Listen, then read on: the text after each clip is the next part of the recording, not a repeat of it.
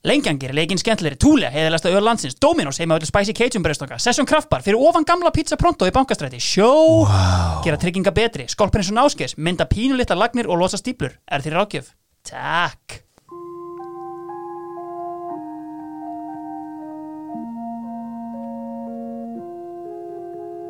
Svona var sumarið er fótbolta hlaðvarp sem kafar ofn í hvert fótboltasumarið og fætur öðru, eitt í hverjum þætti.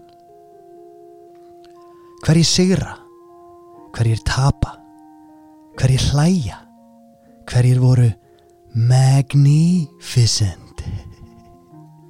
Svona var sumarið 2006!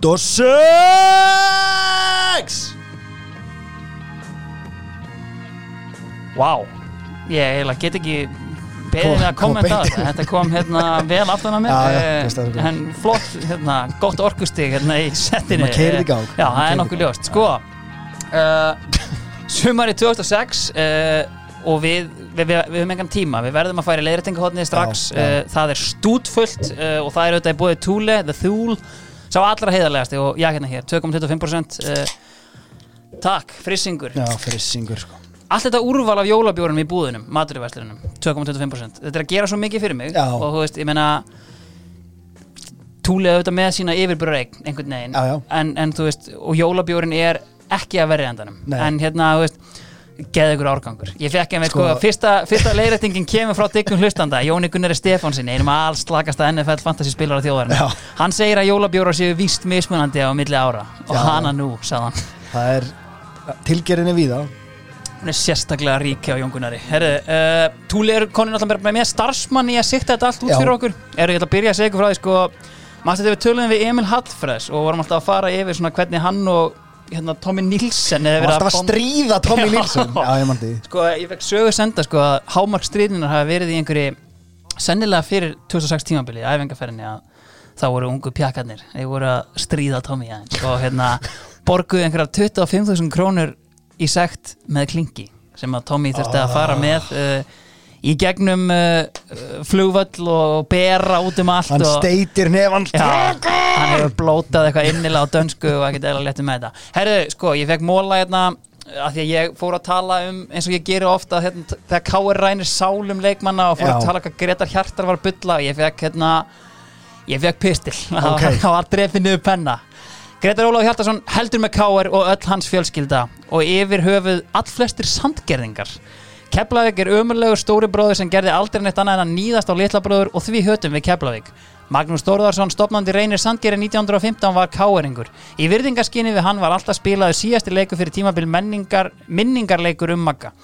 Uh, reynir á móti káer og þaðan fengum við okkar ædol og fyrirmyndir og höldum með káer. Þannig að þú veist, þetta er, uh, veist, hérna, Ég, bara eitthvað sem ég hafði ekki þetta hugmynd er, um. veist, ég ætla að koma ég ætla að koma inn á þetta á eftir sko, að hérna e, sko, hérna annað sem hann segir sko, að litli stóri hérna, uh, Keli og, og Gretar Sigfinnur, nei Gretar Sigfinnur Gretar Hjartar, þeir spiluðu síðan setna meir aftur saman, það var Last Dance með, hérna, með reyni sandgerði einmitt sko. Þannig að hérna, það var alveg last dance þar eitthvað sem að menn voru að dokumentera og svona uh, annað Jakob Ljónharsson er auðvitað sandgerðingur? Já, ég er bara að þakka fyrir alla móla sem ég fæ frá sandgerði og megið þeir vera sem flestir. Herðu, uh, næsta leiriting, sko Óðinn Svan uh, skipstjórin í hérna, þorpinu. Uh, hann hérna sendi mig línu að því að honum hann tengdi svo innilega hefur voru að tala um hérna, techno.is DJ-ana. Og hérna Ég veit það. sendi mér hérna link á sko einhverja tónlistamenn sem ég man ekki eins og hvað heitir. Og það var klúbakvöld á Broadway og þar voru menn að spila og hérna er lýsingin. Þeir semja melodíska danstónlist sem einkennist af fallegum tónum og ótrúlegum röddum ásamt því að hafa samið stefið fyrir Nip Tuck. Og svo enda er þetta á sem plötusnúðar hafa þeir túrað um heiminn og spilað á flottustu klúbum og skemmtunum heims. Þeir eru stattir í 21. sæti heimslistan sem er bestu plötusnúði heims um þessar myndir og eru á hraðri uppleið. Talandum tilgerð Heimslisti blötus nú síðan fekk ég eitt móla hérna sko á sínum tíma í, í Skeljungi. Þá hafi endurskoðandi fyrirtækisins uh, var alltaf að skoða tímaseðlana og hérna skildi ekkert í því hver er þessi Guðmundur Benediktsson Í hvað útibúið er hann? Á hvað stöð er hann að dæla? Þetta er, ég hendi þessu fram algjörlega, sko, hérna, veist, ég hef ekkert fyrir mér í þessu, sko, þetta er einhver flökkusaga sem gengur hérna, sko. Kannaðist enginn við að Guðmundur var í vinnu hjá Skeljungi en tímasölunum hrannaðist inn.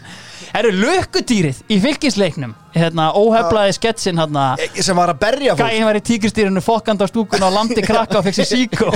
Herru, þetta er engin annan. Ég sagði þetta væri Arnur Jónsson En við köfum aðeins í málið og fengum náttúrulega skýslu úr árbænum frá fréttaréttar okkar þaðan. Já, Þetta er auðvitað bara söngveri í dag. Glæsilegur tenor sem var í bóibandinu Luxor Arnur Nei. Jónsson. Arnar Jónsson. Arnar Jónsson, já, já, já. Sko, hefur sagt það, þá hefði vita strax hvað það var að tala um, sko. Það hefði ekki þurft að fara í gegnum eitthvað svona móla Í Nei. alvörunni, Já, er þetta gaur? Þetta er hann, já Ói, hvað það er fyndið. gjössanlega, sko, og hérna menn, hérna, veist, Þetta er sko snirtilegu maður í dag. Ég meina, hann er, hann er svona eins og bara svona serfneskur tenor sem er að taka svona alvöru ballið í Eurovision Ég sko, það er, það er hérna myndband að hann á búblei tónleikum þar sem að mammans nær einhvern veginn að koma því kringa hann sé að syngja Já, já, já. með búblei hann á fullt af momentum í þarna öldum ljósakans Já, og hérna, þú veist, nákvæmlega og hérna, þú veist undakeppni einhvern tíma Það, hann hlýtur að hafa tekið einhverja svona Pál Rósenkrans leið í lífinu svona, já, eftir þetta hérna, downfall hérna. Ég fer aðeins að syngja á sunnudöfum bara. Herri, við erum ekki búnir uh, Ég fekk hérna móla Gaurinn sem sög bensin í The Amazing Race þættinum. Uh, Þessi þáttur er á YouTube by the way Ok. okay. Stórkostu framist að þetta er Kristinn Bergson og hann er faðir Alla Kristinssonar handbóltakappa og markakóng sjálfmótsins 96 Ég þakka Alla Kristinssoni það er kærlega fyrir að hafa sendt mér nákvæmlega orðið þetta með móla en hérna uh, algjörlega verður að, eh, sko, ef þú blæst ekki þitt eigið þá gera það ekki. Nei, nákvæmlega. Og veist, ég mæli með að tjekka á kristni að því sem þætti. Þetta þetta er algjör snild að sjá þetta. Herðu, marki hans Mómir Mileta þarna hotspinnan utan Já, já, já, já, sem þú varst búin að fá staðfest að hefði verið Já. utanfótar mark beint úr hodni But there's a twist. Uh, Ok. Það var, eða, þetta er náttúrulega ekki twist að ég, Mér finnst þetta eiginlega frekar að vera augljós staðreind frekar en eitthvað annað. Það var að sjálfsögðu glórulegst rók í Grindavík þennan dag. Hann sem sagt basically ristar neglir hann Já, upp í vindum já, það var er hérna- ekkert utanfótar við þetta. Sennilega ekki sko. En hérna, uh, já þá Sjarminn er farinn af þessu. sí- Mér sýnist við sko vera tæmdir í byrð Mér líður samt eins og ég sé að gleyma einhver En það kemur þá bara hérna í næsta þætti. Þetta var allavega haugur af hlutin sem ég fekk senda Og hérna allavega Herðu, við ætlum að Þetta er árið 2006 og, og við erum að fara yfir hérna tíðarandan uh, Maður sjá Ég held við séum svolítið bara Erum við ekki bara svolítið hér?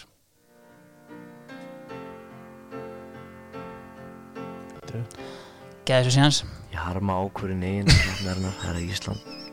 Að svifta mig tilli. Ástæðan sem ég á að gefa var svo að ég hafi kynnt hjálpartækis blastþættinum og hafi bloggað um daginn og veginn. Farið var fram að ég myndi hætta með sjónastáttin en þátturinn er starf mitt. Þátturinn er starf mitt, það var hérna, ég, við þekkjum það, þátturinn er starfans, en hérna, þetta er auðvitað ólíkir. Uh, Sko, ég sko, ég, þetta var allstaðar í fréttamilunum og ég var alveg meðvitaður um þetta mál. Ég var búin að gleyma þessari yfirlýsingu Ói, hvað hún er fyndin. Hann, er, sem sagt, hann er herra Ísland 2005 og er síðan sviftur titlinum að snemma á árinu 2006 og Já. þetta er einmitt að tala um hérna, yfirmann kettina sem var hérna, hérna, kona, ég man ekki hvað hann heitir að það, það var þjóðin sem kaus hann og Já. við sitjum uppi með Já, hann sko- lína. Sko, sú lína Sko, hérna byrju það var með alvöru fanbase þarna í, í þetta er notabene klift vídeo af honum að sjálfsögðu sko, sko soundtrackið. Já, sko síðan að því- hann, skiptir úr já, já, hann skiptir byttu sér Hérna er hann komin í Iris með Google Dolls og myndirna sem er að detta inn hérna. Hérna er meiri segja sko, hérna er einhverja jammyndir á hann með Áskýri Jónssoni, Mósfelling og handbóltaða síðan í sko, Þú veist, Ísland er titill en ekki launastarf. þetta er ekki launastarf þú veist, ég meina, þetta er allt frábærir punktar hjá manni. Já, sko, 15 ára setna Já, það er augljóst að það er eitthvað það er eitthvað brestur þarna, þetta, þetta er fáralegt það er maðkur í misunni það er af því að þegar ég skoða þetta núna Já, mitt svona teika á þetta snýrist kannski um það, þú ert með þarna þessa keppni og, og svona síðan þá höfum við séð endalust af einhverjum ungfrú Íslanda revamps og það er komið hérna ungfrú norðurljósa já, já klakahellir og eitthvað Þetta svona þeir, þetta þeir eru með sko orðið Icelandic, þeir eru með Miss, uh, Universe og Beauty og svo raða þessu upp í mismunandi röð og Já. það er yfirleitt fjóra keppnir á hverju ári Já, en, en, en herra Ísland þarna er að deyja þetta, svona, Mm. þetta fjarar út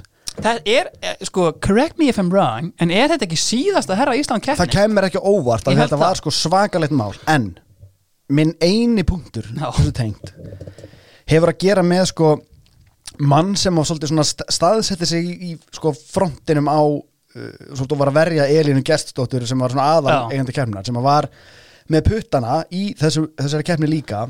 Ég ætla að skjóta því inn í að þetta er sko held ég í fyrsta skipti allan að það var allan mikil áherslu að löga það þar sem að þjóðin fekk 100% atkvæðisrétt. Það sem er eina ástæðan fyrir að Geir vann svo það sé sagt. En, en engar síður, það er þarna maður heiðar snirtir geitin? Geitin, Já. þú mátt kalla hann geitina. Já. en eitt sem að glemdist af því að hann, það sem hann er að segja lætar hafa eftir sér orð. Mm. Eh, það sem hann talar um að sko siðgæðisvitund Íslendinga er bara minn en í öðrum löndum. Og við erum bara, hérna, þess vegna erum við að kjósa einhvern veginn svo ólagir sem vann sér það til sektar að vera hérna með Kynna hjálpartæki ástæðlegsins og, og vera með Já. einhver svona úlinga þátt og vera að hósta einhver svona kvöld og eitthvað. Dirty Nights Já, já, átta árum áður. Já, já. er heiðar snirtir Við ætlum að fara nei, sko bara þú veist, að láta brumpa fram Já, og, og skilja eftir sig einhverja bletti á einhverjum teppum. Og hann kemur þarna bara með brosan, bros á vör og segir bara siðgæðisvitund Íslendinga bara minna en í öðrum löndum. Og hann er þarna að tala um að einhverju piltar séu bara helviti myndalegir og eitthvað svona. Þú veist, þetta, það eru átta ár sem líða þarna á milli. Og já, já, já á, á, að þessari ástæðu get ég tekið undir orðan að siðgæðisvitund Íslendinga er bara minna en í öðrum löndum en það er ekki að því að Óli Geir var herra Ísland. Ah, Takk. Uh, Takk fyrir þessa upprifin uh, hérna, Eitthvað sem við glemdum alltaf að minnast á þarna í uh, 98 þættinum þegar, Já, allavega. Herri, hérna, uh, Sko, næsta mál. Ef við ekki að fá kannski smá hérna, tónlist inn á þetta? Jú. Sko, uh, að því að næsta sem ég vil ræða er Ég ætla að fara bara beint í þetta Já, wow Þetta er náttúrulega einhver albesti por- performance sem að hérna, Íslendingur hefur átt uh, á sviði. Þetta er Dolphins Cry með auðvitað Magni Áskersson. Já. Og bara þetta fyrirbæri Rockstar Supernova, þú veist, og reyð takt okkur hans í gegnum Já, þetta er náttúrulega hérna, já, bara svona til uppröfunar Já. þetta er, þetta er náttúrulega serið tvö örgum raunveruleika þætti, það er hljómsveit sem er að leita sér að söngvara. Think, hérna, bandið hans Bubba síðar meir. Basically, já. uh, Serið 1 var In Excess, vantaði nýjan söngvara. Serið 2, nú ætlum við sko að búa til supergrúpu. Já. Supernova. Já, uh, Fyrsta sem við þurfum svona að nefna er að þetta er, þetta er engin supergrúpa. Nei, ja, sko, veist, ok sko, það sem að ég, ég veit alveg hvort að fara sko, þetta er supergrúpa þangað til þeir draga inn Gilby Clark Já. sem að tók tvo tónleika með Guns N' Roses Já, sko. og er bara hérna lítur út eins og stífilega veginn það er einhvern veginn lúki sem hann er að vinna með sko. hann er, svo týpa. on, sko, já Svo, já, stu, Jason Newsted, hann, hann er eina svona, ekki eina, hann er, hann er alveg kredit, en hann samt eitthvað svona, hann er eitthvað svona varta á hljómsveit sem er skrýmsli einhvern veginn, hann er ekki alveg, hérna, Ok, en sko, stoppum aðeins hérna. Stoppum aðeins hér hann er sko, klárlega þeirra præ, Já, en málið bassalegur er- í sögunni. eh, Hann er bara, ég myndi segja að hann væri þú veist, fyrir mína kynslu þá er þetta bara bassaleikaring Já, já, í það er sem ég segi, metali hann kemur með ákveði kredit þarna. Já, Og, og Tommy Lee, ég ætla ekki að fara að tala ítlum hann, skilur, hann er bara geggjaði myndbandamaður badd síns tíma, skilur Mhm. hérna fyrir ákveði svona glam rock stemningu og eitthvað svo leiðis, en hvernig ætlar að fá sem formann dómnefndar? Já, það skita aðeins þar, já. Dave Navarro. Hva, Ég veit ekki enn hvað hann hefur gert. Hann, hann gerði, hann gekk í Red Hot Chili Peppers og út þeirra lélegustu plötu með þeim 95 eða eitthvað. Og svo var hann í Jane's Addiction sem er svona, já, Jane's Addiction hvað lög er þeirra Já, og enginn getur svarað. Eh, já, já einmitt. veist, hann, hann, er algjör nóbóti og er eitthvað svona Jack Sparrow sko, hotta típa hann, sko, sko, og- líka sko, eitt sem ég mann með hann sko, hann er svona 1.55 Já, þetta er en sko sko- situr eins og sem er geðið presens og er alltaf tjá sig eins og hann sé Jagger Já. bara eitthvað svona, situr sko með lappirnar ofar en hausin á sig eitthvað svona í sætinu. Ég man sko sérstaklega eftir einu því það voru alltaf svona, þú veist í þessum raunveruleika þætti, skilur, eru alltaf svona einhverja spurningar og þeir voru, fóru í eitthvað svona, veist, eitthvað svona challenges, fóru í eitthvað svona viðtöl. Já. þar sem þeir voru spurð, sko, veist, hvað myndir þú gera ef að, hérna, fjölskyldumæljum að væri veikur eða eitthvað, allir voru svona hikandi ég meina, the show must go on og eitthvað svona. Dave Navarro, einmitt, eins og ég segi, eins og hann sé Mick Jagger I would always cancel, come on, it's your family guys. Eins og hann hafi einhverja inni staði fyrir því að vera einhver Já, kóngur, sko er, er Þa, það er eitthvað sem að verður að dressa áður en við förum eitthvað að ræða þetta nánar. En Þetta sko, er svona- var ekki er Dave. Navarro líka í hérna INXS? Mér líði þannig. Ég held ekki. INXS voru svona geggjaði þættir sko. Já, Ég var þungur þar sko. Já, já. Mega Jesa, minn maður Og náttúrulega sigurvegarinn JD Fortune. Ömurlegu söngvari En ég einhvern veginn samt svona hjælt með honum sko. Þú, þú ert talsverð dýpar en ég þarna sko, Sko ég, get, ég verð eiginlega sko meiri sér að henda einu hérna á bara, þú veist, sorry, ég er að fara hérna off track sko, en hérna þetta er náttúrulega það sem að INXS færð okkur. Þekkir þetta?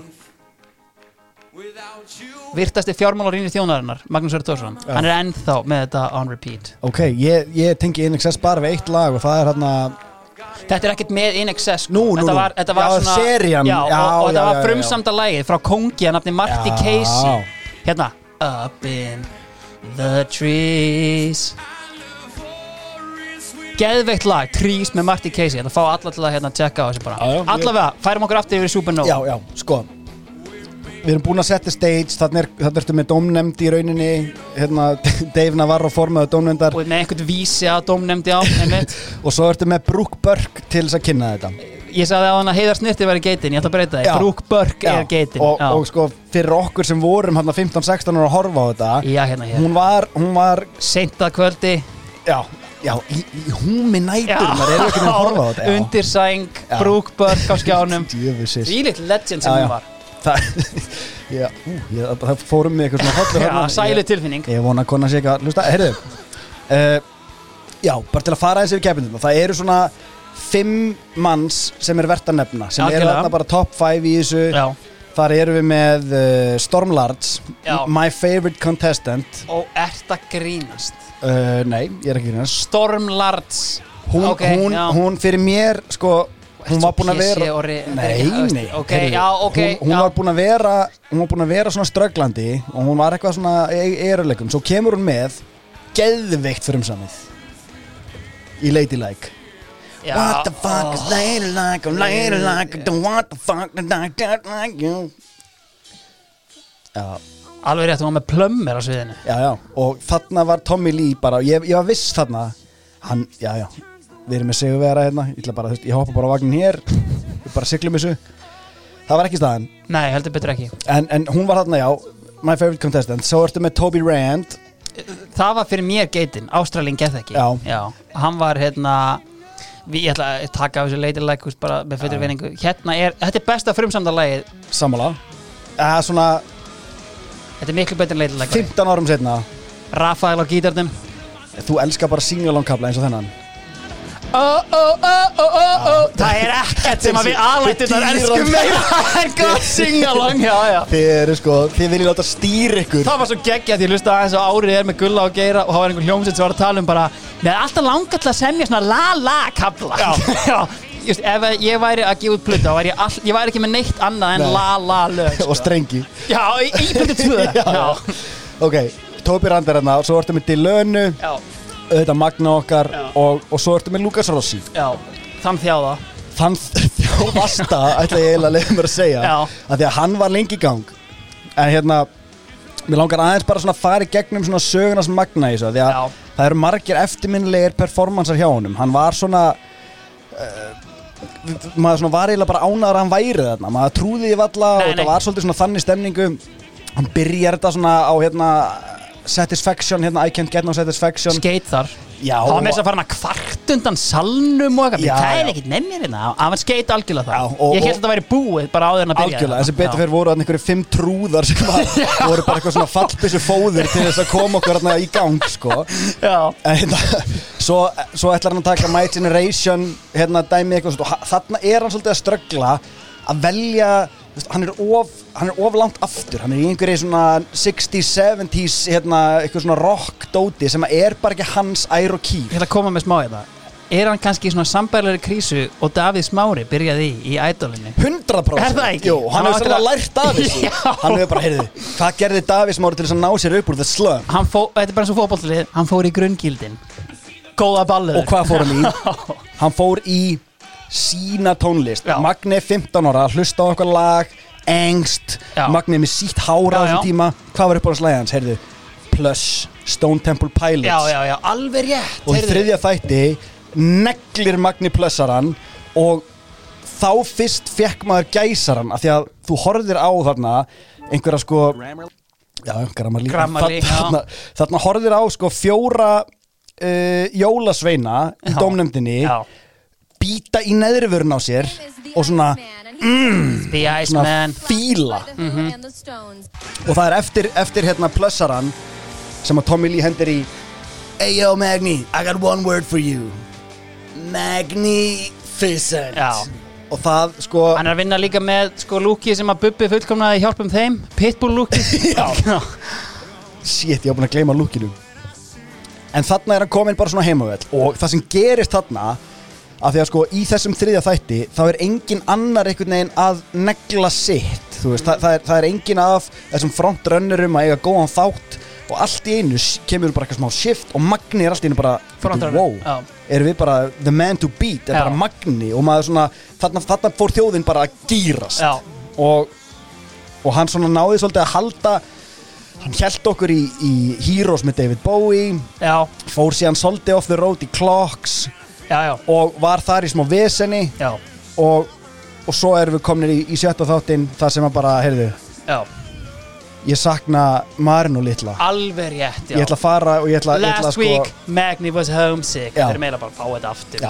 Þetta er svo þetta er svo ruglað sko. Og ég held að því að þetta lag var alveg spilað á Pop TV og ég var meðvitað um þetta lag. Býta aðeins þegja aðeins. Takk til Magna Sussi Býta ekki að kemur þetta Last week, Magni was homesick. He was homesick. this week, he is singing for his family. The gítar þarna. Dolphins cry by live. Put your hands together for Magni. Þetta er bara, þú veist, hvar varstu þegar Magni tók Dolphins Christ það er nákvæmlega það Hérna er sem þetta sussið, sussið og Marin og litla á skjánum Ég, fæ, ég er ekki að djóka á þér, ég er að fá gæsa á þér sko. Hún er ekki að hætta einhvern veginn Shit, hvað þetta er gott Já, þetta er rosalegt sko Þetta er ekki lægi sko. að Því að málið er sko að þú veist, jú, jú, Dolphins Cry með live er alveg gott sko En þú veist, ég sko, til dæmis Ég hérna, ég gifti mér náttúrulega í sumar Eftirminnilega já, já. Og ég hugsaði bara, þú veist, ok Ég þarf að fá einhverja skemmtikrafta Ég þarf að fá einhvern kraft hérna til að hérna, vera á sæðin Já. Og ég, þú veist, sorry, sorry, hugsaði áður en þú Já. heldur áfram getur þú spólaðist tilbaka og tekið kaplan þar sem hann fer og raspar röddina sína sem var að klárast þarna Býtu Þannig, we can, we can be já, together. það er náttúrulega, veist. Sorry, ég missa takkan, ég er að fá gæsa á hún aftur, sko. Já.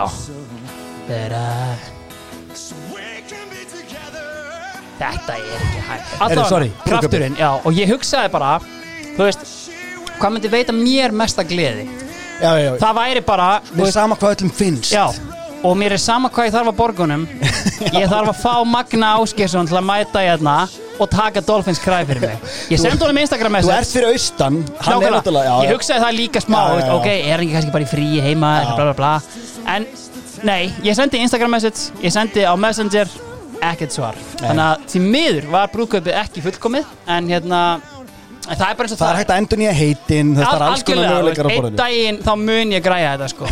Þannig að hérna allavega Já, þarna fær hann encore performance í annarskipti Já. og þarna hugsa fólk, heyrðu tvísvar encore performance the man to beat. Magni er bara, hann er bara hérna að vaksa upp. Og það sem hann segir síðan sko í hérna árið er já, þá er tekið smá viðtölu já, Magna fara er aðeins yfir þetta þar eða? Já, og hann segir sko það sem að Magni var að upplifa þarna Mm. er bara ég hef aldrei verið svona lengi í 25 stegum og raka. Ah, og röddin mín ég, ég, ég er með kvef 6 mánuða ári á Íslandi. Já. hérna er ég bara að vaksa og bara hvar endar þetta náma hérna, hann er bara hann var thriving, Já, það var sem hann var að gera. Og, og það er það sem við erum að fá hérna. Svo náttúrulega það er eitthvað steikt í gangi með hann þátt að það er allir einhvern veginn að taka sömu lögin bara þú veist, Já. það er að taka eitthvað lag sem að hérna, Dilana gerði fyrsta þætti og svo tekur hann það í sjönda og þetta var svolítið svona eins og það hef ekki nefnt að borga fyrir Stefnkast, stefnkast á umögulegum. En allavega, hann fer í hérna, Anna Bowie lag Starman sem er ágætt en samt svona hérna, endar í bottom Það- já, 3 það var skitu performance, já. Já, hann, hann fer úr þess að encore performance yfir í bottom 3 næst Já. og hérna reddar sér á mjög eftirminnilegan hátt þar sem hann situr og tekur creep alveg og, og það er svona hérna þarna er maður bara, ok, Magni er með go to move Já. ef, ef eitthvað er að klikka já, make him feel sorry for Já, me og það, er bara þú veist, The Davis Murray way í Það er bara- rauninni í raun og hann, veru. hann masteraði þetta og aðrir bara þú veist, hann í rauninni labbaði svo magn Já. gerir hlaupið en svo, svo held maður að hann væri að fara að neglita í Smells Like Teen Spirit í næsta þætti Já. Ég Það var- var, það var bara svona Það var aha fínt- moment já, bara fí- fínt moment skilur eitthvað svona en, en endar í bottom 3 og reddar sem er Fire með Jimi Hendrix sem að öllum fannst málið það sem er að gerast þarna það er, þú veist, þetta er kostningar en sko domnefndin veit ekkit hvað hún vill þannig að hún er að urða yfir performansa sem eru góðir og þetta er svona, það er eitthvað svona skríti dæmi í gangi Ég sem er held byrjað þarna náttúrulega sko. að í fyrsta lagi sko dómnefndin hafi náttúrulega bara vitað að þessi hljómsveit verður aldrei nokkuð skapaður hlutur. Þannig að þetta var náttúrulega bara eitthvað veist, Nei, sko, þa þa þarna var pólitíkin byrjuð og þeir voru svona að fara, veist, hver er raunverulega að fara að fronta þessa sveit, við erum komið með hérna fimm eftir eða eitthvað, hver, hver er raunverulegur kostur, þannig að þá voru þeir svona farnir að stýra þess hans í þáttina, allavega Anna live lag, I Alone, flottu performance og svo er svona, þarna er farað fjárundan, þarna Já. held ég hans er bara orðin of homesick og þetta er ekkit sérstækt og ég held líka, ég, mig rámar eitthvað í sko hann hafi í rauninni alveg vitað að hann yrði ekkert valinn sko, það var eitthvað þannig tal svona, veist, og ég man þegar hann datt út veist, þá var svona sem ég færið að kvissast út hérna heima einhvern veginn. Já. já, þetta er búið hjá magnanum, þetta er búið. Þa, það, sem, það sem að þeir þarna tala um uh, hinn fræga dómnefnd já, það, er, það var eitthvað moment þar sem að þeir spurja eitthvað hver finnst ykkur að eigi skilið finnst ykkur þið eigi skilið ankor performance já, já, já. Og tveir rétt upp hönd og Magni náttúrulega vissi að hann var ekkert endalega upp á sitt besta en þeir Já. vildi eitthvað fucker Já. þannig að þú veist, það var svona eitthvað moment þar sem þeir bara gáist upp á Magna og eitthvað svona þetta er, þetta er mjög svona já, já, eh, og þú veist fast forward Mm. í tíunda þátt það sem að er svolítið svona momenti það sem að við skerum úr um hérna, krakkana frá, frá fólkinu nei, hvað segir maður? Jú, jú Börnin- strákana frá mönnunum já, segjum það eða, Já. ég, ég segi alltaf, alltaf stelputan frá konunum já, þú segir alltaf já, já. þar eru við komin með frums, frumsvöldulögin Mhm. og, og það er svolítið svona þar var hann ekki endilega að koma neitt rosalega vel út af því að hinir voru allir með frekar næs lag sko. og svona spot on lag fyrir sig sorry, en hann var bara með lélætslag það, bara, það var ekkert eftirminnlegt við þetta það sem ég hugsaði þarna var af hverju þykist hann ekki bara semja spendur eða þú veist bara eitthvað lag eitthvað, eitthvað svona lag sem er prúven ég get alveg farið, sko, förum aðeins yfir hérna í, í baksögun Einar Bárðarsson hefði alltaf fyrirgefið honum sko. Já, sko, ég get alveg sagt það að, hérna, uh, það var alveg hérna, undankeppni fyrir þetta hérna á Íslandi. Já, og hérna, þar til dæmis sko, hérna, það, fara, það fá fjórir aðilar callbacks hérðan til Hollywood og fara þar í einhverjar frekari pröfur og þar er Magnisest valinn í eitthvað loka átjámanna úrtak. Manstu hverju þetta voru? Já, þetta voru Heiða aðalheiður Ólastóttir úr ædolinu. Þetta voru uh, söngverðin í Lights on the Highway. Já, Kristó Legend. Já, Kristól Já, allan potið toppmaður. Og uh, Magni og A little fella called Reymur Örn Heimisson. Nei. Jú.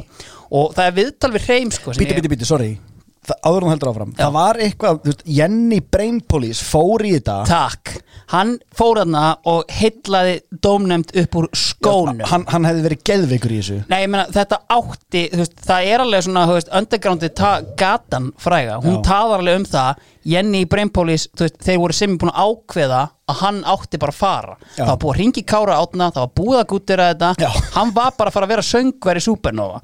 Herriði, þá kemur það í ljós, ef ég man þetta rétt, þetta var mythið, Já, hann var á sakaskrá og Já. mátti ekki fara til bandaríkjana. ymmit Þannig að þar flönkaði þetta, en Sko, hann það, sko... hefði, það hefði alveg klárlega verið talið hún til tekna þegar kemur inn og stendur frammi fyrir 100%. Það ætlar Tommy Lee og Alltaf félaga að segja mér það að Lukas Rossi sé ekki á sakaskrá?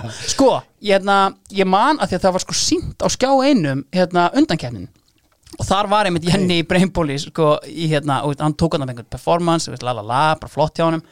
Síðan hann spurðin einhverja spurninga og eina sem hann segir er fucking awesome. It was fucking awesome man. Fucking awesome bara, veist, Ógeðslega how- eitthvað, what are you gonna do about you know, I'm, I'm just gonna be fucking awesome.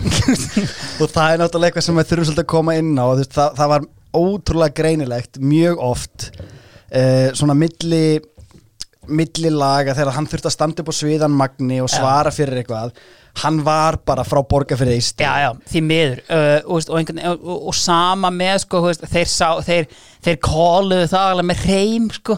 Veist, þeir veist, ok, reym út flotti söngver sko, en ert þú að fara að fronta eitthvað rockband hérna með Gilby Clark? Nei, Nei, með, gilbaranum? Nei og reymur sagði, veist, en að því þú kom inn á frumsættalagi þeir voru beðnir um að semja eitt lag hann hendi bara í Von mínu sú. Já. í fyrsta lagi náttúrulega, ég hefði valið eitthvað allt annað Já, já. fyrir þessa dómnefnd sko. En þú veist, ég meina Nenni Tommy að tromma von mínir sú. Nei, hann hefur engan áhuga á því. Herru, uh, en þú Já. veist, aðeins kannski, ég vil aðeins fara dýpra í þetta, þú veist, þú veist, þú veist ég meina, þetta var náttúrulega næturbröld að vera að horfa alltaf á þetta og þú veist, að eitthvað svoleiðis og hérna, þú veist, sko, þetta var náttúrulega eitt af þessum momentum það sem að ofsi grípur þjóðina? Sko, eitt sem ég vil koma inn á er sem sagt, sko, auglýsing sem var gerð og hérna, og þetta, sko, ég vil kalla þetta myth, þetta stillu tölvurnar yfir á Hawaii tíma, ég held þetta sé myth. Til að til að kjósa hann eitthvað lengur eða eitthvað, ég, veginn, ég, veit um, ég veit ekki um einn sem stilti tölvunni yfir að hafa Nei, sko, ég, ég skal viðkjöna það, ég kaus aldrei. Ég veist aldrei, nei. En það sem að er samt staðrind í þessu er að Tommy Lee vindur sér upp að magna einhvern tímann þegar hérna, það er auðlýsingarhlið eða eitthvað í live þætti eða hvernig sem það er og segir bara hérna, Your country's crazy, Magni. Þá var hann búinn að fá veður af því að þetta væri bara eitthvað störlun í gangi. Þú veist, við værum bara hérna það er enginn að horfa á hana þátt en það eru 300.000 mann sem það í Sameinum Evrópu það var það sem var í gangi þarna, sko. og, og ég man bara dönsku kennari minn í framhaldsskóla Já. hún var svo, ég var fyrsti tími á mánudegi eða þriðdegi, ég man ekki hvað, hvað dagur þetta var þetta var alltaf fyrsti tími eftir þátt það er Ingibjörg það nei ekki Ingbjörg, nei, nei. Nei. hún er hérna Ágústa Já, hún var mikill já, já. svona reppi, bara mesti hérna svona síkartur reykjandi dönsku kennari sem þú veist um sko. hún lítur út eins og Jane Lynch hérna alls sko geðveik típa Já. og hún var alltaf punktdjúp með sko bauganir á læri Já, já, þegar já, mætti já. og var bara krakkar sáuðu maður og hann Magni okkar og allt þetta og það, það er geðveikt og það sem er sko staðreind önnur Magni kemur heim bara, þú veist, við höfum eftir að fara yfir smá meira áður en hann kemur heim, Já, bara já. svona svo ég gleymis ekki Mm. hann kemur heim eitthvað tímann hann um haustið já, í november ringir hann út Já. Toby Rand Mhm. og Stormlards já. Og Kom- Rafael motherfucker, hann kom líka. Er það? já, Já, ok. Mesti no-name trúður sem ég veit um en allt í lagi. geggjað gítalegari Já, já, já, úr húsbandinu. Já. Alveg rétt, alveg rétt, það er hárið til þér. Hann hérna, ég held að vera með einhvern annan söngar nei, nei, nei, nei, nei, geitina bara. Já, og þeir, þau komu þarna og hann heldur tónleika í já, Hvað heldur hann hafi selt marga miða? svo tvo. 14.000 miða. Í hálfurinni Já, hann fyllti höllina tvisvar af því að við vorum bara til í þetta. Og, og við vorum ekkert minna að elska til lönu og, og Storm. Large Já, og já, já. ég sko. En sko Toby Rand gerði alltaf trillt og Já, hann. Var, hann var hérna we see the faces and I have again Já. oh, oh, oh, oh, oh, oh það var einn frasi í þessu lagi Chemical Dreaming sem að ég næ ekki úr hausnum á mér af því að þetta er svo mikið rock. Það er ekkert í heiminum meira rock er heldur að segja chemical dream ég held það ég held að að sko, segja can afford to dream it throwing it all away að því að sko, allavega Já. ég ætla að trúa því að hann sé að segja chemical dreaming af því að það er svo mikið rock að setja saman einhver svona tvö orð sem eiginlega passi ekki saman Já, og já. það er bara svona uh, þú- já, það er rockið það er alveg Led Zeppelin wow. Limp Bizkit Já. wow. Nei, en þú veist, eins og hérna bara Nei, ég veit það ekki. Ég hafði allavega, að ég var líka veist, Þetta var svo geggja fyrir mig, að ég var svo harður rockstar in excess aðdáðandi að þáttunum, sko, Já, já, já. og þetta var svo mikið bara, þú veist, djöfull er þetta Þetta er bara eins og fyrir frikka að fá Íslendingi Survivor. Basically, sko, þetta væri þannig, sko. Nei, sko, bara svo höldum áfram að því að það er náttúrulega einn maður sem að er ærandi þögnum hérna og það er Lukas Rossi.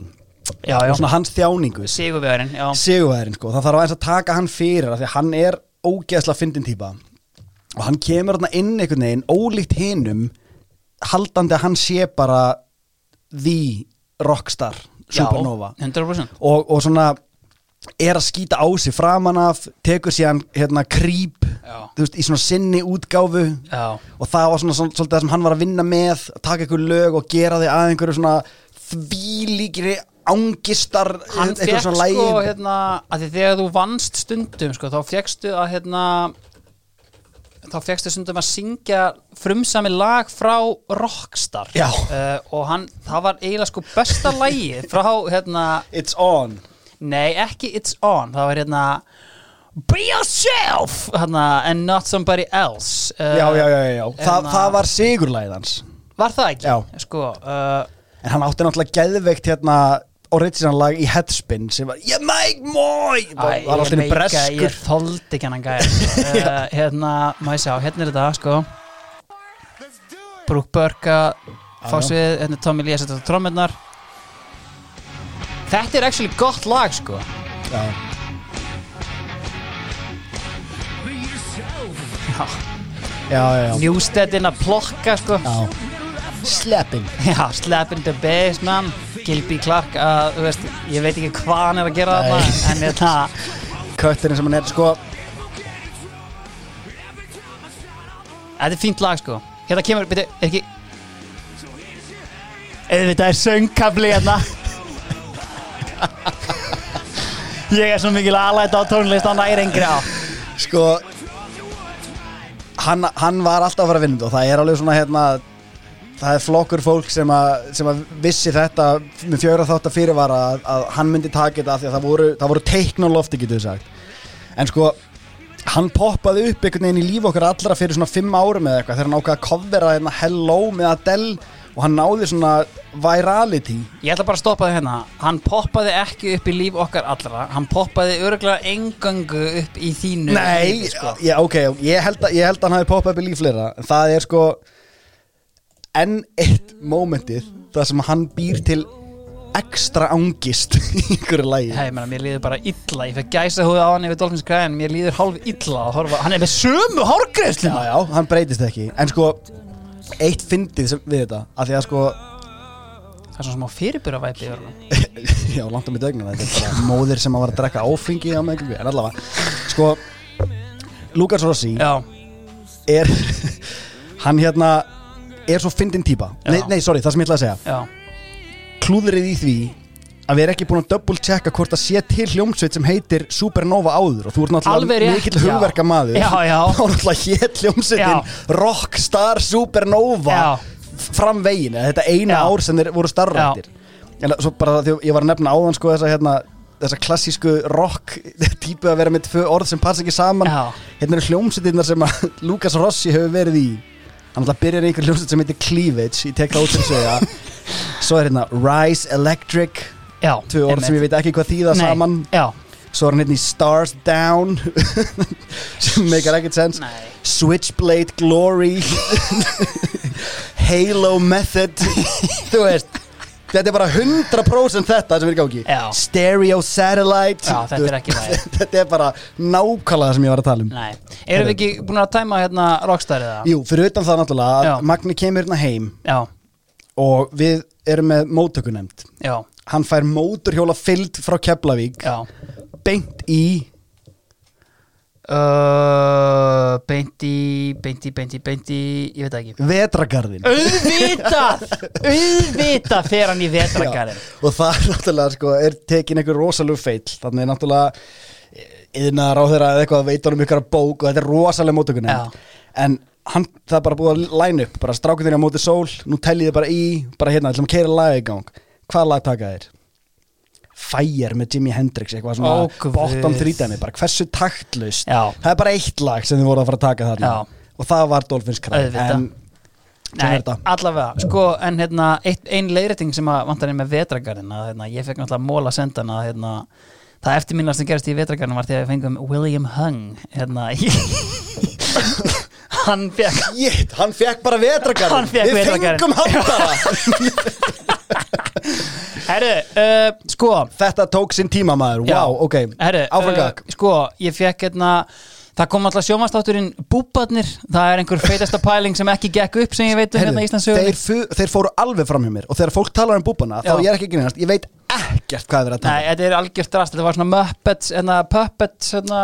Var þetta hérna Cr- Crank Yankers? Já, já, já, þetta var Crank Yankers, þetta var algjörlega ömulegt Ok, ok. Sko, Guðmundur Stefensen, hann vann sinn hundraðasta Íslandsmeistaratitil í bortennis og hann var tekin í viðtal og þetta var eiginlega bara hlægilegt og bortennis til skammar bara eitthvað, já, wow, þetta er algjör draumur meiri háttar, ég get alltaf lýst þessu Kaltæðni. Var það að segja þetta kalt Já, bara, bara Vá. se, segir Guðmundur í kaltæðnis tón. Bara, nei. bannið hennan gæja hann er 24 ára, hann er 100 faldur Íslandsmeistari og hann er bara að segja jú, jú, þetta er þetta orðið hálfgett formsátri Heyrðu, ég er enda að sá einn móla hérna, að því að þegar ég var að fletta djöf það greinlega hefur farið fyrir brjóstu á þeim að hann hafi verið með einhverja kaltæna því að þeir tóku sko stóra síðu í Íþróttablaðinu gæin er svo ekki búin að vinna 100 þetta eru 78 og Ah. töldu og alla upp Já. bara fuck you guys. Til að geða þetta að heyra það, því að ég var ekkit Ég spila mikið bortennis í vinnunni þessa dagana og veist, ekkit eðlilega þungur að sjá hann að tala niður í þetta okkar nákvæmlega. Herri, uh, skólarhisti.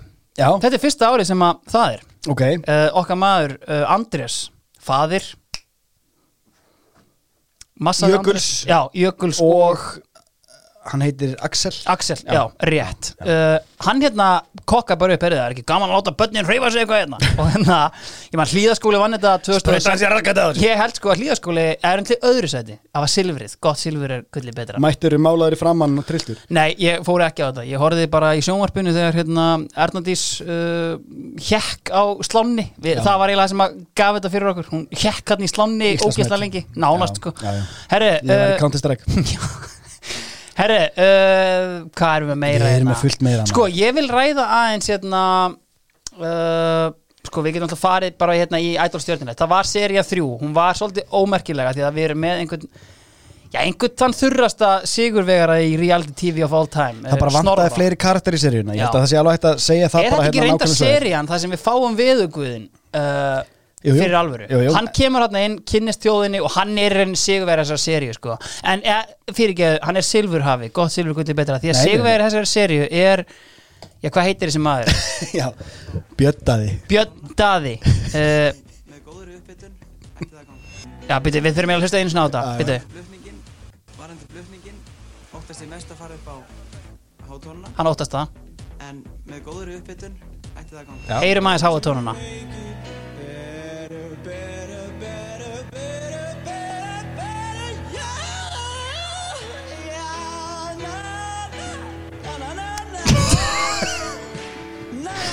Elsku kallinn maður Já, þarna erum við með hárgræslu mann frá Selfossi Byrju, þetta er búið að slow motion þetta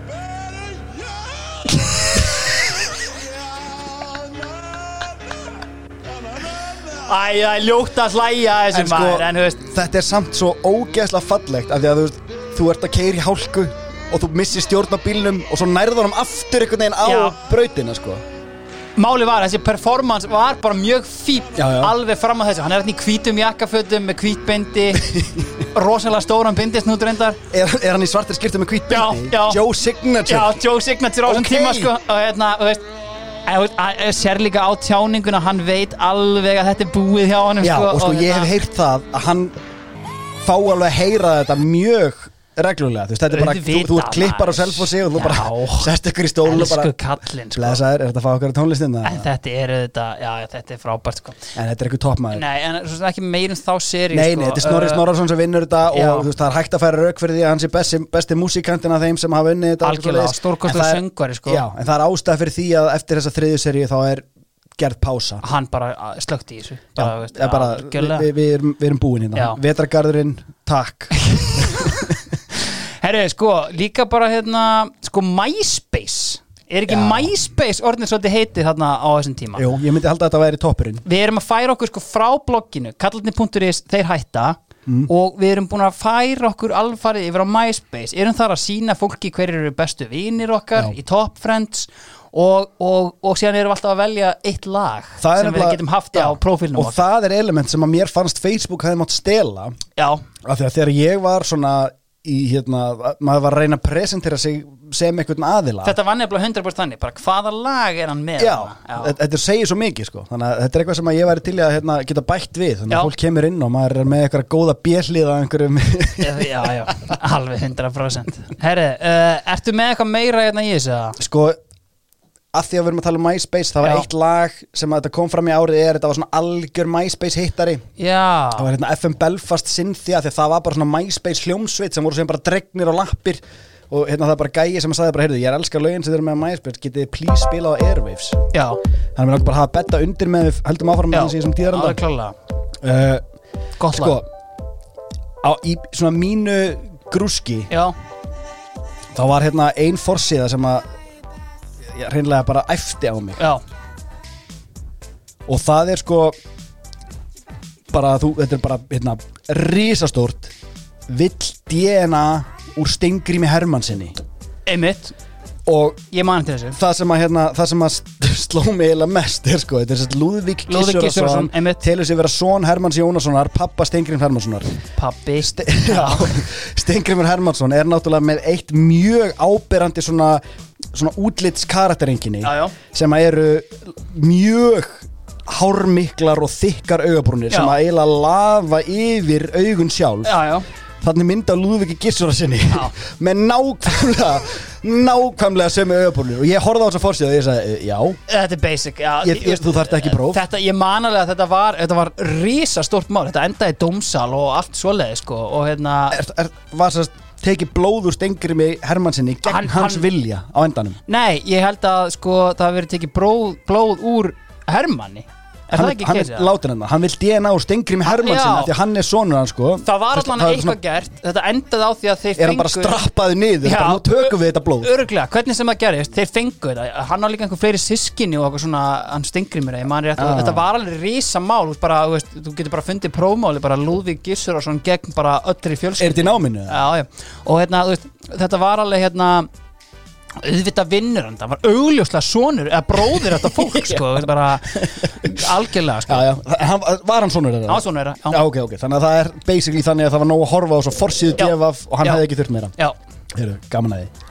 En hann, Sko- hann fekk engin sískinni út úr þessu, þau höfðu engan áhuga einhvern veginn, hérna, veist, á því. En allan Þetta er ógeðslega íslenskt. Já, uh, Sko, það var eitt sem var svona skopmyndirnar af Múhammed þetta er bara svo mikill tíðarandi þetta er bara svona mikið það sem er að gerast einhvern veginn í heiminum. Einmitt, og það var svolítið hérna skemmtileg grein eða svona frétt sem að Devaf blastaði þarna því að þú veist, þetta er náttúrulega þetta er, þetta er Devaf era. Það, það er bara gaman að lesa Devaf þarna. Já, og þar eru Devaf sérst, með, með sko harða línu fyrir einhverju tjáningafrelsi og, og taka enga aðra svona, engin önnur element inn í þetta. Nei, nei. og eru svolítið að hengja upp sko uh, nýja stöð NFS er að hengja upp uh, fréttablaðið held ég Mokkan, Rúf, bara það þorir enginn að byrta þessa myndir. Já. það eru allir einhvern veginn og, og er, að- er að krefja allum svör Devaf er sérst eini miðlinn sem byrtir þessa myndir og svona Sigmundur Ernir svolítið kjarnaði þetta bara svona why? Hva, hvert er fréttagildið, þú veist, af hverju Já. það, það geta allir fundið þessa myndir eða vilja Já. Mhm. af hverju ættu við að byrta þér, það var svolítið hans okay. já, algjörlega annað sem ég langaði að fara í það kemur þarna ári áður uh, plata sem heitir Hunting for Happiness. Já, já, og með dikta. Já, geðveik plata, kannski hendi bara á Breaking the Waves fyrst erum að, hérna, Alveg klárlega. fyrst erum að detti í lúpuna hérna á, við á, getum á alveg gert Belfastinu. það sko. Uh, fínt lag, þetta var einmitt á MySpace-inu hjá hérna, konginum í plastinu, Brynjólfur Stefánsinni Já. uh, og hann var svona veist, þeir, plastkongarnir, hann og Björnstina Blúminstein veist, þeir voru svona svolítið að hérna, herriðu, þú veist skútir er flottur og allt það en þú veist, glusta aðeins á þetta og veist, ég svona let til leiðast nokkrum sinnum uh, meðal annars hér. Já, sko dikta eru gardbæðingar og við gardbæðingar já, ég svona, ég, segi þetta kannski ekki alveg svona nei, já. Við, við hérna, Ryan Atwood, við, við, vorum komin, við vorum komin snemma já, á diktavagnin Málið er Andartak náttúrulega að, þú platan. veist, fólk sem að kannski er ekki alveg að tengja sko, veist, er bara dikta, veist, akkur er, akkur er kongarnir í plastin eitthvað að að að dikta er náttúrulega er búið að hóra þær að þau, að þá auðvitað, bara í gegn sko. og það er svolítið það sem ég langaði að ræða út á þess að ég, ég fór að hugsa þetta þegar ég, þegar ég heyrði þetta hérna rifjað upp þessa plötu Já. og ég bara rúlaði henni í gegn og ég bara, heyrði, ég elska eiginlega hvert einasta lag hérna ég var mjög djúpur hérna 15 ára gammal eitthvað að hlusta á þetta Mhm. af því að núna get ég ekki hlusta á diktalag sest, eftir þessa plötu, það Nei, er nei. allt bara svona orðið ónýtt. Og ég fór að hugsa er ákveðið trajectory sem að veist, við svona sendum hljómsveitir á þannig að það, það bara svona hljómsveitir get ekki unnið. Ef þú gerir eitthvað sem er fyrir aðlæturnar fyrir mig, ykkur fyrir aðlæturnar er óumflýjanlegt að þeir sem að elskuðu þig fara. munu hata þig. Og þú veist, ég er að hugsa þetta út frá sko svona MC Gauti. Já, veist, þetta, þetta er ekki artistinn endilega að hóra sig út af því. Ef þú ætlar að vinna við þetta á Íslandi Já. þá þarftu bara að spila ákveðin leik. Já, og ef já. þú spilar ákveðin leik þá ertu spilaður á bylgjunni. Mér og finnst þá sko ertu búin að drepa allt sem að var eitthvað sjarmi við þig. Mér finnst það samt tilgerð hjá fólki eins og þér sko einhvern veginn að, þú veist, ég meina, af hverju mátt ekki vera spilar á bylginni þú veist, ég meina, þú veist, af hverju, af hverju byrjar þú að hata eitthvað af því að aðrir elska það, skilur Mér finnst það klóru ég held að þetta sé eitthvað mennst Ekki hjá mér, ekki hjá alætunni. Ekki Alætunni. Er alveg sama hvað öðrum finnst. þú hlustar að dikta dag. Bara gladur Nei, þú sagðir áðan Jói Já. Hórari og annað svona notaðir einhver orði yfir þetta Ok, sem að þú sko, nefndir ég, þess ekki að þetta var allstaðar Gun to my head, þá myndi ég ekki setja á Thank you með dikta. Veist, Það er enda alveg rétt sko, sem er frábært lag Já, En það er búið að það. þú veist, ég er að tala um þetta það sem að það kemur eitthvað og það næri einhvern veginn alveg í gegn Ég er Og horfa þá- ofta á myndbandið við hérna, Reykjavíkur okkar Það er hérna, veist, og, og ég er alveg, veist, ég fíla alveg MC Gauta sko, sem tónlistamann Þú sko. ert alæta. Já, algjörlega En Þetta, þetta var bara þessi pælinga, þetta er ógeðslega erfitt ábyggla fyrir hljómsveit sem er, kemur úr einhverju svona eins og rocki eða einhverju svona Já. hérna sem er smá jaðar eitthvað og ert með einhvern loyal hóp og getur haldið 200 mann tónleika þegar þú vilt og eitthvað svo leiðis Já. og svo nærðu einhvern veginn í gegn og það er bara geðveikt og við erum Já. orðinir ógeðslega En sko, vinsælir það sem- en allir hata okkur eftir á Sko, ég get sagt þér hvað mér finnst um þetta Því mér finnst sko mikilvægast í þessu Er að, þú veist, ef þú heldur áfram á sömu braut eins og dikta gerir Mm. Þú veist, ég meina, það er engin eitthvað bílaðslegur svona menningar munur á Breaking the Waves og Thank you, sko Jú, jú, það, það er brass og það er, það er, það er, er glaðir. Þannig er þeir svo, þannig er þunglindis væpi yfir þessu öllu, Já, þeir fengu ok. hérna skönga gæðan til þess að pródusera þetta og það er alls konar svona hlutir sem að við björliða mennir getum svona Ok, fyrir flykt okkur á bak. Alæturnar, þeir sjá enga mun. Þetta er bara flott tónlist bara og, fín hljómsveit Það er eitthvað lala kaplar hérna Ef í við hugsun til dæmis bara hérna Já, 100% Og sko, ef, við hugsun til dæmis eins og hérna Herra hnetusmjör sem hefur svona undanfæri Viljandi virðist þeirra Algjörlega Þú veist, Ég var sko Ég var fyrsti maðurinn á herra hnetusmjörvagnin Ég ætla að fullir það. Jói, varstu í blátt sprætt Spotlight, Spotlight, blátt sprætt, nokkri klakar. Já. þá voru allir að senda mér þetta lag bara hvaða bull er þetta? eitthvað ég, herru, ég hlustaði á þetta. Mér finnst þetta geggjað, þetta er bara kongurinn og ég fó bara að hérna, kafa hann fór að gefa út meira. En sko, veist, málið er bara að þetta bylgju dæmi sem hann hefur tekið upp veist, ég bara fíla það ekki Þannig, veist, og, og það er bara fair play, þá hlustaði ég bara á gamlu lögin við aðlæturnar en, hérna, en þú veist, svona, ef heldur einhvern veginn í það sama sem þú ert að gera og bylgjan byrjar allt í hann að peka það þú, veist, þú getur ekkert hérna, gott bara stoppa Heimir Karlsson í að spila þig skilurðu. Sko, ég, ég er ekki að segja þeir eiga að gera það Ég er bara Nei. svona að benda á að Þetta er ótrúlega erfið ákvörðin Fyrir einhvern sem er Lítur á sig sem listamann sem er í einhver ákveðinni senu Ef þú ætlar að ná Svona hérna Svona stærðinni Allri stærðinni að vera svona aðal á Íslandi Þá þarftu að sætta þig við það Að tapa einhvern veginn svona Þessu listræna, þessum þjáða listamanni inn í þér Og eitthvað svona Já. Og þú verður að fara og, og rúnta með bylgjulestinni Hvort heldur að séu fleiri alætur eða bjöliðagaurar Ég- sko, p- það sem ég, Takk, ég er að takk. setja upp Jói peningar passion. Já, en þú veist, passionið er fyrir peningum Við veitum það báðir. Uh, Næsta mál. Já, við þurfum að fá okkur tónlistamann að lína til þess að útklæða þetta. Hérna, sko, annað sem að á þessum nótum, Já, passion versus peningar. Já, við vorum að ræða uh, sölu bubba til sjófa og heldur félaga. betur Okkar menn. Þarna kemur sko hérna uh, nákvæmlega tölur. Grein sem, sagt sem að hérna greinir þegar baugur kemur sér inn og kaupir þetta allt saman. Já, af sjófa hugverka sjóðurinn Hugverkasjóður Íslands, já, einmitt. og kvartamæðurinn á bak við hann? John Oscar eða Jakob Fríman Auðvitað selur fyrir 10 miljónir sjálfur Já. í en, en, Já, já. en besta mál. Já, uh, Þetta eru 11 artistar. 2, 3, 4 Já, 11 Kongurinn, Bubi Mortens 40 mils. 40 miljonir Já, Við vorum ég að skjóta á þetta Ég skil ekki alveg mekanism í þessari Nei. sko. Hver tók hvað og hérna En Ég get sagt, að- sagt þér það að fréttinnar í kjölfarið á þessari sölu Já. eru Bubi Mortens gefur konur sinni bíl. Bubi Mortens kaupir ótal jólagjafri í New York Bubi Mortens er fluttur á Seltjarnanesi þetta er bara, þetta er allt svona. Þannig að hann, hann sko Bubi er Já, í sko pitbull Já. þetta ár og það er geðveikt. Já, en Bubi Mortens 40 miljonir Steppi Hilmas 20, Gummi Jóns 20 þannig að við erum eiginlega þetta verðleika sálina á 40 samtals. Já, fair play. Fair play. Gunni Þóruðar 20 miljonir Egil Ólafs 15 Það tóku allir þátt í þessu sko. Já, já. meina þú ert með geiturnar allar saman komar Ja, sko. Þetta er basically, þetta eru stöðmenn Þeir hafa bara, það sem- þeir hafa gert sko Þeir hafa skoðað bara hérna, veist, ásreikninga stefgjalda Já. skilur, og, hérna, og bara, herrðu, ok, hva, hérna, hverjir eru geiturnar hérna Já. og bara tekið á alla Já, og þeir eru með þetta eru þeir. Mesoforte Kong já, já. Þetta Jón er í dag, í dag myndi ég bara taka einmitt, þú veist, hérna, Steppa Hilmas og Braga Valdimar eitthvað, skilur og, og bara hérna, kaupa það upp Eitt sem ég fór að pæla, bara svona side note mm. Er það, mér finnst eins og ég hafi séð það að sko bakkalútsplötunar eru bara á Spotify yfir jólin Jólaplötunar Geti vel verið sko. Og ég fór að hugsa því þú ert hugverka meini tilverinni Já.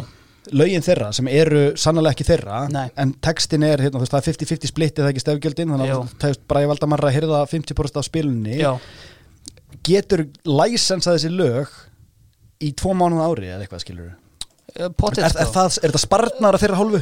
Að vera ekki að borga fyrir ár af leifi til þess að nota þetta og með íslenskum texta? Veit það ekki, fyrir bara því hvernig samningu skrifa hendur eða hvað, hvernig, ég hef oft pælt í því hvernig þeir skilur, en þú veist, málið með Braga Valdimar er að þú veist, ég veist, nefndu bara lag frá 2008, Bragi Valdimar samt í texta með, veist, það er sama hvort það sé baggalútslag eða eitthvað allt annað ég meina Gorgeous með Páli Óskari Já. textin er safin af Braga Já, já, minna, hann var að semja sko fyrir eitthvað hljómaplötu 2005 og eitthvað, Ja, hann, hann, er, hann er bara hérna, hann, 100%. hann elskar, elskar þetta. Sko, næsta mál. Já, Það er hérna sjá, finnum þetta.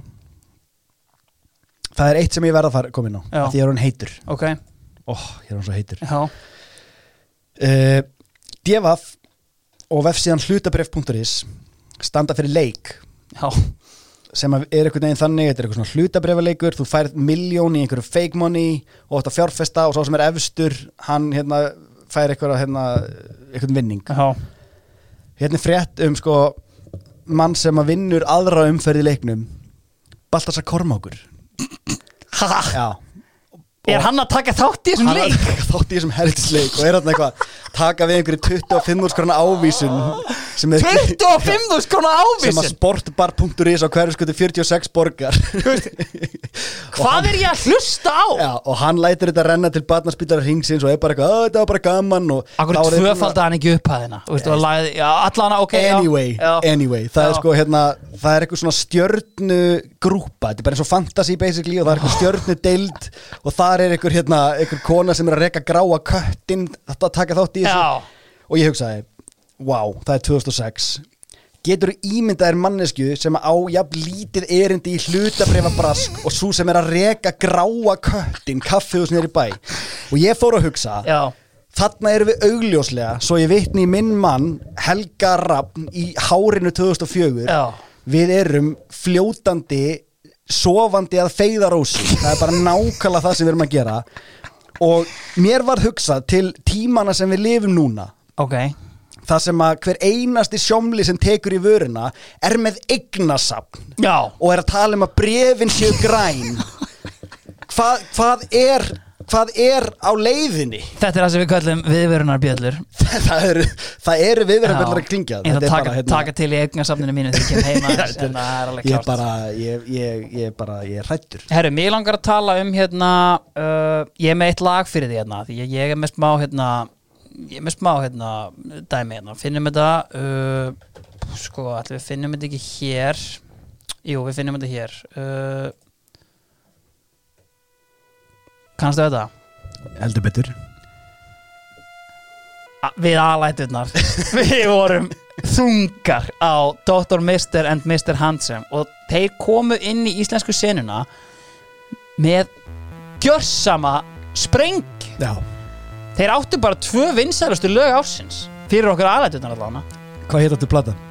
Og hún hétt Dirty Money alveg rétt. Það er eitthvað að finnast að sem ég hef heyrt að hlusta á árið er með kongunum Gulla og Geira að heyra Sigriði Torlasi segja þeir gáðu frá sér hlu- plötuna Dirty Slutty Hooker Money án sko nittna fordóma Já. eða neitt svoleiði sko. Hún, hún er geðveikt þetta er geggja lag. Og sko ég man sko sérstaklega eftir að ég hérna, veist, þeir voru, þetta voru sko rockstjörnir, þeir voru bara mætandi í viðtöl, í djefa fréttablaði, tala um kókainistlu og bara eitthvað, síðan var sko gítarleikar sko rockstjörnur, ég heldur hafi aðalega verið eitulífi neytundur ég sett sama sem veist, þetta voru, þeir voru það ég man eftir einhverju myndaþætti þar sem þeir voru hérna, backstage í Laugadalshöllinni sem er basically handbólta klefa og bara í sturtunni byrjar ofan og að tala um að, snorta og kjafta sko. þeir lifðu svo sannarlega hátt, sko, ég veit ekki hvað þeir eru í dag sko. þeir getur þess að bara verið fluttir í Kristjani og það kemur mér ekkert á óvart. Nei, maður er ekkert það. hýrt að þeim, ótrúlega satt. Nei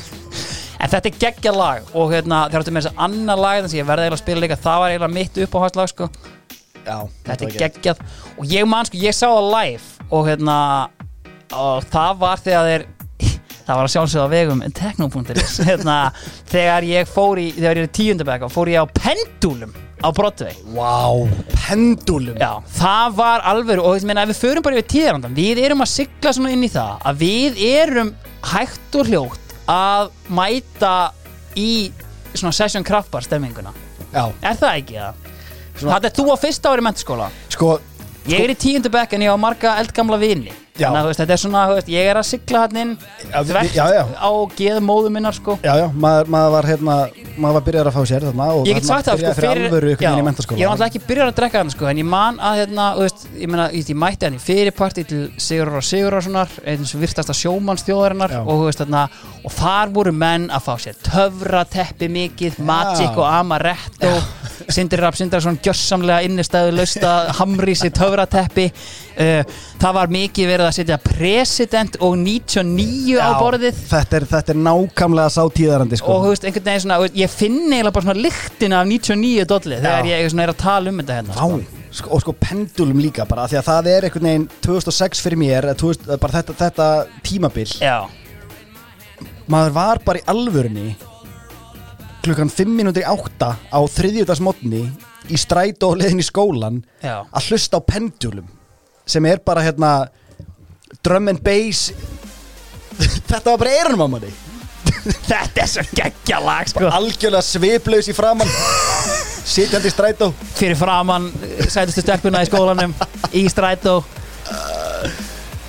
Geggja sko. Þetta er rosalega gýrandi dæmi. Ég, ég, sko, ég set stundum á hérna Hold Your Color plötuna þegar ég þarf ótrúlega mikið að svona þrjuma mér í gegnum eitthvað í vinnunni. Já, það er já, rosalega gott dæmi sko, að fá bara svona tempo í lífsins Ég skil þig alveg sko. Það er að syngja vel með þessi fyrir okkur aðlættirna sko.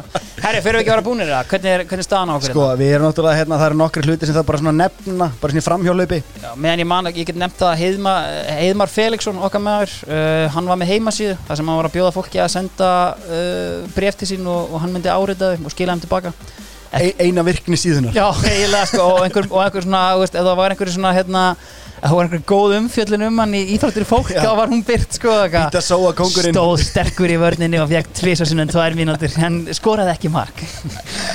Já, Nei, sko, framhjólaupið er bara, það var hérna hostel bíómyndir sem kom út. Heyrðu, já, einmitt. Og var hérna- King Eithor Guðjónsson. Ógeðslega random. King of the Swing. Já, Of course my horse. Gæi sem hefur svo hvorki fyrir mér síðan leikið neitt. Nei, nei, og hann var ekki leikar, hann var bara einhver, hérna, Eli Roth hitt hann hérna. Hann er náttúrulega bara aðtapnamaður, þessi gæi. Já. Va- Valsari, þú veist, hann er handbóltamaður fyrir um sko Var eitthvað peningakall, sko, og tók á mótist Það Eli Roth er eitthvað Þessi svona gaur á skemmtikarinn í dag. Alveg rétt. Já, og bara fullt af einhver svona adventures Já. Hann á gott hann gæti bótið sko. Sko, ég hef ekkert að móti að fólk sé að braska með þetta bara Nei. ekki fólk sem á ekki að vera að braska með Nei. þetta. Ég vil bara ekki að þetta sé eitthvað svona bull. Þegar Eithor Guðjónsson segir mér að brefin séu græn þá er ég Já, já, rálegur já, já. En kannski þegar ég, ég ætla að neymdra upp eitthvað ég, bara, ég ætti ekki að fara á eitthvað sko, Já, já, þessi bíómynd Ílar, ég bara nenni ekki að tala um hana meira. En Ílar á þeirra eitthvað svona Tarantino hérna produsei og hann kemur inn til landsins Ég horfði á hittir það, hann að gæja bara dyrkar hann og bara ég verði eiginlega hérna að hafa því þessari mynd sem ég er að gera eitthvað svona, þannig kemur þetta til. Ég man sko að að var hérna að var forsýning á Íslandi bara í regnbóanum eitthvað og hérna, þar mættu virtustu menn þjóðarinnar. Þar á meðal Arnar Sveit Gersson uh, og hann sagði okkur stoltur frá því hérna á mánudeginum að já, kallið var náttúrulega bara á forsýningu þetta var ógeðslega mynd maður, djöðan hún geggið eitthvað. Uh, ég er 15, hún er bönnið Já, 16 síðan fengum við sko veður af því að hann hefði verið þarna sko veist, og setið þarna og, og einhver sem sagði já Arnarsveit, jú, hann var þarna og með húuna fyrir augun allan tíman En þetta er náttúrulega sko að ég horfði á hann um daginn þegar, daginn, þetta er mjög te teginlegt hugtak en hún var svona, ok, wow, heyrðu það var edgi í þessu. Það er pæling hérna, er þetta, er allt í lagi að horfa á þessa mynd. Já, já. Svo hérna, er þetta tíminn það sem að Guðmundur í byrginu er svona endanlega eðalegja leðurhattin fyrir fólki Það Já, menn búin að reyna að skemma leðurhattin fyrir okkur Bréfin voru Reynir rauð í- leðurhattabúðinum. Hallbjörn og það eru fleiri búin að reyna að, að skemma hann sko Já. þarna, þarna endanlega tekur hann úr já. sem hann var comeback hérna um árið þegar Robert Downey var með leðurhættinu Já, hann- hann svona- já. hann svona kannski að hann draf það já. þegar það var verið að koma aftur Beating a dead horse Já, Það er nákvæmlega algjörlega. gangi En hvernig endur við þetta? já, The Eurovision já, algjörlega Sko Þú manst Það var allt í háa lofti fyrra já, Við vildum undakefni Mhm. Við hringdum inn Við sögðum happy að við vildum hana Menn slóust á göngunum. Já.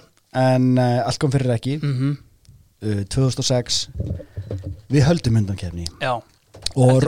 Rúf létundar þessu þrýstingi og fekk bara til sér, er ég bara verktaka sem heitir Basecamp. Já, þið sjáu bara um þetta, hérna er eitthvað peningur. Þetta er íslenskt fyrirtæki, já já. Ok, uh, og það er valin einhver 24 lög eða eitthvað skipt í, í þrjá riðla, þrjú kvöld búum til eitthvað úslitakvöld úr þessu. Og það eru nokkri svona aðilar sem að var litið framhjá. Já. hlutu ekki náð fyrir augum þjóðarinnar Ok. í, í riðlunum sko. Gunni Óla bara kemur ítla út úr þessu með tvö lög, hvort áfram. You've Eh, had your shotgunni Já, svolítið sko, ég held að fólk hafi munað eftir hérna þegar við fjallum mm uh, Írisi Buttercup, Ok, ekkit, ekki, hérna, ekki til það. Það er svolítið verið að exa gredduna hérna, frá Suðurlandinu hérna, Eh, svo tíma. kemur sko duett og ég, ég, bara, ég er búin að leita logandi ljósa þessu lagi, bara því ég verð að heyra það. Uh, Eyvi og Beggi Soldök saman, syngja lag sem heitir Lífið. Ok. Og ég, ég bara kemur sér ekki fyrir mig en ég verð að heyra þetta en ég bara, þetta 100%. finnst hvergi þannig að þetta er svona svolítið ágætlatna út bara hérna ef einhver er einhver sem með ég þetta að fara að heyra í Begga sko bara algjörlega, Já. ég heyri honum, hann svarar mér aldrei. En svo er þarna dauðariðil Já, það var þriðja kvöldið. Og þar, þar hefst í, í, í, sko, í vikunni fyrir dauðariðilin uh, fer allt á annan endan. Og þarna er ung stúlka sem að heitir Silvía Nótt sem að hérna er svona karakter sem var búin að vera mjög áberandi á þessum tíma. Algjörlega, hún Og- er 100% inn í tíðarandanum sko. Já, og það var- að vera það var seint svona- á kvöldin og skjá einum og maður var svona, þú veist Jú, jú, hvað hva bull er þetta? já, já. og þetta var ákveðið svona craze sem var þarna að byrja. Enn eitt íslenska æðið sem við tökum. Og það sem gerist er það að uh, þvert á reglur keppninar er læginu lekið á netið. Já, Gaukur Úlfars Causing Mayhem. Já, og það var bara nákvæmlega það sem gerist. Hann er búin að viðurkenna þetta eftir á. Þetta Já. var ekki viðurkennt þarna og það var allt brjálað og enginn vissi, enginn kannaðist við neitt í herbúðum. Silvíunætur Það sem er í gangi Það er þarna- mögnuðu herbúðir, en ok, já. Þetta er nefnilega herbúð Já. það er það sem er í gangi þarna Þetta er sérst Þorvaldur Bjarni semur þetta lag sendir þetta inn og hann segir þú veist ég var bara basically með reglu. Já, bara allir sem eru affiliates af Þorvaldur Bjarni og hann er með eitthvað svona hann er með camp. laga höfundarnir Já, mínir hérna. Hann er með herbúðir. Bara allir sendin lög og til þess að gefa gott fordæmi ákvæðan að henda þessu inn upp á djók svo er þetta valið og hann bara, pff, hvað á ég að gera. Heyrði, ég, er að, ég er að fíla þetta Silvíu Nóttur Aslatna hún á að fá þetta lag og, og svona bara svona segir skilið við það bara, herri, takk þetta lag og gera eitthvað við þetta. Já, og campið, herbúðurnar hennar Silvíu Nætur eru Gaukur Úlfsson uh, einhver mesti anarkisti Íslands. Hann bara vill horfa á heiminn brenna. Já. bara hérna hann er einn af those people. Já, já, bara hérna gott, gott með hann. Uh, Silvía, Ágústa Eva er náttúrulega svo sem hún er. Svo ertu með Sölva Blöndal sem er tekin á borðinu til þess að taka þetta laga eins og, og gera það því sem það svo verður. Já, þetta var sko eitthvað gamalt hotmóbíl uh, demo Já, sem að hann, og, og Sölvi svona, veist, gera það. Þetta er náttúrulega lasið camp sem að verður til bara í kringum til Hamingu Ísland. Þú, þú kemur hann inn með Sölva Blöndal sko, þú veit með Björn Tórs og Rúnar Frey Já. sem hann uh, Romario eða Romeo og, Já. og Pepe Luigi og þetta er svona það sem þú fær sérna Sigga Beintins í hérna, Nákvæmlega, Bakardirnar, Sigga Beintins Pétur eins og einhver Jesú. fucking trúður með einhver hanakampan upp á sviðinu og, og það sem gerist þá eru er allir til í þetta þa- þa- þarna fáum við smá svona uh, þarna skýrast svolítið svona the battle lines Já. bara víglínurnar verða til að því að þegar þetta lag lekur þá eru sko 17 eða 18 lagahöfundar sem taka sér saman og segja bara þið ætli ekki að láta þetta slæta eða erum við ekki að fara hendin úr keppni eða? Og, og það var svolítið svona goes without saying, þetta var bara augljóst brot á reglunum. Já, já, Páll Magnússon, verandi markasmaðurinn sem hann er geitin Já, útastjóri, horfir á þetta og hugsar I'll allow it nákvæmlega hann hugsar. Og það verður allt svona nettrillt sko, og það, það er verið að reyna að stilla sig upp að því að sko Birgitta Haugdali með lagarna Sorry, en sko það, það sem gleymist auðvitað í þessu er að Eurovision er lagahöfundar og, og, og herbúðirnar í kringum það er 90% eitthvað no-name lið Já, Að og, væla. og, það er mjög góð punktur. Og það sem að við þurfum nefnilega svolítið að taka fyrir núna að því hún segir þetta Já, það er nákvæmlega það sem þetta er að því að allir sem eru lagahöfundar og eru bara að vinna við það þeir eru bara að gefa út lög bara þú veist, þegar þeim sýnist. Þeir þeir sem senda inn lög þarna það eru þeir sem vinna við eitthvað annað. Já. þessi er læknir, þessi er grasafræðingur. Þessi er eitthvað, þú veist, allir með eitthvað annað gig er svona, æ, ég ætli, hobbyið mitt ég hendi sinn þarna, þannig að við fáum eitthvað svona algjörar sérliðar alltaf inn í þetta, en svo er alltaf eitt og eitt sem er ágætt og menn, menn ramba á eitthvað, allavega það sem gerist er að þeir taka sætti saman víglínum eru svolítið þannig þessir eru in on the joke Já, þessir eru að taka lífinu alvarlega. Já, og það sem ég svona sé eftir á það er svo augljóst að þú getur ekki unnið þegar að það er, það er augljóslega fólk að grínast og þú ætlar að taka sjálfan þig alvarlega. Þetta er bara ömurleg staða til Já, að já, í. algjörlega. og enginn tók sjálfan sig meira alvarlega heldur en Kristján nokkur Hreinsson textahöfundur þryggja laga hérna í keppninni. Já, já, og ég verði eiginlega aðeins að hérna grípa niður í viðtal við hann. Já, af því að hann hann er svo augljóslega meðvitaður um það hvað hann er í ömulegri stöðu. Já, já. að hérna, þú veist, ég er einhvern veginn á mótis og ég veit þau eru að grínast en mér langar samt að þau sé ekki í þessari keppni af því ég er svo mikill prinsip já, já, einmitt. Þannig að hann ákveður að svona slá á létta strengi í þessu viðtali hérna og ég, sorry, ég þarf að finna þetta hérna þetta er bara, þetta er ofgótt til þess að til þess að sleppa þessu Já, Sorry. Hérna er ég með mynda Kristjáni sko. Þetta er maður sem að er að gera eitthvað allt annað. Hann er með another day job Það er nokkuð klárt sko. Já, já, hann er í vaktavinu held ég Já, sko hann er sko, bara- já, það er alveg klárt? Sko, hérna er þá, hérna er náttúrulega komin sko ennir leikmaðurinn í herbúðirnar. Af því að sko lögmaður Silvíu Nóttar Já. Vilhjálmur Vilhjálmsson oh, Gerist þetta betra? Nei, þetta er rosalegt. Og hann, þú veist, augljóslega einan the joke. En það sem að gerist er það að Kristján Hreinsson fer niður í efstaleiti held ég að vera þeim tíma Já. og mætir í móttökuna og það er ljósmyndar á staðnum og það er til mynda af þessu mómenti sem hann leggur fram já. ótrúlega moment. Og þannig er hann svolítið komin in too deep. Já, ok, hann segir satt oh, þetta er svo vond allavega. Hann er honum þreyttur á þessu máli er hérna að hérna, drepa niður þessa grein. Já, og því sem hann kallar einhliða umfjöllin hann hefur orðið fyrir ónæði vegna málsins og fengið dónalega SMS-geti segir það þó aukaðatriði ég sem hann er, lígur því. Já. En ok, já, ok. Ég sem er, sko hérna er hann meðvitar um það hann er í ómjölulegri stöðu, Já. ég þarf eiginlega að hérna, slá létta strengi svo fólk haldi ekki að þessi leiðilugur ég sem ekkert hef gert af mér.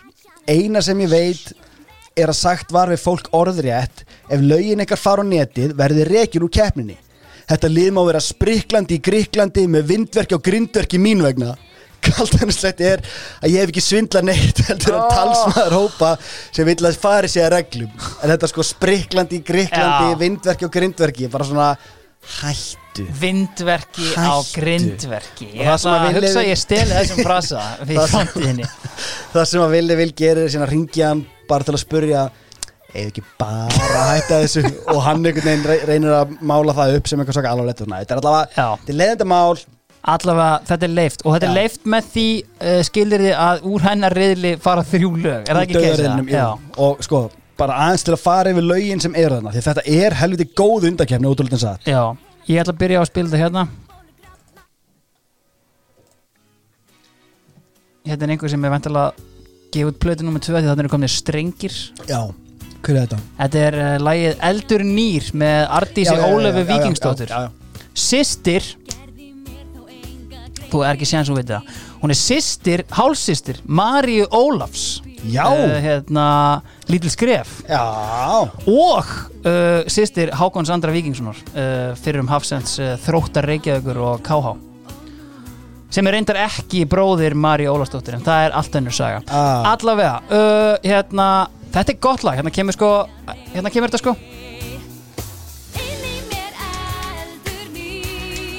þetta er svo geðveik nótkun á strengunum já, sko. þetta er gýr ertu með eitthvað fleiri lög hérna? já, já, já. Uh, andvaka með Guðrunárni Já, takk fyrir maður sér við það Við fengum líka sko fréttarittar að Norðan hjá okkur sko Hann bað bara um fá krupningu á andvaka takk sko, það sem er augljóst af því að dæma Já, er að þetta lag er trölla hittari fyrir norðan. Að ég fór í brúðkum fyrir norðan hjá manni sem er alls ótengdur fréttaritara Já. uh, okkar.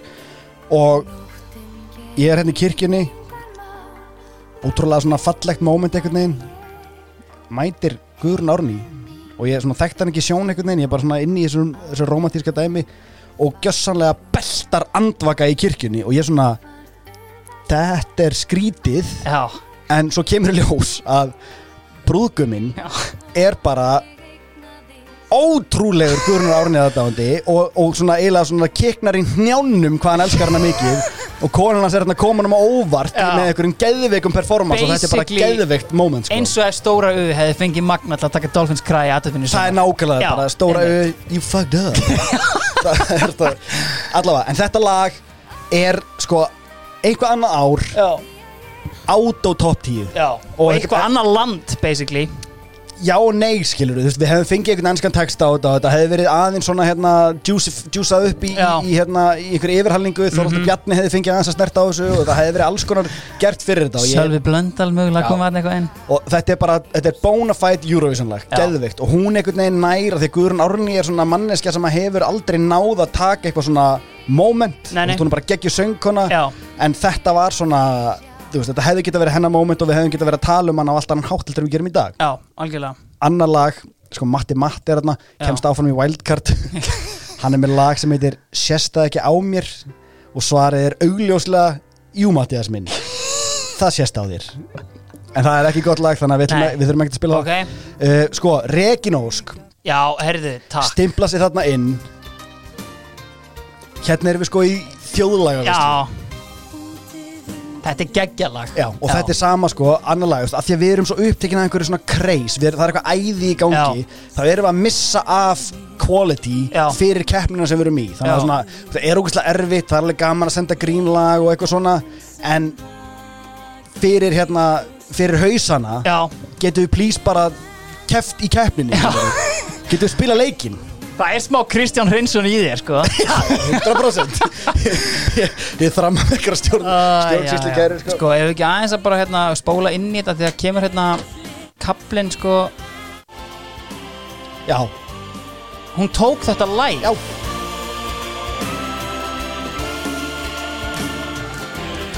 og þetta er svona moment ég, ég veit þetta er top 10 lag, Vi, við vitum það Þetta er top 10 lag. geggjalag, Já. þetta er geggjalag og hefðu nelt þetta á sviðinni að þennu Under the Lights. Já, Við í vitum, undan kettinni á miðvikudegi Já. Það er alveg 100% heyrðu, eitt, eitt sorry Já. eitt í viðbútt, það er hérna 100% með Rúnu G. Stefansdóttir Ok, við verðum reyndar að taka og það það er Nei, ekki þetta, þetta er 100% hamingja. Þetta var greinlega mjög vinsælt hérna, 100% concept, já, sko. 100 p. Við sko hérna, nú ætlum við að fara að aðfenda gullruslafötuna já, of all time já, í undarkefni fyrir Eurovision. Eða sko eiginlega ekki í undarkefni fyrir Eurovision heldur bara of all time í íslenskri tónlist. Af því að Við byrjum eitthvað í svona country. Þetta er eitthvað svingdót Já. og við erum þarna með Rúni G. Stefansdóttur uh, bakrættasöngkonu Já, já. að fronta lag. Já, þetta er Eftir hennar einhvern- big break. eftir einhvern sko, ég held hann sé að slá í áttrætt lagahöfundurinn, einhver hörður bara hérna. Já, já, ég nú eitt hérna lag á, Já, hérna, á lagarnum og ég hendi því inn og það er einhver, eitthvað geðróf í gangi í dómnendinni sem er að sikta þarna Já. út og þetta lag endar þarna já, já uh, í einhverjus í einhvers konar bilun einhvers konar heilabilun Mhm.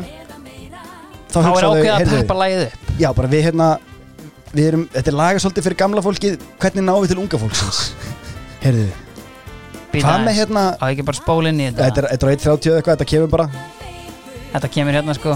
Ok, sko, hvað með að fá hérna strákin strákin á FM, Já, hann hlýtur að kunna rappa eða hvað sem krakkarnir er að gera í dag.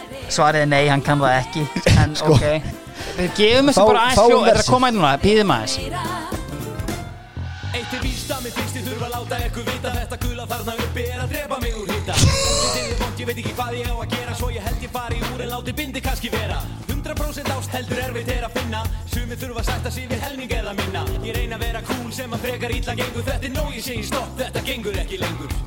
Þetta gengur ekki lengur. Þetta er hræðilegt maður. Og þetta er bara, það er svo margt misráðið. er svo- almáttugur. það er svo margt misráðið, sko, ég er eiginlega tómur af hlátri að ég næ ekki einu sinni að kreista hann upp af því þetta er bara einhvern veginn þetta er ekki gott, en Nei. það sem náttúrulega við verðum að gera líka er að hérna gefa, kredit. sögðum við það, þetta er BMF Þetta er BMF og þarna er hann í Ekki orðin tí- Brian árin, Nei, þetta eru- tíndu árin þar sem hann heldur hann sér rappari og næri einhvern veginn að hengja sig á uh, unnustu sína Já, Kýrina. Kristín Bjarnadóttur og hún svona heldur uppi snús duettinum sem er hann á þessum tíma. Og svo náttúrulega finnur hann fjölina þegar hann ákveður að fara í uh, balluður sko. Bara sagt meir um að það hann síðar. fer, já. hann fer Davís mára leðina já, meir um það síðar. Ef að fara í fótboltan Nei, nei, nei, nei, við ætlum að fara til aðfinnu okay, Við ætlum já. að fara til aðfinnu Já, ok, já, Under the Lights já. Það er að sami upp á teningnum svolítið þarna þegar við komum út eins og búið verið undarkeppninni Ok, Við erum in on the joke og við erum hérna með Homma og Nammi eða hvað þeir hétu skilur hérna dansarnir með sem er Rúna Freyr og Björn Tórs Romeo og Pepe Luigi. Nákvæmlega þeir. Já, og við svona þetta ég held að þeir geti verið sammála hérna Sölvi og, og Gaugur og, og, og herbúðirnar svona eftir á higgja þetta var ekki tekið, þú veist, við tók þetta ótrúlega langt og voru að lenda upp á kant við fólk og eitthvað svona. Þetta varð á einhverju tíðanpúti bara svona þetta er bara svona leiðinlegt eða þetta er svona, þetta er leiðindi þetta er á Íslandi, ég ætla að fá þetta í live keppninni. Já, og þú veist, við erum seinust á svið og það er alls konar hlutir á móti Erum við en- síðust á svið? Já, en basically það sem er í gangi Ég þarna- ætla bara að fá aðeins þögn Því ég ætla að, hérna, sko, fyrst ætla ég að leifa þessari hörmulegu auglýsingu að klárast hérna á YouTube og svona ætla að fá, sko, hlustiði á salin Hún er búin að gera allt vittlust að því að atriðið er frábært. Já, já, það er galið að þetta hafi ekki farið áfram sko Eða, nei, sko- veist, hausarnir sem, sem, ráða sem, sem ráða ekki á Íslandi þú og Kristján Hrinsson þeir ráða í Evrópu sko. Sko, ég, ég fíla þetta og ég, mér finnst gaman að það sé sendt grín og við séum að senda puttan ég hef alveg gaman að því sko og, og það, það hafi verið þannig þetta lag og við, við, hérna, við andvakamenn þurfum bara svolítið að býti í þetta súra epli Já. að þetta bara svona, þannig spilaðist þetta Pétur Jésúa belting it. Já, hann er svolítið eins og hérna gæðin í læri sem var aðeins og hátt styrstur tjúna mig niður takk. Talsett lærið þarna. En Já. sko, það, sem, það er svo gott. En, en það, það sem þetta er bara þú veist, föttuð ekki grínið einhvað annað ár, einhver annan tími þetta kannski fattast okkur svo leiðis en enginn er hamingið samar heldur en Gaukur Úlfarsson Nei. sem að eyðilaði þú veist, við, vildi- við komumst ekki aðalkermina en við náðum að senda puttan Já, hann, hann, hann hann vildi ekki fara áfram. Nei, Já, og það er bara ágætt. Gaukur Mayhem hann hérna en þarna voru nokkur lög uh, í keppninni sjálfri sem að verðt er að minnast á við tókum hérna fyrir Wigwam Já, já, seinast sem var sko algjör smellur. Um, uh, þarna þeir, þeir kveiktu rock, rock ástina í, í Evrópu. Já, þar sem Finnin kom svo. Og svona uppskar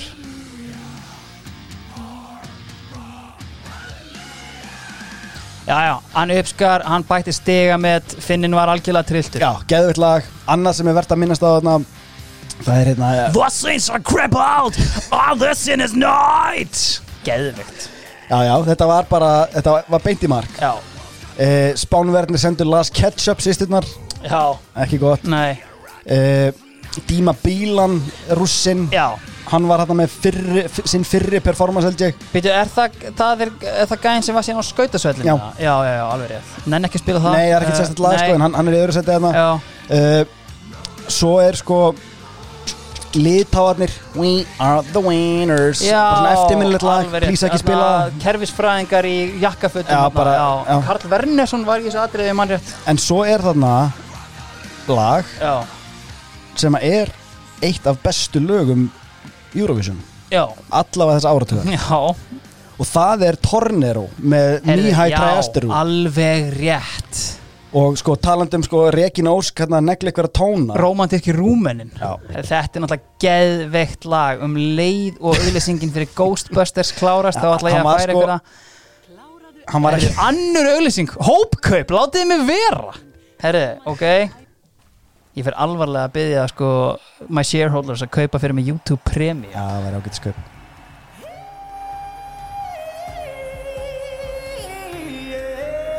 Þetta er, hann er líka með svona kerfisfræðingalúk Já, Þetta er geðveikt lag. Þetta Já. er klálega, veist, ég hef sagt það marga oft Ég þarf eiginlega, veist, í næsta uppgjörstætti Þá mun ég færi ykkur topp 5 lögin mín. Já. Þetta er topp 5 lag, Já. það er 100% That skífa. dreams that could have been so right. Yeah. Og hérna þarna, þarna var ég sko að því að ég var mjög þungur á rúminni þarna Já. og vorum að hérna Hérna er eitt, eh, sko, efsta YouTube kommentið er frá Nicky Vavati. I'm still sad that Romania didn't win that year. Come on, it was the best song of all já, það er bara nákvæmlega þannig sem ég veist, Semi sko, en veist, Hard Rock er náttúrulega geggjað líka sko. Já, já, En það- þetta er alveg geggjað lag. Sammála því, ég er sammála því. Herru, getur við farið í fótboltan eða? við getum það. Takk. Herru, uh, því að það er af nógu að taka hérna.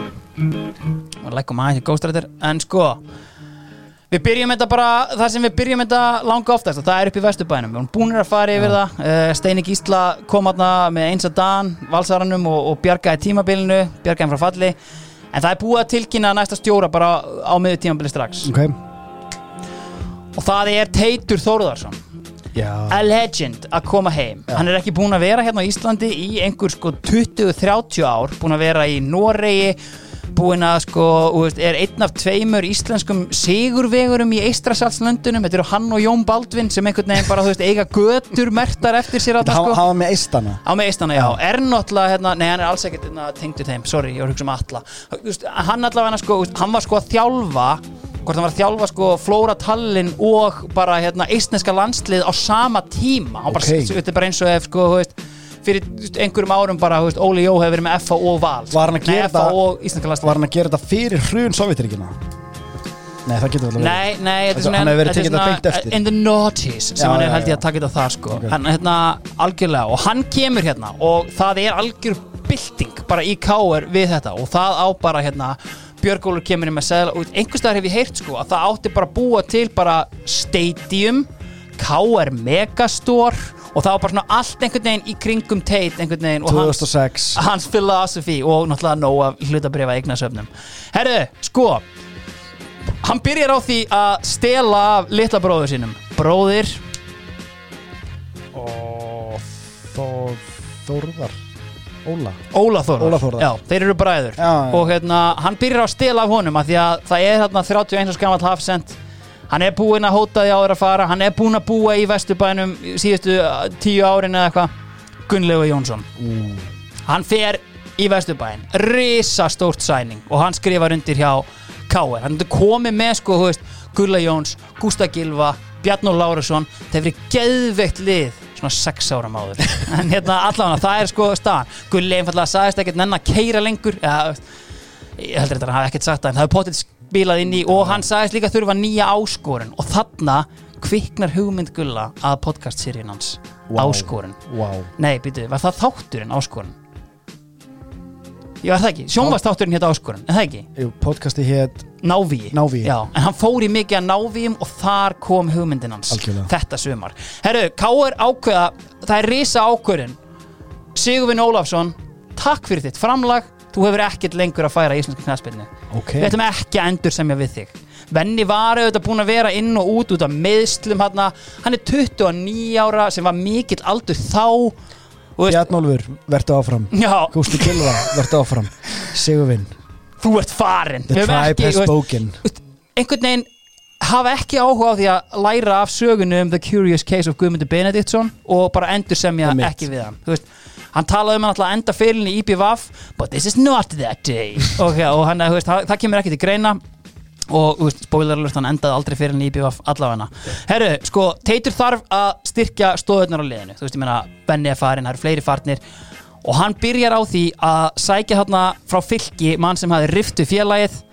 Þeir einhvern veginn voru bara úst, það voru allir búin að býja eftir þessum degi frá því að Björki Tæki Fúsa skóraði þarna tíu mörg fyrir fallið þróttar. Já, hvenar ætlar Avans að sækja hann yfir lækin og koma henni vesturbæn og það gerist hérna, Björki Tæki Fúsa skrifar undir hjá Káar og ég meina pældi í framlínunni BT Músin og Gretar Hjartar. Já. Geðveik svona þrejum fjórum árum áður. Nei, þú veist, þetta er alveg legit nei, þetta, þetta er rosalegt Já, þetta, er, þetta er svona, þú veist Þetta er svona eins og sko, Ed Woodward hérna, þegar hann sænaði Bastian Schweinsteiger That will spread some fear into the opposition's eyes. Eitthvað, eitthvað, en, en þetta er alveg hérna, rosalegt. Herru, Arnar og Gunnlaugs og Bjarki þeir fara. Bjarki leggur skóna á hilluna í 17. skipti á ferlinum og Arnar einhvern veginn bara, veist, já, fyrir að æfa með val og hérna, og ó- óvíst hvað hann gerir. Uh, Vigfús Arnar Jósefsson Já, hann, hérna, fær hlutverk hérna og þetta eru svona reynsluboltar gamlir jálkar í bland við gæði og svo, veist, jú, jú, þeir eru náttúrulega með gæði og mikið af youngbloods, út með Já. fúsa þarna, þú ert með gæja eins og skúlajón uh, mummi, mummi er byrjar að spila þarna, ég meina hvað er hann, hann er 17 ára Já. og veist, hérna, að þú veist, þetta er svona þetta er mjög fyndin blanda í liðinu einhvern veginn, en Teitur hann er einhvern veginn að smíða lið þarna. En er hann með sveinspróf, sjá hann til. Devaf var svona með alltaf þessar vikulegu kannanir í blöðinu sínum og kemur hann í janúar, hver áttur þessi besti þjálfæri deildarnar, kom einhver fjögur svör. Rak augun í eitt frá Jóni nokkrum Kára Eldon, hans svar var einfalt. Án Eva Teitur Þórðarsson við fengum hann bara. Þannig að hérna, það er hérna, bjart yfir hlutunum upp í Vesturbæja á þessum tíma. Sko, mér langar að fara eins yfir hérna, keppvíkingana Ok, uh, það eru svo sannlega changing of the guards því að konungur diagonal þversendinga Gestur Gilvason Já. það er legend hann leggur skóna á hilluna já, hann fer eitthvað aðeins í neðri reynda sko hann fer í Njarðvík. Já, eitthvað svo leiðis, hann fór í eitthvað annað suðun þessa lið og var bara geitin í annari deildina. Já, ég- var besti leikmaður tímabilsins ég, ég man bara eftir honum, sko, hann var alltaf ótrúlega tanaður. Já, bara, sko, bila tanaður í Njarðvík á móti leikni á, á þessum árum, sko. Já, algjörlega. Tók sko, sko, viðtalaðan eftir leika og mjög eftirminnilega. Sko, Keflinginga missa líka örfætta undrið. Kongin frá síðasta þætti, Gunnar Helmar Kristinsson bombuna, hann sagðist þér hann þreyttur á kirslunni millir Keflavíkur og Reykjavíkur og ég held að þeir sem hlusta á síðasta þátt viti alveg hvað hann er að vitna í þar þegar að hann lendi í morðtilurininni hann og hann Herri, fer hann fer í leikni, í leikni. Er það ekki? Jú, eitthvað sem að ég held að hann láta hafa eftir sér sé hann stærsta eftir sjá í lífuna því hann er ýringur og þetta er einhvern veginn svona hann á bara einhvern einn leik og bara, nei takk, þetta er ekki þetta fyrir er mig. bara einhvern svona blettur á KSI profílum hann sem að bara vil hann bara læra, læra tölvunafræði til þess að útmáða þetta. Eru Ási Friðriks, hann er náttúrulega ennþá þarna á svæðinu og hann er með veski á lofti. Uh, Voppfyrðingurinn Sigurður Donis hann er keiptið fyrir með tvö uh, spennandi spennandi Eh, strákur. Til miður, hann meiðist og samlingum er rift uh, og hann fyrir aftur held ég á vopna fyrir bara. Þannig er hann væntalega búin að vera að taka túrin hann var búin að fara á reynslu hjá öllum liðum Já, sem er eitthvað. Það gerðist líka hann sko, hann sko einhvern tíma Sannst í Evrópu er ég meina. Já, og það gerðist líka hann einhvern tíma Ási Friðriks er náttúrulega bara úst, kongurinn þarna. hann er að sækja sér leikmenn og hann er að skoða allt og, og hann, það kemur faxin á skrifstofuna og hérna, og hann skoða faxið og það er verið að auglýsa einhvern leikmann hérna. Og Ása, honum svelgist á kaffinu þegar hann sér lýsingarnar af hérna, því hvaða leikmaður er laus. Þetta er maður, hann er með lausan samning hann þarf ekkert að kaupa. Frekar sangjant verð, þetta er center hann er yfir 2 metrar á hæð og virðist samkvæmt tölfræðin sem hann er að gefa fram fyrir að skora einhver 12-16 mörka tímabíl og annaðist magna stóðsendingum Ási hleypur til aðstóða þjálfara leysin sem eru á skrifstofu Kitty Jensen. Kristinn Guðbrandsson, Mala Kitty og hann einfallega segir Kristinn, ég er búin að bjarga vandamálum okkar. Tjekkaðu þennan. Og hérna. Kitty Jensen tekur blaðið. Tekur sér eitt kaffisopa. Ási, við erum ekki að fara að sæna þennan. Nú, býtu hvernig ætlar að láta þennan mann fara? Þú getur farið með þetta yfir til körfukvæmstildarinnar Þetta er körfuboltamaður. Sender Yfir tveir metrar. 12-16 Afrits Og annað eins á stóðsendingu Sko ég er ekki búin að fact-checka þessu sögu En ég fegi þetta er alltaf Þarna erum við með hugsuðin Þetta klikkaði, hann segir bara Jæja, ok, Herri, við fáum þá bara Magga Þorsteinsheim. Hann kemur tilbaka frá Grindavík og hérna. Og svo þurfum við líka tryggingu Tryggingu Sender. Hann er sender. Yfir tveir metra Yfir til Körgunastildurna með þetta. Herði, stóíska róin í Kit Jensen sko.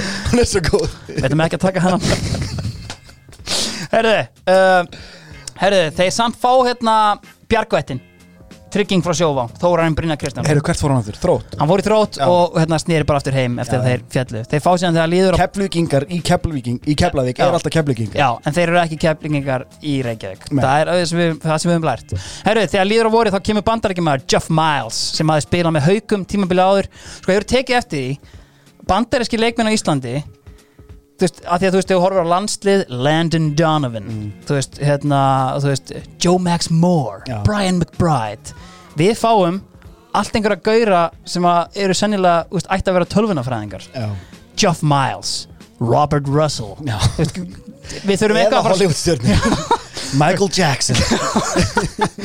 Heri, uh, og þeir halda áfram að ræna að norðan. Þeir fá Hallgrím Jónasson uh, hérna, og þetta er svona þú veist, þetta er svona hérna, eitthvað sem ég væri til að kafa eins dýbra í einhverjum uppgjörstætti Loftbrúin? Já, svona loftbrú milli félaga á Íslandi. Hva, vorum við ekki að tala um eitthvað áðan? Reynir Já, já, og já, já, káur. já. þú veist, og hérna þú veist, Keflavík og hérna þú veist, Eyjafjörðurinn og hérna, og hérna og nákvæmlega, veist, þetta er hérna, þetta er geggja dæmi. Já. Herru, uh, þeir fá líka Ástrala uh, hann heitir Danny Severino uh, hann hérna ég ekki, man ekki eftir mörgum Áströlum í eftir Nei. ég man að kom einn gæi frá Val.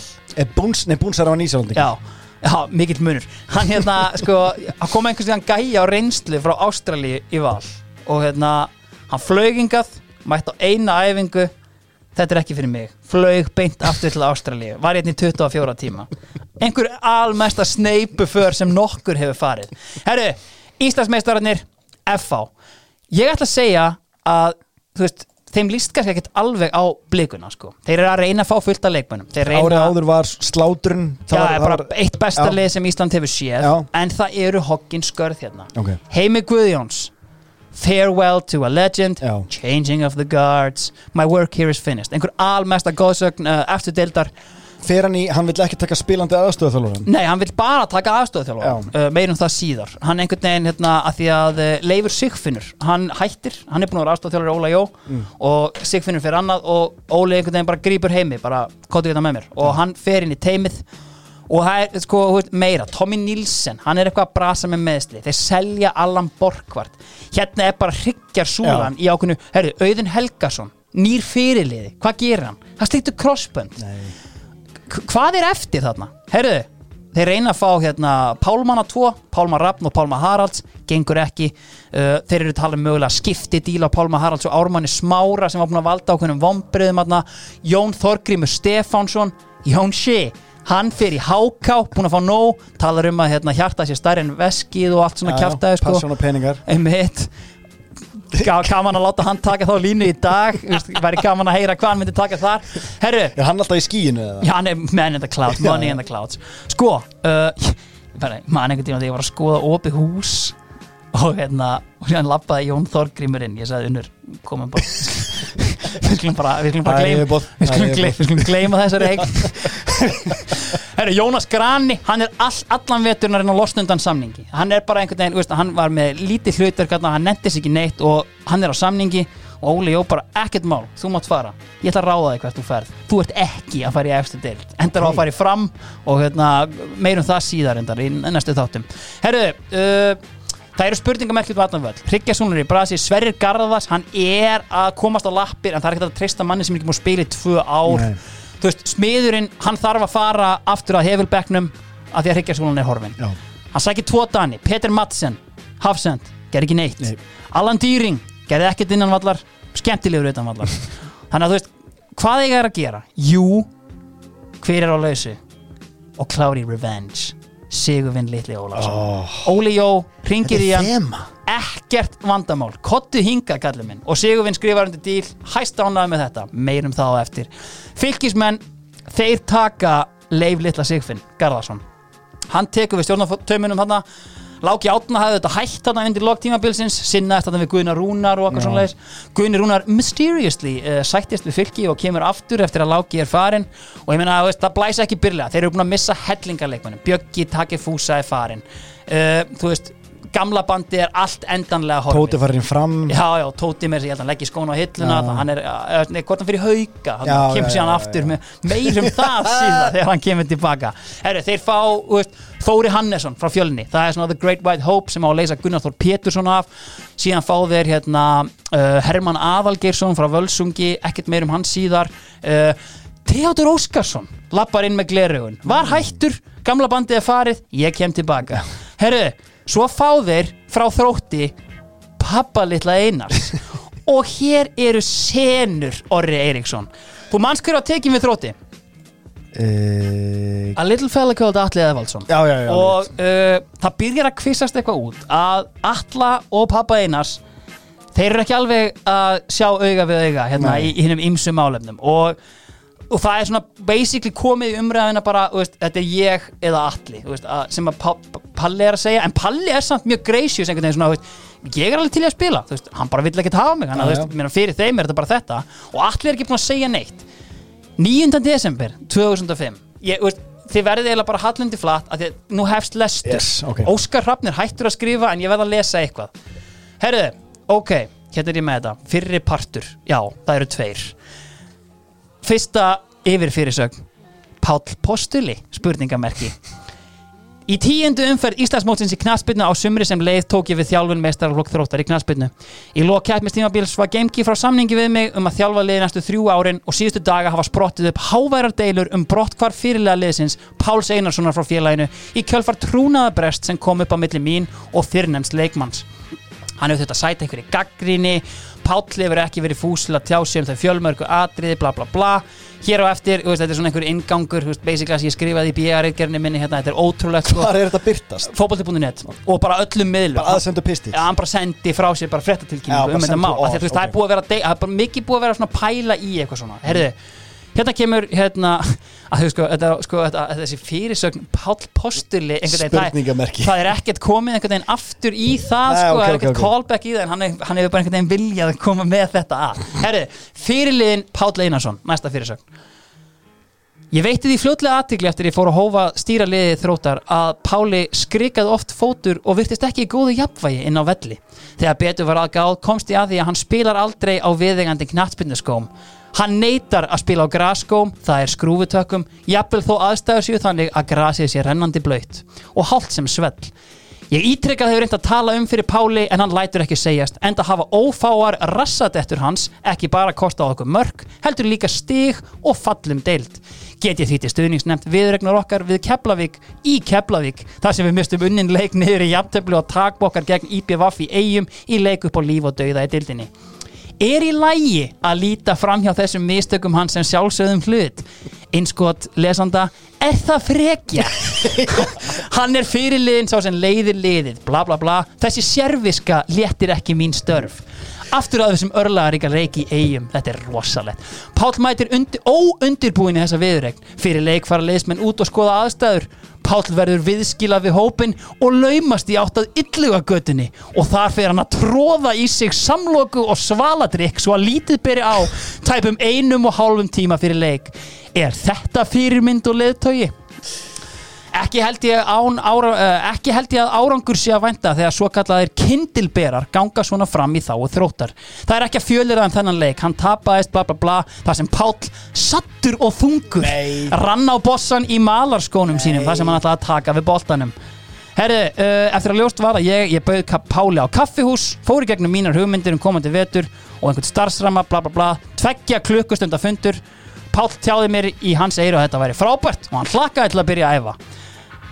Eitthvað var minna um emdir Páll mætti ekki á sína fyrstu æfingu fyrir hann í þriðju viku þrátt fyrir lofvort bara hann fyrir sig þegar hann ávan var gengið að hann hefði alvarlega við hugsa um að, leggja skóna á hilluna. Undarlegur þangangangur þar á ferðinni í ljósi þess að eftir að greint var frá þann færi frá félaginu segir hann í fjölmilum að hann hyggist halda ótröður áfram og eigi fullt erindi í úrvalstildina á komandi ári. Bla bla bla hérna fyrir hann eitthvað yfir, þetta er svo langt sko, ég var eiginlega ekki búin að undirbúa þetta væri svona ógeðslega langt Nei, sko, þetta, er, þetta er ótrúlegu pistill Sko, síðan ætla ég að fara yfir í part 2 hérna, sko, hvar er þetta aftur með hérna? Ég held að partur 2 var það sem fór mest fyrir brjóstið af fólki. Þar er sko, Meir en rækjusamlokan já. Hann er, eh, sko, leikmaðurinn Páll Einarsson. Ég hef hér stiklað á stóru. Þetta er bara eins og reitgerðin mín, þetta er rosalegt. Herðu, og hérna vitnar hann í Wikipedia síðu þróttar sem heimild. Sko, þótt Páll sé leikjahæsti leikmaður þróttar kemst hann ekki inn á lista yfir 5 leikjahæstu menn þróttar í efstu deild. Hann kemst ekki inn á topp 5 yfir markahæstu leikmenn þróttar sama heimildu að ofan Hann er ekki í líkamlega góða ástandi og hefur langa meðslasög á bakinu. Hann er allt of þungur. Páll er rúmir 180 cm á hæð og viktaðist hann 15. november rúm 92 kíló sem er allt of þungt fyrir mið- miðjumann sem gefur sig út fyrir að vilja spila í eftir deild. Það er vandamál sem Páll hefur vist aldrei sínt neitt vilja til að taka á. Fótboltamenn eiga ekki að vera með bumbuna hangandi yfir buksnastrengin. Já, hérna, hér. Sko, af þessu tilefni þá var uh, þá farið í GarageBand. Og það var búið til lag.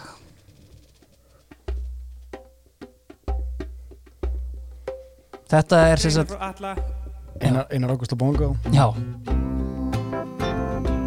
Þetta er frábært lag? Já Læknirinn bæl voru þeir fokkin barðir Menn tóku á og unnu titla með vöðum Einhvers þar á leiðinni var kall mennski stöðnun En í den Ég voru sko, kall heyrirðu menn hver þetta er, Af því hann hefur gefið út annað fótboltalag. Ó, ó, við erum fucking vikingur Þetta er Danni Hjalta. Já, leiknismæður knáin Já, Danni Hjalta hendir í þetta lag og það er basically alla og veist, að, í textanum kemur fram meðal annars hver er að kvarta, feiti fyrir liði? Og, hérna, og þetta lag fer svona eins og eldur í sinu um hérna MySpace. Já, og svona, og svona tölvupósta það er eitthvað svona Það hefur nú kveisast út í tölvupóstum uh, milli manna, eitthvað lag hérna eitthvað. Og enginn veit hver syngur þetta sko. Ok, hver titlaði fyrir þessu? Er þetta bara hljóðfætt? Þetta er bara hljóðfætt, bara? MP3, bara þetta kallum minn Windows Media Play allir léttir, og hérna og það er ekkert sko ég held að sé bara ekkert fyrir einhverjum bara 5-6 árum setna sem að Danni kemur út bara já, veist, þegar bara við erum fokkin vikingur að gert eða eitthvað líka, að bara, já, ég gerði líka hérna King Atli, hérna eitthvað, þá var hann sko eitthvað að vinna með Atla í Alliance eða eitthvað álíka og bara Ok, hendi Ég held að það einhvern væri bara vinur, vinur Egils eða eitthvað. Gæti alveg verið líka. já, en þú veist, allan að það var allan að keisa á baku þetta. Allavega pappi Einars uh, fer frá þrótti og skrifar undir hjá Þetta er, er rosalegt. bilað sko. Og bara hérna, það er svo erfitt þegar maður er að tala um eitthvað svona látið legend. Já og, og þetta er svo augljóslega Hann, hann líka, uh, sko, við getum alveg fært hérna þetta er bókar, hann baðst afsökunar á Já, þessum ok, pistli. ok, ok. hann hefur skrifað þetta í einhverjum algjörum hita, sko Já, já. en hérna Þegar hann ræðist á sko Þegar hann ræðist á sko ferilinn hans og svona hérna legend statusinn hans og þetta allt saman. Það? Er svo mikið sko. Málið er bara, hann snertir á svo ógæðslega mörgum hlutum. Já, er bara- hann, bara- hann ræðist á legacyð, hann ræðist á leikmannin Já. Páll Postuli. Allavega Líkamsmánun. Já, já, vá. Þetta hefði ekki flóið í dag. Nei. Herru, fylgismenn voru samt greinlega mjög heitir fyrir að fá out of shape leikmenn því að næsti maður sem ég reyna að fá er David May. Nei. Það, gekk ekki. Hann kom hérna og spilaði einhvern svona Manju Old Boys leik og bara leifur litli sigfinnur. Fá þennan takk. En þá var hann svo vel með sjarparan Já, en þá var hann sko því miður hérna, að fara að stofna fyrirtæki í Englandi Já, og bara 40 eitthvað ára. Herri, þeir fá fjalla Þorgeir í markið eftir að Bjarni Þórður meiðist eitthvað aðeins og svo sæna þeir a little fella called Peter Gravesen Ah. bróðir Thomas já, heldur Vá. betur og hann kemur hérna inn sem einhver tricky winger Já. örfættur og hérna Yðnar winger á það ekki jú, en hann var samt einhverju töfrar hann, Já, sko, ok. okay. veist, en hérna algjörlega herri, sko sko næsta lið sem við verðum að fara yfir eru auðvitað valsmenn það eru félagskipta kongarnir Já. uh, og þeir eru auðvitað í búið Sæsson Kraftvar að því að ásatlákan hún elskar ekkert meira en góða ásatláku Já. bjóskólan sinn Transfers. og val, og, val. og, og transfers. Herru, þeir eru auðvitað fyrir ofan gamla pizza pronto og allir valsarar mæta þanga og gera sér glaðan dag. Sko, þeir hefja auðvitað prísísonið á því að Börkur fær á sig kæru. Uh, þeir vilja Ólmir þeir vilja Ólmir halda þetta var sann, uh, kemur aðeins á þetta eftir. Þeir vilja Ólmir halda Gretari Sigfinni hann er náttúrulega á láni frá Vikingi þeir tóku hákáleðina, sömdu við alla og lánuðu á Börkur tekur upp tólur og hugsa með mér. Veistu það, ég ætla bara að prófa að heyri í Gretari Við erum félagar. Já, ég ætla bara að, veist, ég ætla að leysa þetta mál Ég ætla bara að heyri í honum. Herri, uh, Greta fyrir ragleis aftur í Viking Ásand Viktori Bjarka. Þannig að þeir fá hann ekki og fá eina kæru. Viktor Bjarki var? Fylki. Já, já, já. Uh, Þeir missa hann alltaf líka. Uh, Allavega Hvað gera? Það er hóaði blaðamannafund Þeir fá Valfannar Gíslason og heitasta bita landsins Pálmira Pálmason Húsvíkingurinn knái, búin að vera allt og lengi í Káa, hafði verið orðað við Manchester City, Stuart Pearce gerði sér ferð hérna á utvitt og eitt leik til að horfa á hann. Sagði hendur eftir það takk en nei takk. Og valsarar takk hann þetta er þvert að spá fótbolta.net og allir held að hann var að leiðin í FH en nei, hjartað var stærri en veskið. Og hann kemur í valu þetta þar sem hann. Já, fær að blómstra og hjartað nýtir sín. Heru, þeir reyna að fá Jóa Þórhalds það gengur ekki. Uh, hann er bara á leiðin að skrifundur hjá Val. Tekur upp beigju fyrir bláa lónið Já. hugsa sinn gang og skrifar undir hjá Grindavík. Börkur segir þá bara ekkert vesen. Uh, Ég ætla bara að tilkynna hérna stela þrjumina af Grindavík og tilkynna það að ég ætla að fá einn, eh, ekki einn, heldur tvo framherja. Það er Jakob Spansberg kongurinn frá leikni og síðan vantaði fleiri valsara. Hann var búinn að fá valfannar tók andra val, Ívars. Geitin frá Völsungi. Já, ok. Já, hann, Eftirminnilegur hann, hann þetta spilaði engan leik nema á prísísson, spilaði marga prísísson leiki kongurinn, en hérna kannstu við þetta nafn? Hann er svona neðri delta legend spilaði mikið með KFG svona, hann er náttúrulega hundgamall í dag svona á fótballtamælikvara en svona 2015 var ég að rimmur við hann í KFG sko, geggjaður ég að setja rassin út bara að pósta og, lunkin í tegnum sko, en kannski ekki alveg nógu lunkin fyrir val. Herðu, Börkur er ekki hættur, jólagjöf valsmanna í ár. Örn Kato Hauksson frá Káa Þetta er ekkert sérstaklega merkileg en hérna, Maður hugsa svona um svona næ, hann er auðvitað, veist, Ég sé eiginlega engan af þessum leikmunum fyrir mér í valstreyju sko. Nei, og þú veist, ekki er þessi nú að fara að bæta það. Þorvaldur Makan, hann tekur skóna fram hérna eftir höfuðmeisli og, og framarar þetta er erfið mánuður hjá Berkið Já, hann er bara að taka eitthvað skilur, en framarar auðvitað hérna gera bara eins og öllunni liða undan. Þeim, þeir íhuga stöðu sína og uh, kæra Big Bad Burk uh, fyrir það einhvern veginn að hafa verið veist, hann hafi verið hjá fram sko tveimur árum áður. Ví, Víkingur voru ekki að kæra hann fyrir Greta Sigfinns hérna Jú, kæran. Já, og dróða tilbaka. Uh, framarar uh, senda tölubúst við erum að pæli að kæra þið Börkur bara svo við vitir það og hérna enda á Börkur skrifar hérna einhvern hillangan pistil bara herru, hættið þessu. Veist, svona, veist, það er ekki bara að og þarna var meiri hljómgrunur fjölmila og allar, herru, já, þú veist Þetta er ekki svona easy target bara eitthvað, þú veist, getur já, ekki já. bara mætt með einhverja bókus kæri hérna á einhvern gæja sem, þú veist, þeir eru búin að skrifa undir starflokasamling fyrir löngu síðan Já. og veist, þarna voru menn bara veist, standard, takk Herru, uh, hvað gerist? Veist, Þetta er ekki bara sunshine and lollipops Við erum ekki bara að salla inn heimsklassa leikmönnum Sko, Club Legends, Siggi Sæberg, Stefán Helgi Kitty Lár leggja skóna á hillina Takk fyrir ykkar framlag. Bjarni Ólafur er seldur í atvinnumennsku og Sissi Júl, hann ætlar ekki að vera með.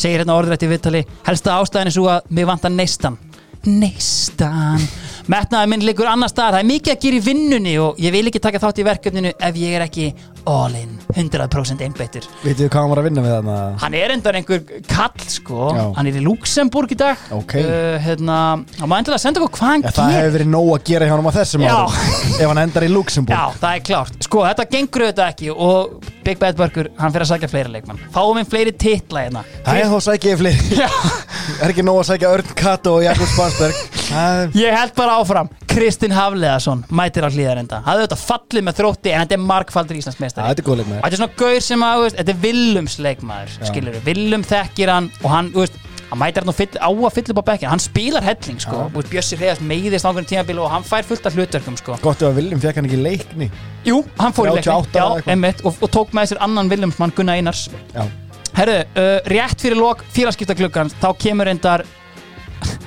þá kemur sænið sko, hann var reynda keiftur held ég fyrst inn á miðjuna en ultimately þá er hann arftaki Greta Sigfinns Barry fucking Smith. Ok. Get in son. Þetta er legend. Ertu að spyrja mig? Það? Ég, bara, Er þetta legend? Þú veist, ég er með hann kategoræsan sem eitthvað svona utility bakvörð. Er það ekki staðan eða? Guð minn almáttur Herru, meirum þetta Tengiliður í síðan bakvörðinn. Æ, Nei, nei, herru, næsta mál. Sko, það sem að gerist eins og það vantar bakverði í liðis Sko, Willum, hann þekki gildi klúpsins Hvað stendur Valur fyrir? Youth. Hann skoðar yngri flokkana. Já, Bara eins og allir þjálfarar vals á undan honum og síðan meir. Já, Það verður að skoða yngri flokkana. Hann skoðar hvaða leikmenn eru til taks og uppaldir hjá félaginu. Vinstri bakurinn Bjarni Ólafur er farinn. Herðu, tek Steinþór Gísla uppalinn valsara Færa hann yfir vinstra megin. Hmm, Back up fyrir hann. Ég er þetta með eitt kolgeðvegan sem lítur út eins og Lára Ómars í öðrum flokknum Ari Freyr Skúlason. Þú ert að fara að fá hlutverk. Nýkomin tilbaka eftir dvöl hjá úlingarliði Herenven Bróðir hans átti hérna frekar misast með að dvöl í meistarlokki félagsins það er samt ekkert vandamál, hann er meistari. Þessi hlýtur að vera það líka. Hægri bakvörðurinn Þarna er viljum mát Hvað á ég að gera? Fuck it. Valsari semi-youth. Ég tek hérna þessa horrenglu sem er búin að þykjast vera strækir og færa hann niður í bakverðin Vá, Birgir Má Sæfarsson vá. Fólk hafiði mikkar áhyggjur af varnalínunni hjá Val. Það var einhvern veginn búin að hreinsa hana upp allir sveitin bara einn eftir og þú síðan ertu með þessa wildcards, miklu valsara. Já. en þú veist, það eru gildi klúpsins spila á upphaldu leikmennum Ari er ekkert bakverður þannig Hann er Ari, kantari. sko, jú, sko, Ari spilaði svona úst, kant skástrík bakkur þetta tímabil, sko. hann byrjaði fyrsta leikin í bakkurinum, en hérna förum kannski hérna aðeins yfir það eftir. Willum hefur einmitt sagt, eða sko Birkir Már sagði sko, hérna, fyrsta leiknum bara á pre-season það sem að setja hann, hann var bara, veist, já, ég hef aldrei spilað bakkur, Willum sagði bara, þetta er ekkert mál spilum þetta bara, og síðan var Willum upp og niður vangin allan leikin, braut allar mögulegar bóðvangsreglur Já. og bara kendunum þetta. Og þurfti bara tvo leiki til í eigilsettinni Herru, skæin, blessaður Óli Þórðar minn. Það vil enginn koma. Nei. og það vilja allir fara. Gulli er farin, makkerinn hans Reynsi Lee er farin Bjarki Guðmundsson er áfram markmaður sko, herru smá aðþyggisvært fakt við erum nefndar búin að sætrakka allt of mikið í þessum þætti en þetta, bara, þetta verða bara fjara tíma veistla ég var beðin um að koma fjara tíma þátt síðusti þáttu fyrir jól allavega Bjarki Guðmundsson. Ég held að eitt umtalaðasta nafn Íslands sé hvernmannsnafni Blær. Já. Blær Bjarkadóttir sem höfðaði dómsmálið og vann Já. réttin Já. Dóttir Bjarka Guðmundsson. Heldur betur. Vá. Stórt. Vá. Ekki bara frábær markmaður líka stuðlar af mannréttindum. Herru, uh, allavegna það er krísa einhvern veginn. Gulli er farin, reyns er farin, hvað er að gera? Herru, býtum nú við. Hvað sé ég hérna? Laus allra mála hjá Stoke City. Er þetta gamla geitin Þórður Guðjónsson? Pull him in Þórður Guðjónsson er komin aftur. Hann Ok. kemur upp á Skaga, hann fer að byggja hús hann fær samning frá FH nei takk, ég ætla heim. Ég skaga Já, spilaði hérna síðast 1993 fyrir 13 árum sló markametið, sorry, jafnaði markametið og við erum bara komið með alvöru geit. Herðu, we're putting the band back together Arnar Gunnlaugsson er sænaður nokkru setna, búin að vera að æfa með val röltur upp á langasönd, tók fjörðin hann kerði fjörðin, hann elskar Akranes svo mikið og skrifar undir samning. Hvaða kuðung er hann að blása í þarna? býta aðeins. A tiny little fella called Bjarni Guðjónsson. Nei. Er þú að losna? Kontu heim! We're putting the band back together! Sko, alvöru dæmi. Sko, við erum komið hérna með þrjár alvöru geitur Gæja sem eiga tvo gullskóa eiga sko sjömörk í 15 leikjum. Það er eitt silfur skóran í Bjarna sem er reyndan alltaf orðin 15 marki miðjumæður sjöleikum, já, áfram. Síðan er hérna, hvað sagði, sjömörk Já.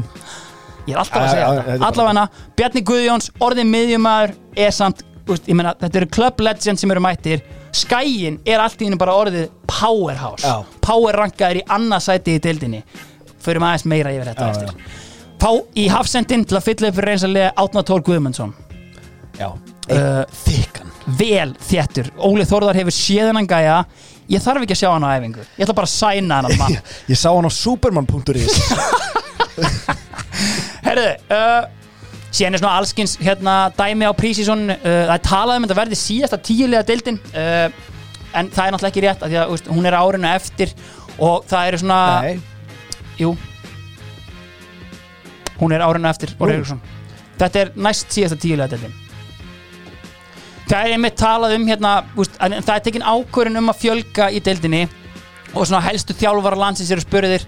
Það er það og svona merkimenni í íslensku fótbolta, ég meina Kristján Guðmundsson uh, Áskir Eliasson, Leifur Garðarsson Garðar Gunnar Áskeirsson, svona þessir helstu eru fengnir til að tjá sig um Ok. þetta og eru allir bara mjög ánæðir með hvert þetta er að fara og stefna í þessu.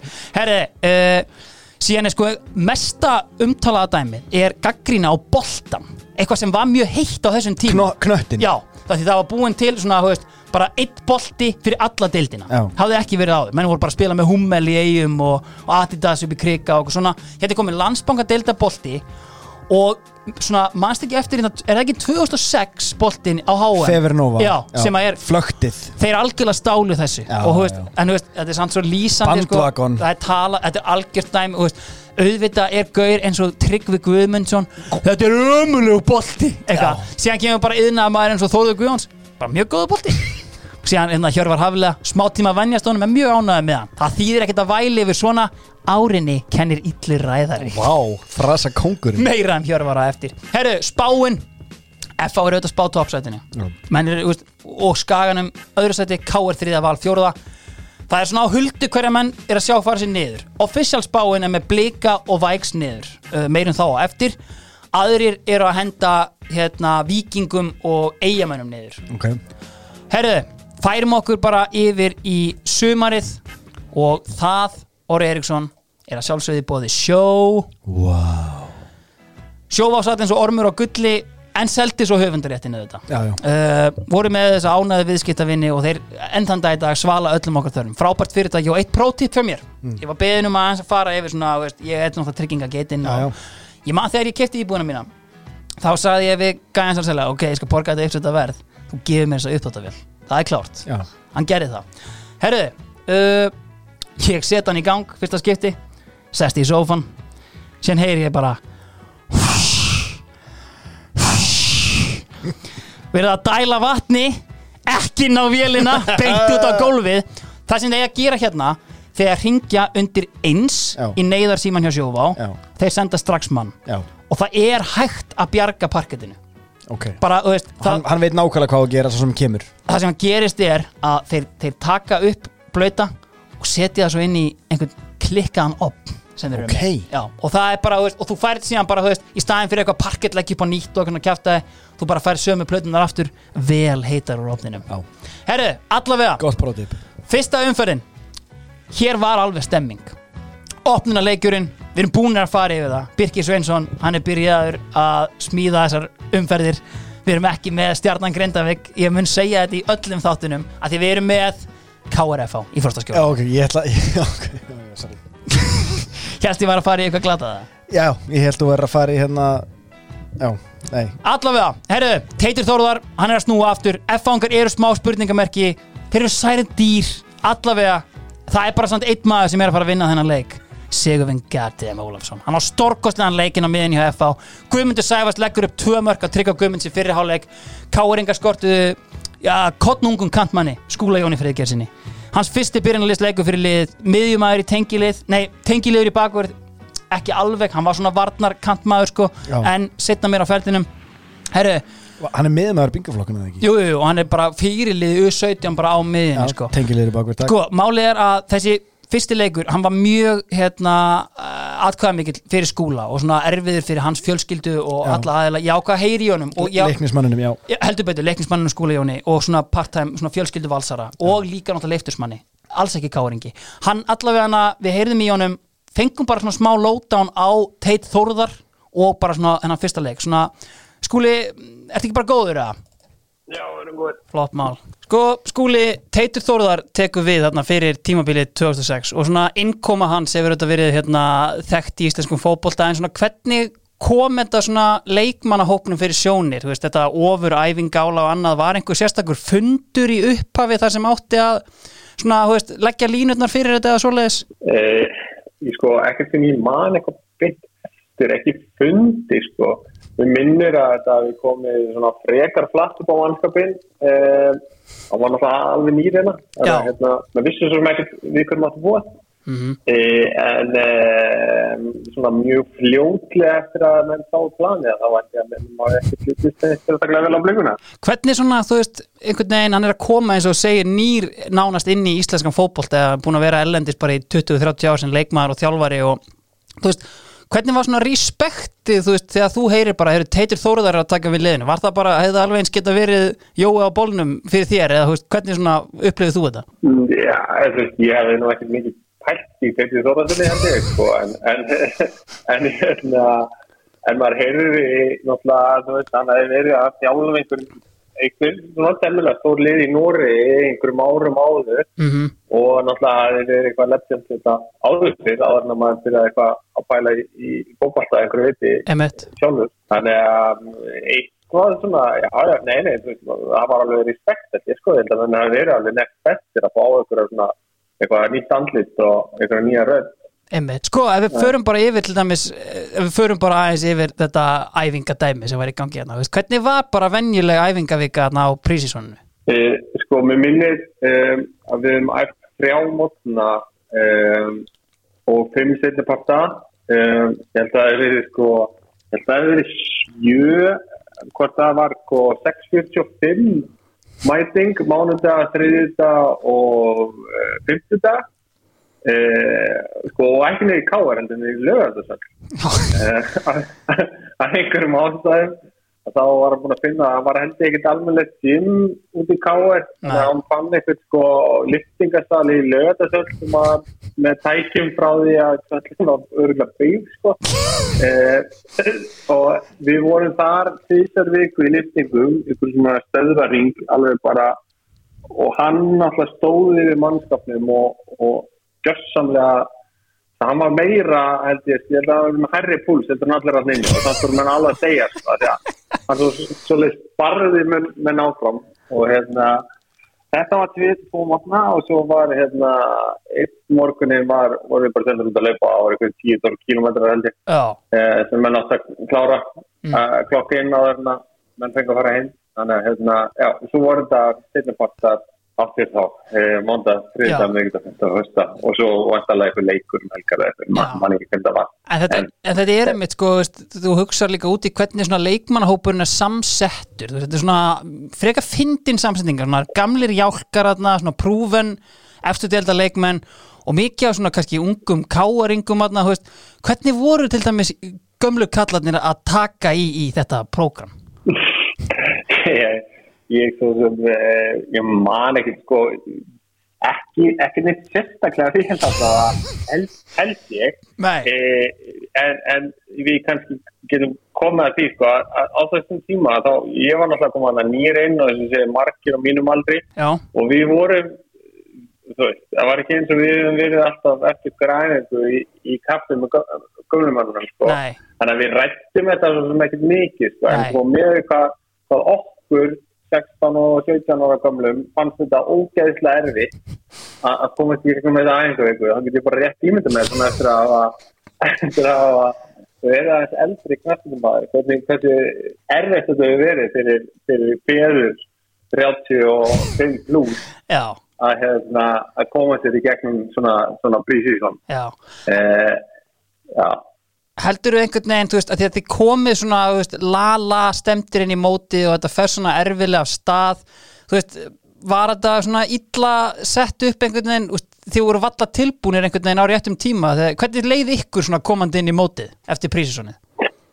Ég held sko, við vorum, við byrjum, sko minnum við líka mjög snemma í þessu prógrami, ég held að hefur verið í bara fyrsta nóvember. Eh, að ég man að við fórum í æðingarferði byrjum februar uh, og þá vorum við í svakalupandi. Já, Uh, en það búin að vera í þessi hérna, hér prógrami í, í einhverja þrjá, fjóra mánuðir og, og þá, segi, við vöxtum yfir einhver, skandræða skrifumann ég í því móti. Menn voru frekar bratti sko, svo svona rétt fyrir mót þá held ég að þeirri farið að koma svona ákveðin, ákveðin hérna einhverja Já. þarna að hringja eh, komið smá þreita mhm, eh, og svo fáið skell þarna í fyrsta leik. Já, og þá held ég að menn hafi svona, ég held að menn hafi alveg verið svona pínu að vonast til þess að þetta geti kannski gefið mönnum að, veist, að menn myndi fá þetta tilbaka Já. í mótinu. Mhm, allar þess aðeins, svo kemur fyrsti leikur og það er bara uh, hann uh, ger mjög illa. Já, og þá held ég kannski að menn hafi kannski svona mistpínu mistpínu hérna trúna ég skilði. Förum aðeins yfir hennan fyrsta leik skúli, þetta er náttúrulega, er þetta ekki þinn fyrsti leikur í byrjunleginu hjá Káar? Jú, jú, hann er, jú Þetta er náttúrulega sorgarsaga frá aðtilu þú hérna lætur Tryggva Guðmunds hérna táera yfir þig hérna og, og síðan skiptir Teitur Þórðarsson þér út af í háluleik í, í beinni útsendingu svona, þú veist, varstu bara shit ég er ekkert að fara að koma aftur inn í liði hérna eða hvernig voru svona tilfinningarnar í háluleik? í hálfleik og það er ekki góða sko, það er það var ekki stutt að fá þetta svona 17 ára andið í hálfleik sko, Já. að hérna að þessi, og hann var náttúrulega ekki að fela hlutina sko, hann, Nei. hann, þú veist það er bara basically þetta, þessi mörg, tvö mörg þarna, þau voru bara fyrir að kenna. Þannig að þau erum bara skipt út það í hálfleik. Já, uh, það var tímið erfitt að taka því svona, sérstaklega þessum að þessi mörg kannski voru ekkert beint, það var ekki eins og ég hef verið að gefa þeim boltan sko og, og, og þeir eru skora þetta voru held ég fyrirgæðir ég var steinn að skil með tilbaka eitthvað en þú veist, ég var að spila á kantinum. Já, þannig að það var ekki eins og ég hef verið í varnalínu nei. Þannig að hérna, þetta var, þetta var smá, brekka hérna, að að lendi í þessu en, en ég held að hann var nú búin að spila með það mikið fyrirfram. Ég, ég, ég held nú að ég myndi nú koma það til Sko, þarna kemur hann auðvitað inn á þetta veist, uh, hans sorgarleikar í fyrsta leik og það er bara einfallega rúllað yfir þá. Veist, þeir hérna þetta fer ekki vel að stað og hann kemur hérna inn á það sem ég ætla að ræða við og það er auðvitað, að því það er alltaf að tala um það er sama við hvaða við hvaða káringa og talar það er alltaf talað um teitstíman Já. og það er þetta morgunæfingar endalust æfinga álag það sem að stjörnurnar nendu bara ekki að hreyfa sig sko. og það er svona, veist, gistið þeir koma hægt inn í mótið koma þungir á sér einhvern veginn búin að lifta allt og mikið Já. og það er svolítið sagan að það hjá þeim herru, tapar hann þessu leik 3-0 Tryggvi Gummins með 2 og Búin að venjast boltanum heldur betur, getur ekki kvarta meiri en þetta sko, og ég sagði þarna við hann sko, hann var tekin út af í beinni útsendingu í hálfleik Já. þarna voru þeir byrjað að taka viðtöl í hálfleik Ok. og það var bara hérna Guðjón, staðan er sko 2-3-0 í hálfleik og bara hérna Guðjón Guðmunds bara, teitur þetta að gera einhverja breytingar ég ætla að taka skúla út af setja mumma inn á, það var bara ekkert flóknar en það sko, og hérna, það er erfitt fyrir mann skúli er auðvitað frændi og allt já. svoleið ég, ná, veist, held ekki með káar en veist, ég minna hann er leiknismæður með valsjarta Já, já. og, og leiftusmæður. Þannig að ég er svona, veist, þetta fór fyrir brjóstið á mig sko. Herru, aðri leikir í fyrstu umferð Þessi umferð var gufurugluð Grindvíkingar sem áttu ekki geta neitt Þeir fá stjörnumprillið skagamanni heimsók Förum aðeins yfir mekanisma sem var í gangi í Grindavík Já. Janko er ekki áfram í lið Hann vill bara vera með yngri flokka Já. Youth, takk Hann er, En ég er kannski til að vera aðstofamaður hérna. Það gekk uh, svo vel hjá þeim að semja við góðsagnir upp á skaga þannig fyrra að þeir ákvaða að reyna aftur. Og nú tókst það. Sigurður Litli Jónsson er tekinn á fund og ráðinn samdægurs. Ok, hann er kominn hann ætlar að þjálfa grindiginga fyrir þetta tímabil. Tekur með sér a little fella called Magni Fanberg sem Ó, aðstofamann vá. þetta er rosalegt kombo og síðan er Janko líka þarna að ráfa um hann eitthvað, eitthvað tips.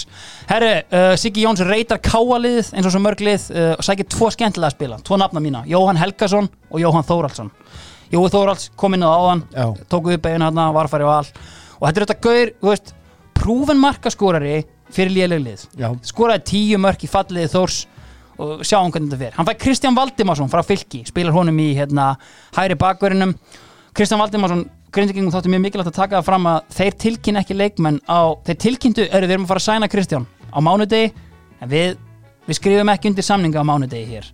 Föstudagur til fræðar við skrifum undir á föstudaginn. Er þetta einhver leksja eftir Guðan Þóruðar? Ég veit það ekki, ég veit ekki alveg hvernig það er en þetta er alltaf mantrana hjá Svona Jónasi sjómanna hjátrú einhver. Herru, Siggi Jóns nýtir svo tengslinn sín og fætið sín ungan sóknamann Björn Bergmann. Já, Vilhjálmsson leikmann frá Víði Garði tók því 15 ára algjörlega reyndar, sko Björn Bergmann var á bekknum þetta tímabil. Ok. já, hérna skaganum, kom ekki inn á allana meira en það síðar. Sko, ég reyndar ekkert meira en það síðar kannski í setni þáttum. Herru, uh, þeir fáu þetta Big Ray Anthony og Orra Freyr Hjaltalín tilbaka á meðslum. Uh, Orri Freyr Hjaltalín reyndar hérna fyrir hólu í höggi á Grindavíkuvelli og það var algjörlega hápunktur hans þetta sumarið. Ok. Þannig að hérna, lítil hjálp í honum. Hann blokkaði um það sannlega Já, hann er sennilega flokkaði það. Herru, réttur í mót, bara kortir í fyrsta leik þá eins og Valur siglaður inn skota innum gett eitthvað David Hanna gæði sem var hérna í einhver tíma fóð sérna í spilki og svona og hann er því miður ekkert skildur Rökkvaldi Geir Hanna keisarinn upp á ok. Skaga. Veit að margir hafa velt þessi fyrir sér. Herru, Skagamenn þeir eru þetta með þetta stjörnulið sitt. Þeir tapa þessum leik. 2-3 uh, Grindvíkingar uh, eru bara á flegi ferð Siggi Jóns er þarna með Magna Famberg með sér við hlið. Eldfljóta upp á topp í uh, hérna, Jóa Þórhalds og Munir Ahandur. Hann er komin aftur. Og þeir vinna hann að leik. Uh, málið með Skagamenn er sko að þú veist, jújú jú, þeir eru með Dominus tríóið. Þeir eru með Arnar Gunnlaugs. Þeir eru með Dodda Guðjóns.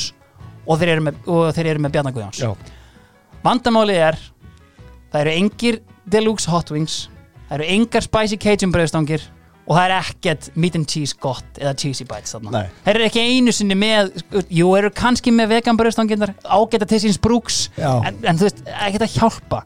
Jón Vilhelm Ákason, hann er kannski veganbröðstöng hann í þessu Já. þú veist, ég menna hann er fín til að hafa veist, Spicy vegan bröðstum Já. það, er það er eitthvað flavor þarna. Já, þú veist, er, kannski ekki alveg að fara að skila einhvern titli hann á þessum tímapunkti. Uh, gerði það þetta svo sem ekkert síðar en allt, annað mál. Sko, þetta er brass og veist, þarna eru strax farnar að hringja einhverjar hérna, viðvörnabjöllur allavega, margt fleira óvænt í gangi því að blikar nýliðarnir taka óvæntan sigur á völsurum. Byrja tímabilið sitt eins og þeir enduðu tímabilið sitt í eftir deild síðast, Já. vinna val. Já. blikarnir, hér er gamal kunnur refur við stjórnvölin, hafði komið liðinu upp úr fyrstu deildinni, taplaus. Orri, þetta er helviti skemmtilegt lið sem við erum með hérna. Ok. í markinu er auðvitað okkar maður, Hjörvar Hafleðarsson hann er sáttu við boltan og hann ætla bara að halda áfram. Rýtingur í hjörtu stuðningsmanna HK veit ég þegar hann skrifaði undir allavega. Hafsendar, það er hann einhverjir Guðmann Þóris, Já. kottnungur Guðmann Þóris sem mættur hann svo ertu með þess sem ég hef kóinað frasan, þetta er þessi players kynnslóð Kristján Óli Sigursson kallandi.is, pókerfróarinn. Þú veit með Magnús Pál Gunnarsson Skítuðan Gunnarsson úr kallandi.is síðan ertu með, þú veist, þú veit með Gunnar Örn Jónsson, Steinþór Freyð Þorsteinsson Átna Kristinn Gunnarsson Svínið Já. og hérna og Arnór Sveit Aðalsteinsson hann er þarna aðeins. Og síðan sæna þeir árinu áður held ég a little bald fella called Petr Podsemski. Og Ah. þú manst að Óskar var búinn að gúta Já. hann hérna er alveg alvöru maður þeir droppa Hans Fróða Hansen, hann fyrir að gera einhverja verri hluti og Bjarni Jó hafði síðan kiftinn gömlum vini Bjarni Jó er eftir stýra Bjarni- þeim. Já, já, já. Já, ég sagði bara gamal kunnur refur Já. Ég sagði síðan ekkert hvað það var Nei. Bjarni Jó, Já, hann er með lið kóngurinn. Já, Já, takk. auðvitað er hann búinn að fara með liði taplust Já, já. Sko, málið er samt að Bjarni hafi verið með tímabili áður R.L. Eddarsson McFarlane sem hafði ekki gert neitt fyrir hann nema að skora hann á móti Pókon Sjetsin og í fylki en Já. ömulegur hann þurfti bara nýjan strækir og þá ákveður hann að lesa ekki fréttablaðið og sænar Marel Baldinsson. Ok. svona björtustu von players kynslaðarnar hann kemur tilbaka frá lókarinn og hann er komni með það sem Bjarni Jó elskar. Hann er alltaf með tíu marka mann. Já. og það er það sem hann heldur að hann sé að fá þarna. Herru uh, þeir fá þarna nokkra útlendinga eins og bara Bjarni Jó elskar að gera. Stigkrón, Holland, ekkert skildur Erling og Alf, uh, namibískur þjóðvergi, Oliver Risser. Sem fáði Nenad Sivanovic sem hefur Já. síðan bara verið hérna á Íslandi síðan þá sigrað landsbyðina og hérna, en þetta er Þetta er skemmtilegt lið sem eru með í höndunum Þeir vinna val í fyrsta leik Guðmann Þóris kemur hérna yfir á marka mínúndinni síðan kemur hérna, Kristján Óli með einhvern málamynda kross sem allir sveit hendir í eigin net og þetta er agalega leikur. Herru, við erum ekkert hættir því að eigamenn hitliði sem átti ekki að geta raskat þeir vinna Keflavík. Ekki í Keflavík Nei. Páll Hjarðar og a little fella called Bo Henriksen með mörkin eftir að jú Simon Eilir hafði komið Keflavík yfir. Sko IPVAF eins og ég kem inn á þú veist, þeir átti ekki að geta nokkuð skapaðan hlut. Ég menna Birki Kristinsson er hættur. Uh, Logi Bald er hann ennþá uh, þeir hafði fengið Laugi Baldur að þjálfa? Já, hann er hann ennþá. Uh, þeir missa Ian Jeffs. Hann er seldur í atvinnumennsku til Örebro. Uh, og þeir eru henni fá inn allt og ekkert einhvern veginn. Sallin að einhvern leikmönnum og þú veist þeir eru með Bjarnar Hólma Aðalsteinsson sem er undir 21 árs latistmaður og, og náttúrulega hérna, Big Bad Pál Hjarðar hann í vörninni að, fótbrotamenn og það var einmitt kostning hann um sumarið. Hann var næst grófasti leikmaður deildarinnar og eftir Bjarnólfi Lárusinni og hérna, en síðan fá þeir reyndar sko, hérna, mannin sem þeir skýrðu í höfuð á háhyrningum Getheka Sigga Andrew Mesikwa fá hann inn, síkátt í Úganda Það er eitthvað mesti toppmaður sem ég hef hitt. Og bara algjörlega geggjaður. Herru, Changing of the Guards. Sigurvin, nei, Stengrimur Jóhannesson hann færi sig upp á land og gengur í ræði selfisinga uh, það er að verða helviti fáir eftir sem voru með okkur 92 Já. allavega alvöru maður. Herru, uh, einu úrslitin sem voru fullkomlega eftir bókinni í fyrstu umferðinni var Sigur Fylkis á nýliðum Vikings en það var samt ekkert, þú veist, bara jafnleikur sem kláraðist en þú veist, jú, jú, by the book Pabbi Einars á skotskónum fyrir Fylki. Nei. skorar annað á tveimu mörgum í 2-0 sigri. Sko Væks, Siggi Jóns hafði bombaði hann upp um deild uh, tekur svo við Grindavík. Hvað er að gera? Lúður, ertu laus? Magnus Gilvason hann kemur þarna að vera gargur sér lungun þarna í víkinni.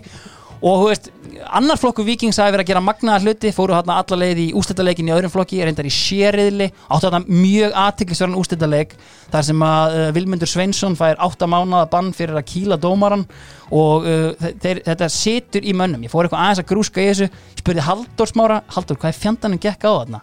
Já, alveg rétt, við kýldum dómaran good times allavega, þú veist, það eru ungi leikmenn þarna, en Maggi Gilva, hvað gerir Maggi Gilva? Hann býr til KRB, það er bara sem hann gerir þegar hann er á einhvern stöðum, hann fær Jökul Elisabetharsson uh, hann fær King of Rullukræi, Arnar Jón Sigurgeirsson. Já, og síðan fær hann einhverja lánsmenn sem heita svona tölvunafræðingarnöfnum Carl Dickinson og Keith, Keith Thomas. Er Kitty Magg hérna? Kitty Magg er hann, nei, Kitty Magg er í KR Já, ok. Kitty Magg er nefnilega í KR og hann spilar fullt leikjum á tímabil en stærstu sæning hjá liðinu er auðvitað að fá tilbaka Greta Sigfinn og Viktor Bjarkar. Tapar enda hann í fyrsta leik sjáum hvernig það fer. Blikar halda sínu rönni áfram þeir pakka eigamennum saman. Fara svo allir á players það er allt í blóma upp í, ka- upp í hérna smáranum. Já, og þarna meiri að sko Marel er komið með tvö. Uh, Stigkrón Holland, hann er að skora og leggja upp að vild. For fun, segi ég. Og alvöru maður kemst á blað 16 ára gamall Viktor Unnar Ítlegason ha? heldur betur þarna, þú veist djöfisins prospekt þarna sko, með líka stríputnar og þú veist, svona Lukas Rossi eðlilegu útgáfu greiðsluna og hann kemur hérna inn og skorar bara í sínum fyrsta eða öðru leik sko. Skrokkur einhverja minningar að Viktori?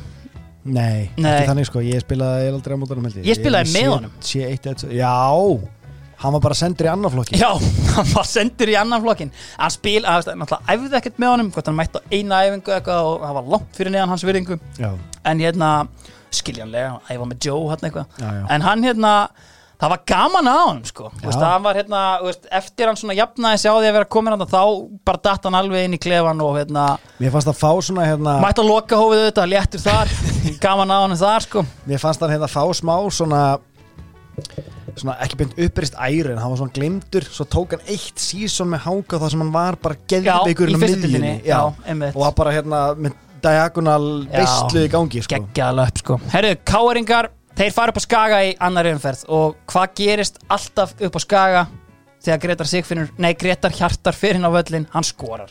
Hann er með sigumarki þarna, Guðmundur Reynir komin inn í liði fyrir skúla, hann skorar líka. Ungir leikmenn komið í eftir deild á Íslandi. Þar fáið hann njóti ykkar. Sérstaklega í val. Herru, uh, Sk- Skæin er án stíga eftir fyrstu tvo leikina. Uh, Þórður Þórðar er mættur á bekkin sem eitthvað uppfyllingarefni. Veist, það er í hóp. Já, já, veist, þetta er bara algjör krísa. Og sko, það var svona nánast þegar maður las blöðin eins og foreldrar manns að rífast þegar gömlu félagarnir Óli Þórðar og Gulli Jóns voru komin í einhverjar pillusendingar. Ok, Óli kvartaði auðvitað yfir dómaranum uh, sagði að Gulli hefði verið fyrir lönggótt að fá rauðspjald ég verði eiginlega bara að lesa upp hérna pilluna sem Gulli sendið tilbaka. Fyrirsögnin Ólafur ætti að líti eigin barm. Já, já. Hérna kemur sko. Ég tel að Ólafur eigi við alvarlegri vandamál að stríða en að ég hef átt að fá rautspjald hann ætti til að mynda að spá í hvernig liðið hans er að spila þessa dagana. Ég hefur byrjað illa á Íslandsmótinu síðan árið 2001 og hver ætli sé ástæðan fyrir því? Maðurinn sem er ábyrgur fyrir liðinu verður að svara og hann verður að líta í eigin barm að mínu mati. Wow. Gunnlaugur en aðtekli vakti að Ólafur kvartaði einnig yfir því hversu fast káarliði spilaði ég vísa því til föðurhúsana þannig að veist, þetta var bara hérna er þetta hérna á bollabotninu? nei, þetta er, á, hérna, þetta er í fréttablaðinu Já, ok. Ég er mikið að, fréttablaði þægilegt upplætingar og þeir eru líka alveg með puttan á púlsinum Já. og hérna, gott að skoða þetta sko. Herru, uh, hvað við með hérna? Stórleikur annar umferðar, það eru þetta F á Valur á laugadalsvellinum. Valsmenn spila þar þetta tímabil. Kláruðu hlýðarenda, Changing of the Guards og það er verið að byggja, við veitum alveg hvað er verið að byggja þarna sko. það er höllin. Heldur betur. Ármanns Mári og Freysi Bjarnar með mörkin eftir först leikadri. F-áingar eru cruising á topnum Ekkert tryggjast ekki, ekkert vandamál. Það er nú bara einfallega þannig. Þeir eru búin að vinna tvö, af toppliðinum á útivelli og uh, með markatöluna 5-0 Já. og eru bara á toppnum eins og Emil Hallfræs var búin að segja okkur sko. Eru blikum með kiftnir á jörðina í þriðju umferð mæta vikingum Vikingar eru án stig eftir svekkjandi tap fyrir Keflavík. Þetta var aldrei spurning, fjögur eitt. Þeir sem eru pulling the strings þarna Viktor Bjarki Arnarsson já. og Dabbi Rú Davíð Þór Rúnarsson, pókerkongurinn gullöldin. Já, Marel tikkar inn marki í lokin blikar heillum hornir, Marel er samt að rafa inn. Ég verði að eiginlega viðurkenna það. Ok. Herru, F-áingar, þeir vinna skagan í þriðið umferð. Hérna er búin að klára liðinum sem er, liðinum sem er spáð sko öðru, þriðja og fjórðasæti Já. frekar basically Sigurvin Ólafs með stórkostlegt mark beint úr aukaspinnu og lagði svo upp Sigurmarkið fyrir engan annan en Alla Guðnason. Já, hann er þarna farin að spila. Ég held einhvern veginn svona að veist, hann var að tekinn fullt af mörgum þarna á þessu Svo sísón ég man eftir að hafa spilað eh, kannski aðeins fyrr við hann sko U23 leik. Já, bara það sem hann, hann og Óli Palli eru bara í einhverju djóki að spila shit. einhverju tannileik. Það er alveg kantmann að dúo Herru, uh, ég meina hann er samt hann er 21 árs þarna sko. Þetta er ekkert eitthvað- eða fyrir hann 22 meira segja, hann er ekkert galið. Allan IMN eru auðvitað í algjöri vitleysu 003 og F-áðingar með fullt hús. Herru, keflingingar, þeir minna heldur betur á sig. Vinna káeringa hvað er Keflavík í Keflavík? Það er alltaf keflaðið sko. Það er einhver líkt hana Símún og Magnús Sverrir á skotskónum. Grindavík vinna blika í Kópavóinum 2-3 Óskar Rött Hauksson til Bjargar. Uh, skora tvö mörk, hérna glæsileg mörk eftir að auðvitað hafi Marel sett tvö fimm mörk í fjórun leikjum. Og blessaði skagamennir tapa. 0-0-4 aðeins einn herra Ísland Garðar Gunnlaugsson með rýting í baki á þeim skora sigumarkið þarna í 2-1 sigur í valsmanna sem auðvitað höfðu verið að högta ég meina þeir, þeir, þeir tapa fyrst tveimur leikinum síðan vinna er tvo í röð og vinna hann skagan. Ég man, ég mætti hann á völlin og ég hugsaði sko shit, ég hefði ekki hugsað mér verri tímapunkt til að mæta skaganum heldur en akkurat núna. Búin að tapa þrem í röð, bakið algjörlega upp að vegg. Já. þeir eru með Dominos tríóið en ég fattaði bara ekki þarna eru enga brauðstangir þarna eru engir hot wings og það er bara ekkert til staðar. Eng, e, e, rauða sósan, hún er meiri að fjalla það er kvítlöksbott herðu, sko, hvað gerist svo? Uh, hvar erum við með hérna? Uh, uh, uh, skæin kost með þess að yfir í leiknum en það bara einhvern veginn fylgdi ekki. Og maður var hálfpartin farin að vorkjana Óla Þórðar sko. hver er með í?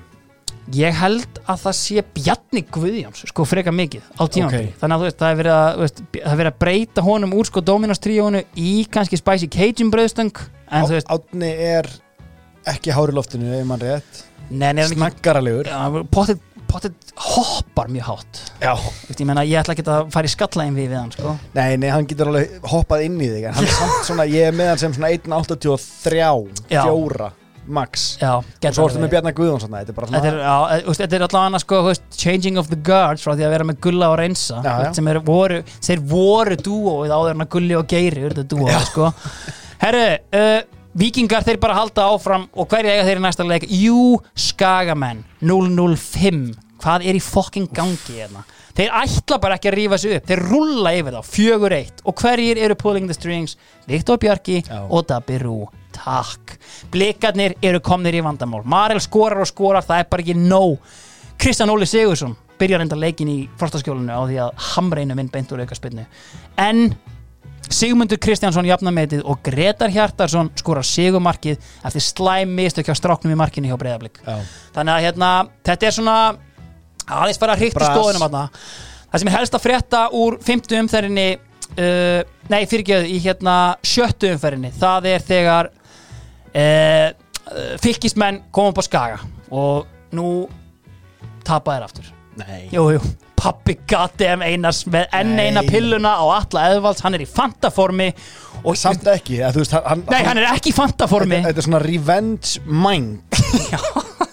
Ekki revenge body Nei. allavega. Nei, hérna erum við bara komin á það stig að stjórn í að sendi frá sér tröst yfirlýsingu Við veitum hvað það þýðir. Basically drullast til að vinna næsta leik annars ertu far og hann svarar bara með því að ringja eitt símtal. Ok, ég þarf að fá inn bara annað Dominos tríó hver tekur fram skóna í 37. skipti? Bjarki Gunnlaugsson. Ok. Þetta er einfallega ekki nóg því að þetta er versta byrjun skagamanna í 39 ár. En Bjarki skaklappast aftur á lappir og, hérna, og klárar tímabili með þeim. Meira um það síðar fylgismenn þarna aðeins farnir að gera sér líklega en þeim er kift niður á jörðina af völsurum og það er Garðar Gunnlaug sem er enn að skora. Sjöttu umferðinni gerist það líka að blikar verða fyrsta liði til að taka stig af FH FH þarna 5-0-0 gera jafntefli í kópúænum okay. En það breytir því ekki að við lok fyrsta þriðjungs þá eru FA á toppnum með sín akademísku 16 stig. Dabbi Rú og félagar með 10 stig í öðru sætinu Maggi Gíla með töfrasbrotan á loftinni. Á lofti og svo kemur bara algjör grautur af liðum með 7-9 stig Já. og svo skæin þannig að þú veist þetta er hérna Skæin töpuð sjöttum fyrir líka? Töpu, sorry, töpu í 50 umferð. Já, já, já. Allavega. Þú veist að þú vorum að tellja upp að hann ringdi Bjarka Gunnlaugs. Já, töpuð þeim leik en síðan vinna þeir hérna í sjöttu umferð. Já, ok, ok. þá vinna þeir Keflavík. Aðeins ná að krafta sig upp. Ellert Jón Björnsson með sigumarkið Vinna leikinn sem að var búið að stilla upp svona lengt og ljóst. Já, já, já, já, já, já, já, tröst yfirlýsingin. Og þeir klárað þriðjungi með þrjú stík þá. Okay. Herðu, uh, sko Guðmundur við að meti fyrir gröðspjaldundir loglegs fyrir að rinda hýrti hjartar sem hefur eflust átt að skilið Já, já. Nei, ég, ég spila við Hjört, sko. Og hérna, Hjörtur er Núsens. Já, og hann er með passion fyrir því, sko. Hjörtur á, sko, besta blótsýrði sem ég hef heyrt innanvallar. Já. Vilhjálmur Herrera Þórisson, stjörnilagfræðingur frá Akureyri, talar alltaf um það að vera í brók. Ertu ekki í brókinni? Já. Það er eitt af besta sem ég veit. Herru, hann er bara út á kantinum í leik KH og Augnabliks og Hjörtur er búinn að væla í dómarunum allan leikin, hann bara stoppar ekki. Og Villi hendir í eitthvað. Akkur ert alltaf að leifa hann að tala? Er það að því hann heitir Hjörtur Hjartarsson og Villi er með boltan þegar þetta gerist. Hjörtur snýr sig við á punktinum og segir Hei, fuck off þetta djöfis styrti tössa. Þetta var sko, veist, þetta, ég eiginlega sló sko, við vorum þrjúnul yfir hérna og þetta var glatt á hjalla en þetta var sko, veist, allir, allir ánæðar til leik og allir léttir til leik sko, en þú veist, þarna, meira um guðmynd við að meti og hjört hjartar á eftir. Herðu, við verðum aðeins að kæla okkur niður, við náttúrulega hérna, töpuðum okkur í yfirferðna Rockstar Supernova Já, já. og allt svoleiðis, við verðum eiginlega bara að fá hérna hálfleikinn í þetta, uh, þú veist bara, please, hérna, hættum þessu öllu og, og, og fáum inn kælum okkur. Hálfleikin Hálfleikurinn er í bóði lengjunar. Og er þetta búin að tippa eitthvað nýlega. Já, já, ég er bara hvert skipti sem ég horf á leik þá varst að, gerir ég sko, svona- að því við erum að tala hérna um 2006 og við höfum talað um hann sko, ég get sagt því það að þú hefðir getað tippað á lengjunni í lengjan beint í fyrsta skipti 2006 Vá, Hið 15 merka ár. já, þeir eru búin að vera þarna á topnum í 15 ár í beinni. 15 years of joy. Grindavík Víkingur fyrsti leikurinn sem lengjan var með í beinni. Fáum Lo- okkur góðan leik á þetta. Lokatölur 0-0 hins vegar í þessum leik þá var pöntuð pizza fyrir Magnús Gilvason á bekkin Nei. Það mætti bara pizzasendill pizza fyrir Magnús það var ekki, þú veist, ég fekk þetta frá manni sko, sem er ekki tilbúin að gefa upp hver pantaði pizzuna en Ok. ég heyrði En, en við komum að veita hver er það já, já, hann bara veit ekki gefa það upp. Ok. en a- hann ég er ekki tilbúin í það núna. Hins vegar ég heyrði líka í einari á lengjunni og hann sagði þetta voru ekki, ekki við. Já, já, já. við pöntuðum Nei, ekki pizzuna. Nei, ok, að vera Dominos pizza? Heldur betur. Lengjan, takk. Lengjan, takk.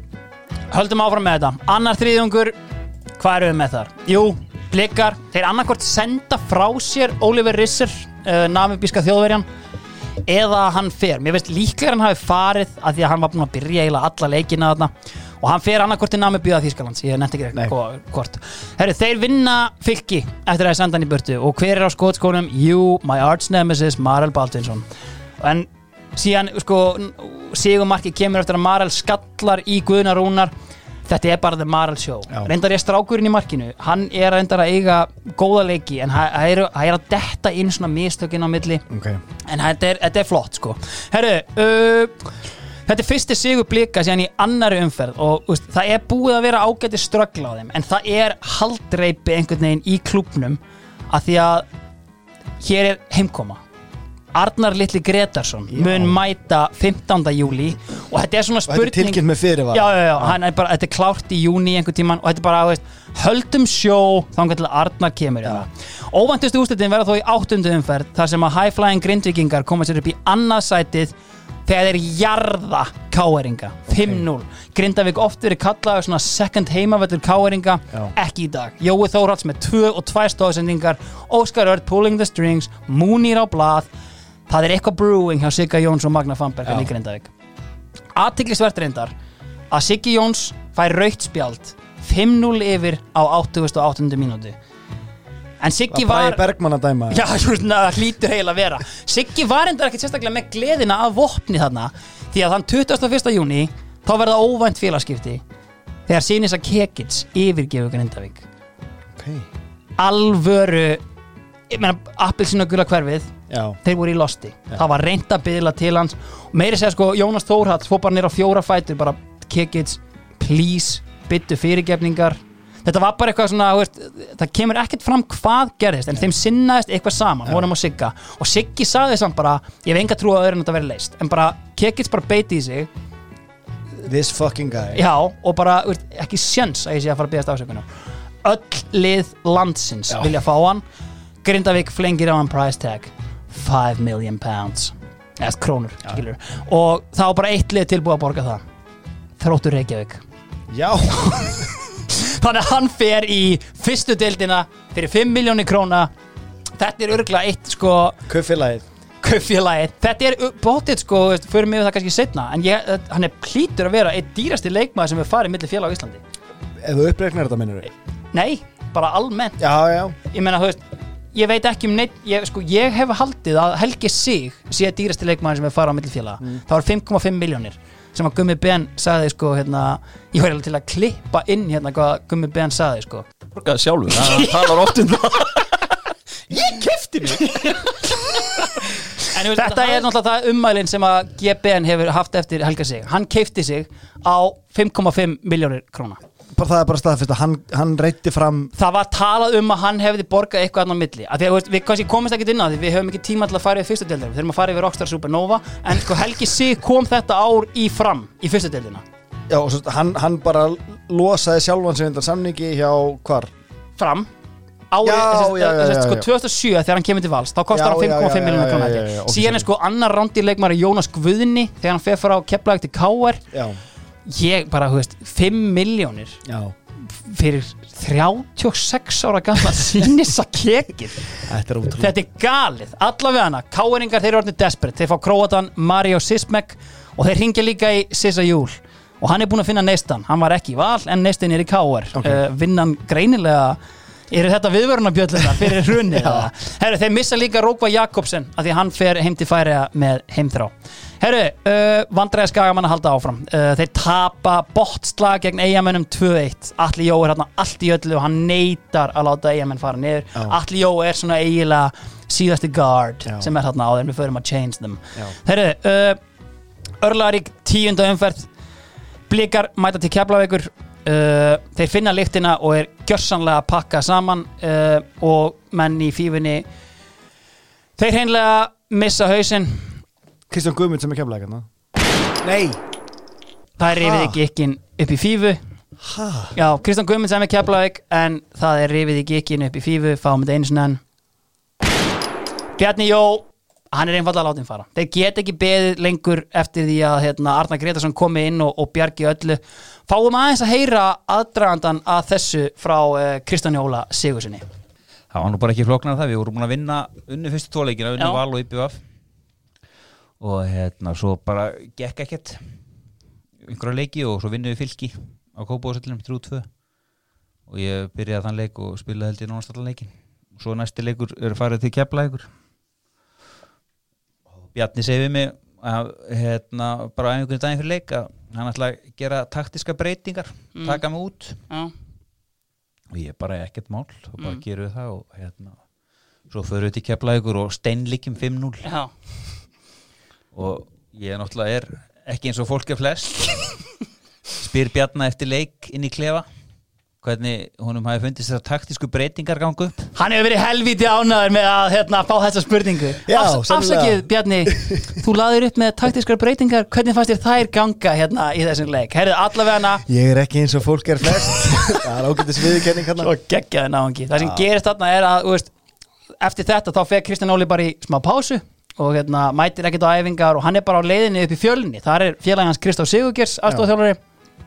þar er hann bara stattur upp í grái þegar veist, Hjörvar eða einhver álíka hringir í hann. Herðu, það er komin hérna maður og Bjarni Jó er hættur. Við erum búin að ráða hérna inn mann. Wow. Le Professor Kemur inn Ólafur Litli Kristjánsson og hefst þá vegferð blika. Uh, Hér á að fara að kenna einhver fræði og, og pika upp. Og það er í rauninni vonarstjörnu blikana hérna eru Arnar Gretarsson sem mæti 15. júli og Ólafur Litli Kristjánsson. Þá að setja players kynnslóðana á skólabekkin. Heldur betur, herðu, förum aftur í sumartíman Herðu, uh, hvar eru við? Skagamenn eru langneðstir uh, Þeir eru hérna veist, og, og þeir eru í vandræðum líka af því að þú veist Gulli Jóns er farinn og hann hafði svona verið driffjöðurinn í því að finna fjölmiðlagreinar, Já. keira upp eldsneitið Límaður á veggina í klefunum. Og þú veist, hérna Maggi Gilva pakkar þeim saman hérna hvort þetta er níunda umferð eða eitthvað svo leiðis Óskar Hrafnir hættur að spil, nei skrifa. Ég Þannig að það veit- er, það er ekki svona það er alveg sko algjör missir fyrir skagan að vera ekki með bensinni frá frá Óskari. Og þú veist, við erum bara því miður komir hingað. Já, longest serving manager í Pepsi-dildinni landsbankadeildinni er látin fara. Uh, Ólafur Þórðarsson búin að vera með skagaliði frá 99 tók hann það bara eitt leik hann 99 já, já. en hann er látin fara. Uh, sjö ára af veistlu en nú er komið gott. Hverju taka við liðinu? Arnar og Bjarki Gunnlaugs. Ok og þær aðeins kveikja einhvern neista þarna, sjáum hvernig það fer. FH byrja aðeins að högta hérna. Og þegar ég segi högta þá er það basically að þeir tapa leik og gera eitt jafntefli og eru með nýju stegar fórskot í deildinni. Ok. Herru, að því málið er bara fyrir neðan þá eru allir að reyta stig af öll an, uh, þetta er hinn fræga tíulega deild. Ef þú tapar tveim í röð þá ertu bara komin í algjöra fallbaróttu Já. vinnur tvo í röð challenging for Europe. Já. það er bara einfallega svoleiðis. Herru, Það gengur ekkert á þessum tímanpunti á KR og þeir eru skólandi auðlaleg sjálfsmörk. En í næstu umferð F-fáingarnir, þeir eru byrjar að högta valsmenn mæti upp í krika og einfallega klára þá.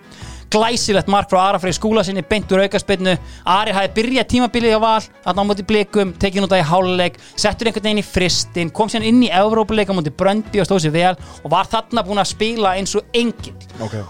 Í bakverðinum? Já, að, sko, það fer tvennum sögum um þetta. Hann er eitthvað á kantinum. Hann er eitthvað í hérna bakverðinum Ég vil meina að hann hafi verið mest í bakverðinum í þessum leikjum. Ok. Allavega, en hann er samt sko að upplæði tíja best, Bestur í tíunni. Og spilaði sko bróðu partin af atvinnumönskunni sinni sko á fyrri árum sem já, hjá. Sundsvall og þessum liðum sko. Herru, annar maður sem er sjóandi heitur Garðar Gunnlaugs. Þessi tveir leikmenn, þeir eru bara seldir Við erum að selja okkar bestu menn í sumaglugganum Garðar fyrir til Nörsjöping og hefur hérna sinn samfælda atvinnumannaferil sem er geggjaður. Svíþjóð, Búlgaria, Östuríki, Þískaland ég veit ekki hvað og hvað. Börkur, hann hefur séð nú Ok. hann þarf að kaupa leikmenn. Og fyrir eina miljón króna sækir hann a big fella called Garðar Jó frá Káir hann var svona kannski aðeins búin að falla í gleimskunar dá einhvern veginn, meittist en er einn af þessum Willumsmönnum ég meina Já. Willum fekk hann 2017 til hérna Káir Alveg rétt. þú veist bara gæinn var farin að vera spilandi þjálfar hann í fylki. Willum bara ég ætla að fá þig inn hérna. Þú ert með hlutverk hjá mér bara, þú veist, og örgulega engin meira hissa en Garðar á þeim tíma sko. Herriði um, allan hann mætir og það er bara þrenna í fyrsta leik. Sorry, hann skorar í byggarnum í fyrsta leik.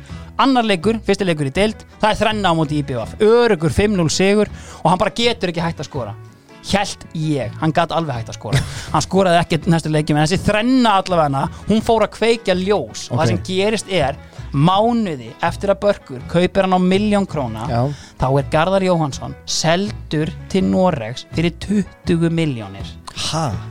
Börkur er geitin Já. Þetta er rosalegt En þá Beint inn kemur Þá heyrir Sepp Blatter í okkur Herðu, gæinn getur ekki spilað fyrir þrjú félög á sama tímanum þar af tvö í sama glugga. Þetta fer á hold En Linn, hvort hann fer ekki til Linn Þeir bara verða að fá hann. Hann fer eftir tímabili, klára tímabili með val. Hann var búinn að vera hann, Breytir kaupverðin ekki neitt? Ekki neitt, 20 miljónir fengu það strax inn á bók. Ég fór að ávaksta, setti upp nokkur söpn og hérna, þetta var helviti gott. Herðu, við loka annars þriðjóngs og koma skagamenn í heimsókn í Vesturbæinn og þeir höfðu unnið þarna árið áður voru búinir að finna lyktin af sigri þar og auðvitað hérna, er það Arnar Gunnlaugs sem að klára sína gömlu félaga, þjálfarinn spilandi hendir í tvö gullfalleg mörk Vigfús Arnar rekin út á 77. Sigumarkið líka gullfallegt komin á blað loksins í 12. umferð Þórður Guðjónsson Já. hefur verið smá vombri hann er þetta meittist rétt fyrir mótið hann hefur sagt við mig, hann sagði við mig í draumaleginu að sko, hann hefði bara ekki lagt sér nóg mikið fram Já, bara hann kom, kom til Íslands hann var bara líka einbættisræði að setjast niður fór að vinna í húsi byggja hús frá grunni eða eitthvað álíka og var bara ekki alveg Bara lúinn. 100% on it sko. Allavega. Og það hefur farið mjög vel í Óla Þórðarvæntalega heldur betur. Menn eiga að vinna og spila. Þetta er besta æfingin. Herru, uh, ég væri til í sko, hann er að skora sitt fyrsta deltamark síðan 93 ég væri til í að vita hver á lengsta Já, á milli mörka.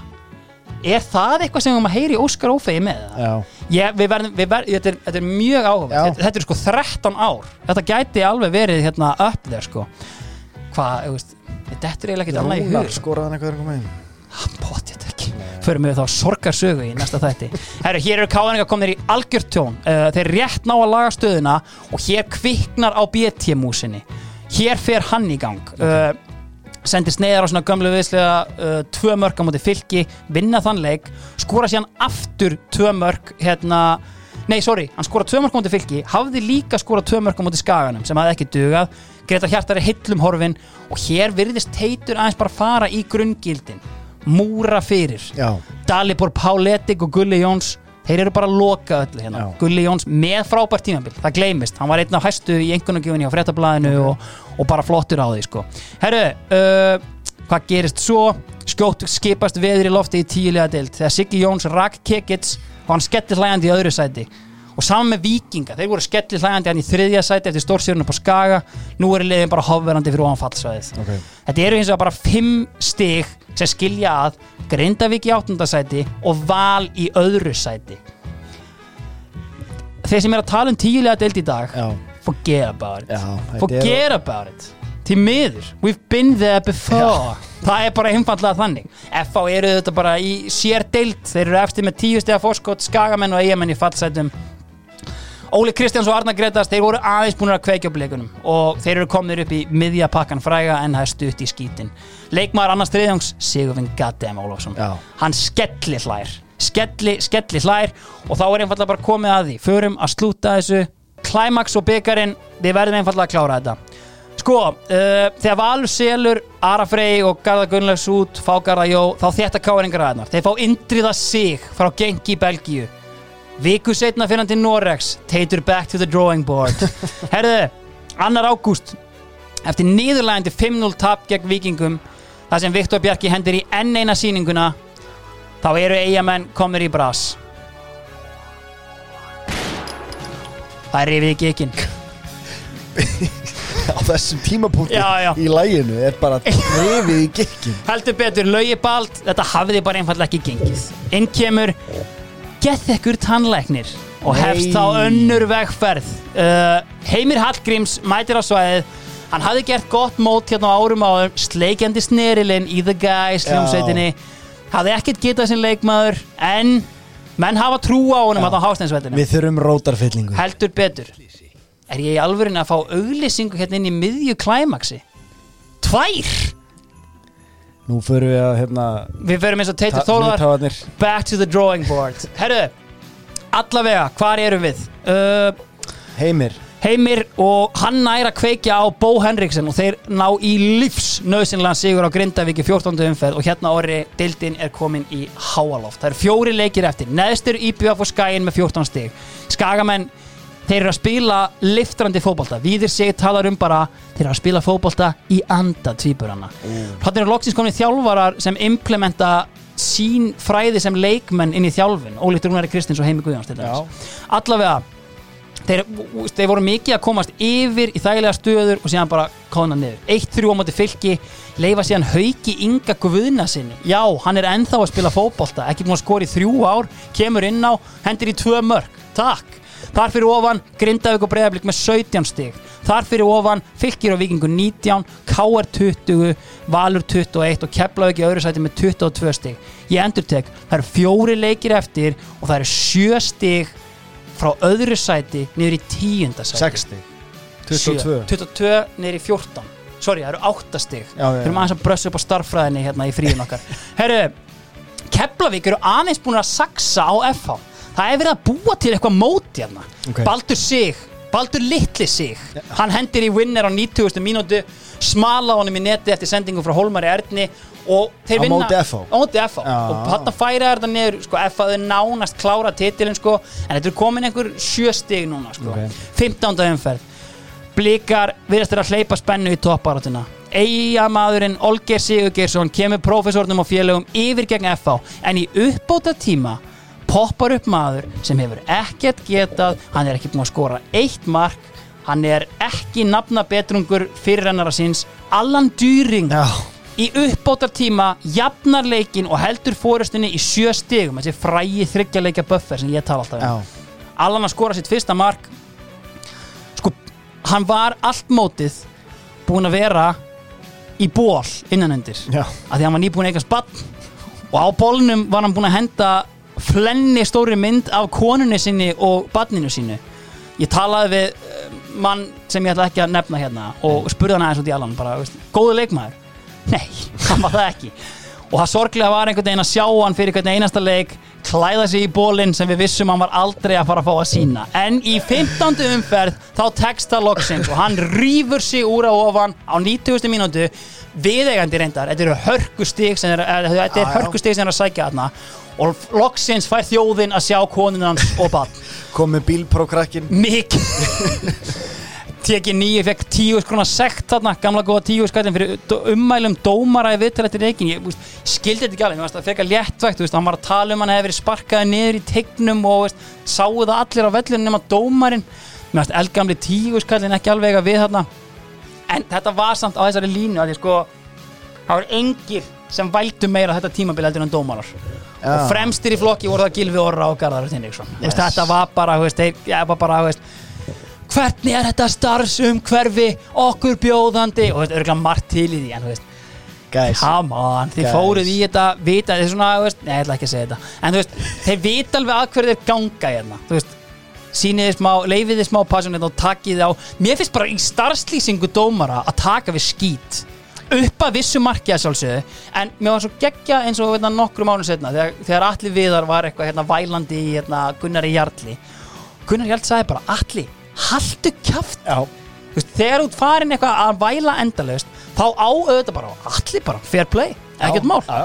Það er eins og leikmenn tala saman, dómar eru hluta leiknum 100%. Það er ákveðin svona menning sem að gildir eða sem að er ráðandi inn á vellinu. Takið þátt í henni 100%. Ekki reyna að vera, þú veist, segja á sama tíma þessi hluta leiknum og svo reyna að vera fyrir ofan en einhvern veginn. Það er svona pínu, pínu erfið heldur betur En sko, on that note Já. af Því að ég, ég veit ekki hvað þú ætlar að segja að hættir við Já, En mér finnst alveg áhugavert að ræða það án þess að vera að taka einhverja menn út fyrir svega og svona já, að sko manni hefur oft liðið eins og íslenski dómarar séu hörundsárar heldur en aðri dómarar. Garðar Örn Hinriksson mætti í drottninga viðtala þar sem hann sagði menn greinilega elska að hata mig. Já, það er, það er, það er augljóslega hans lífsviðhorf. Þessi, veist, þetta hefði geta verið heitið á bókin hans. Já, ég meina, bara það að hann hafi gefið út bók og allt þetta. Það, það þarf ekki að fara endal út í hann Nei, per se, en þetta er bara svona ge gegnum gangandi hlutur þess vegna fannst mér gaman að sjá að var um daginn einhvern hérna, leikur hérna í meistaradildinni Já, Alltík og Madrid Liverpool.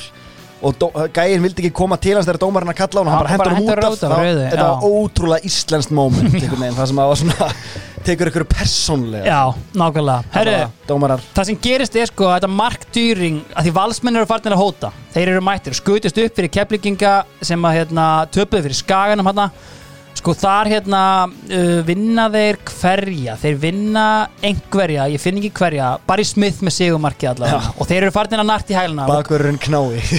Hættu þessu. Káaringar eru líka farin að rífa sig í gang. Núna er formið að kikka aftur Ah. inn Og Bjöggi Takefúsa er á eldi. Það stoppar hann ekkert. Þeir eru búin að taka tíu stiga sístu tól mögulegum. Dalibor og Gulli eru nýju Gulli og Reynsi Leitar Gulli og Geiri. Það er allt í gangi hana Víkingar, þeir svona aðeins hótuðu því að skilja sig frá botbáratunni algjörlega. En Michael Jónsson í Grindavík Bróðir Rey Antoni Já, heldur betur Michael O'Reilly, Jónsinnir ha, Hann er búin að vera inn á í 6 mínútur þegar hann jafna leikin og Grindavík nöðsynlega stig fyrir þá. Herru, vikingar eru samt komin í 20 stig og lítur þokkalega út hjá þeim. 16. umferð, F-áingar halda áfram að mistiga sig. Þeir ná ekki að vinna lánlausa eigamenn sem er búið að krukka vel í tönnunum á hefðu geta klára titilin en Big Man Andri Ólafsson heldur lífi í eigamennum og heldur lífi í topparáttinni allavega hana, herru á þessum tímapunkti eru eigamenn orðin það desperate að Birki Kristins er komin aftur í markið. Já, hann tekur reyndar bara eitt leik af því hann segist treysta fullkomlega þeim markmennum sem eru til staðar ég veit ekki á hvaða eiturleifum Birkir var þar en hérna Rapp Davís, hvort hann var farin til bandaríkjana í skóla eða hafði fengið eitthvað höfuðhögg uh, þannig að veist, þetta er vesen. Og veist, eftir, hérna einhvern, eftir hann F-áleik þá mæti Viðar Eliasson formaða knastmyndeldar í viðtal. Pappi, Margareta Láru. Takk. Og Bjarna uh. Viðars, heldur betur. Og hann feð bara í playbooki á Jónasi Þórhalds KSI eru að fell okkur það væri eflust mjög þægilegt fyrir liðin að þurfa ekki að fara til eiga það er þessi. Og það þetta góði. Það er gamli góð 30 skallin sem að viðar sótti sér fyrir þessu ummæli. Herru, förum aðeins yfir þetta. Þetta var eitthvað tengt í að þeir vildu fá undan þá til að sækja nýjan markmann. Fengu hana ekki. Og það væri eflaust þægilegt fyrir hinliðina þeir eru ekki að fara til leia Það er svolítið þannig. Að Það var líka búið að vera eitthvað case sko með að Teitur Þóruð var algjörlega brjálaður yfir því að þeir höfðu átt að fara í einhvern leik þeir töpu þarna fyrir eigamönnum aðdrandin að þeim leik var þannig að þeir sko þeir gerðu nánast allt nema synda til eiga í tilhörnum til að koma ánga og það bara leiknum var ekki frestað. Þeir fóru hætta fyrst einhverja ferð ringsóluðu yfir eigum í tvo tíma þá til bensíni var bara klárast. Þetta var svo í dæhjar tvö og þú veist, þurftu að fara tilbaka, koma sér aftur. Undirbúningur var nú ekki hendagur fyrir hendan leik sko, þetta er einhvern veginn þetta er leiknismenn hafa lendið í þessu áður þar sem að við erum að fara til að eiga okkur gummitörum og eitthvað svona til þess að spila ykkur að leiki. Já. það er alltaf sama sko, það var fínt ferða, ferðaveður í gær. Okkur komið ekki bara í gær? Já. og svo snýst þetta við og það er ekki frestað ykkur um leik og bara, borguðu hérna premium tax gistingu Já, já. hjá gistiheimilin okkar. Og þegar eigamenn komast ekki upp á land bara, það, það, það er gær. Það, er aldrei einhvern veginn afstæðan það er aldrei afstæðan þegar það snýr þannig þetta er mjög skemmtilegt. Herru, FH það eru tvei leikir eftir held ég alveg potið, já FH með 32 stig, Valur með 27 og KR með 26 KR eru með mínus 7 í markatölu svo þeir eru aldrei að fara að vinna titilin þeir þurfa 20 markasveiflu í sístu tveimur leikjum. FH þurfa basically 1 sigur. Eitt stig? Nánast 1 stig Eða tveir leikir eftir og fimm já, heldur betur, já, þeir þurfa 1 stig í viðbót. Kunnulegt stef, Sigurvin Ólafsson er mittur þannig að þeir eru án hans hérna í síðustu leikinu botnin er svo stjórnuruglar orðið, þú veist það ekki. Skagamenn, þeir eru þeir eru að kikka inn. Eru hvað er í gangi hérna með þetta? Sko, fáum þetta aftur upp hérna. Já. og tónum þetta aðeins niður að því að dildin, er, þeir eru stjórnuruglar ég var búin að minnast það. Skagamenn mæta eigamönnum get ég fengið ég skal gefa þið töflun, Já. ekkert mál. Uh, eigamenn er á botninum. Þeir eru með arfaslaka markatölu og 15 stig. Okay. Skæin er með aðeins skárri markatölu 18 stig, Grindavík 18 Blikar 19 Fylgir óvænt komnir í alvöru bras og ásand vikingi með 20 stig. Það eru 6 lið í bullandi fallbaróttu og síðan ertu með tveir leikir eftir. Já, síðan með Val og Káar í þarna, öðru og þriðja batlinu og svona veist, Valur að vonast eftir einhverju kraftaverki hérna með Sigurvin Meittan hjá FH og KF eru þar rétt á eftir KF eru eina liðið hvers mót er búið okay. þeir eru, þeir, þeir sigla lignan sjó Já. al einir, þeir eru hvorki bótbaráttu og ekki fara að gera neitt fyrir ofan sig Nei. Herru baráttunum annarsætið Valsarar þeir hefðu nú bara geta klárað sig þar en þeir þurfa auðvitað að hérna, gera jafntefli við Keflavík sem er siglandi, sinn ligna sjó Já. og þá vinna káeringar góðan sigur á grindvikingum og eftir allt brasið með mínus í markatölu þá eru þeir komnir í annað sætið. Teitur, proving them all wrong heldur þetta er betur. marathon. Já, sko F-fáinga klára titilna á móti vikingana í 17. umferð. Þannig að hérna, og það hafa allar flóðgáttir opnast hjá Allan Dýring Bólurinn er bara flaggandi í griðar Hendir í tvö gegn vikingum Því líka uppreist æru hérna hjá honum. Á öðrum stöðum uh, Þá erum við með sannan úrslitaleik. Skæin IBVF Fyrir fimm árum síðan var þetta úrslitaleikurinn um Íslandsmeistaratitilinn. We've been here before Já. en á allt öðrum viksta Sagan er önnur í dag En líkt og fyrir fimm árum með bakaran ráfandi á höfn Leikurinn var endur upp á Skaga núna. Þetta er dagurinn hjá Skagamönnum. Uh, Keimlíkir leikir Skagamenn komast snemma í 2-0 og eigamenn jafna En Bjarni Guðjóns og a little fella Tiny little fella called Hafþór Ægir Þeir ætla ekki að spila í fyrstu dildinni með Skaga. Nei. Fjögur tvö sigur. Eigamenn í þessum leik Birki Kristins treyst honum fullkomlega. 15 ára gamall Elias Fannar Stefnisson. Já, algjört pat hjá heimi Hallgrímsinni trúpadorinn knái. Þú veist, R3 og hérna eru eigamenn fallnir. Uh, þeir eru farnir niður, búin að gleiða okkur óneitanlega gegnum árin, ótrúlega lið fallnir í fyrsta skipti í einhver 16 ára eða eitthvað. Já, R3 ráðgjöf, þeir fóru yfir pappirana uh, Brynjólfur Tryggvi, nýjórun 70 auðvitað. Hann fekk sér kaffisopa. Já já uh, hann sagði mér að hann væri maðurinn sem allir ætti að leita til með verktakagreslur svo kastaði hann í mig pappirunum sem hann var að skoða. Hvar var Martin Eyjólfsson? Já. það var bara enginn hann á staðinum enganlega til að bjarga þessu. Uh, fyrir mér er eiginlega, úst, jú, jú, þetta er það dild en úst, ég vil alltaf að var eigamenn uppi. Já. og KSI auðvitað að reyna að tóða á niður af því að það væri helviti hendur fyrir liða þau eru ekki að fara Já, leiða en ég vil senda öll lit leiða alltaf taka golfringarna og allir léttir. Herru, það þarf eitthvað leið að fylgja þeim niður. Herru, herru, já, alveg rétt. Grindvíkingar. Rifið í gikkin Fyrir fyrir, tvoleikina já, uh, Siggi Jóns hann er einfallega komin á uh, endastöð með lið. Uh, Magni Fannberg klárar mótið Sig, Siggi púlaði einhverja vöndu á þetta. Hann var ekkert að láta ná í sig eitt til tvo daga eftir þetta og síðan talaði hann um hinn fræga nista vitnaði þar í Sissa Júl. Já, og það var bara, höfst, eitthvað taldi réttast að stiga til hliðar. Og það var hringt í Óla Stefán. Ha? bara Henry Birgir eða eitthvað hringt í hann bara. Er Siggi hættur? Já, já, Jónas hefur ákveð að rífi ekki nei, hann gekk bara frá borði. Ha? þannig að veist, það er allt í pati í Grindavík Herru, fylgir og breyðablik gera jafntefli í 17. umferð sem kemur báðum liðum í freka þægilega stöðu Grindavík, það sem gleymist í þessu er hjá Sigga Jóns þeir tapa hann fyrir Káur 3-0 í 17. umferð já, með Magna og Janko við stjórnvölin og veist, síðustu tveir leikinni hjá þeim eru K.R. úti F.A. heima Ah.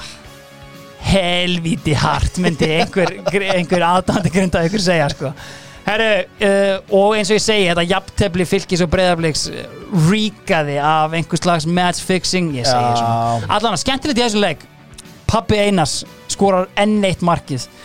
Jafnar leikinn og sennilega aldrei skora fleira enn tíð Nei, og hann bara einfallega sko, hann hafði ekkert svara fyrir sig efnislega.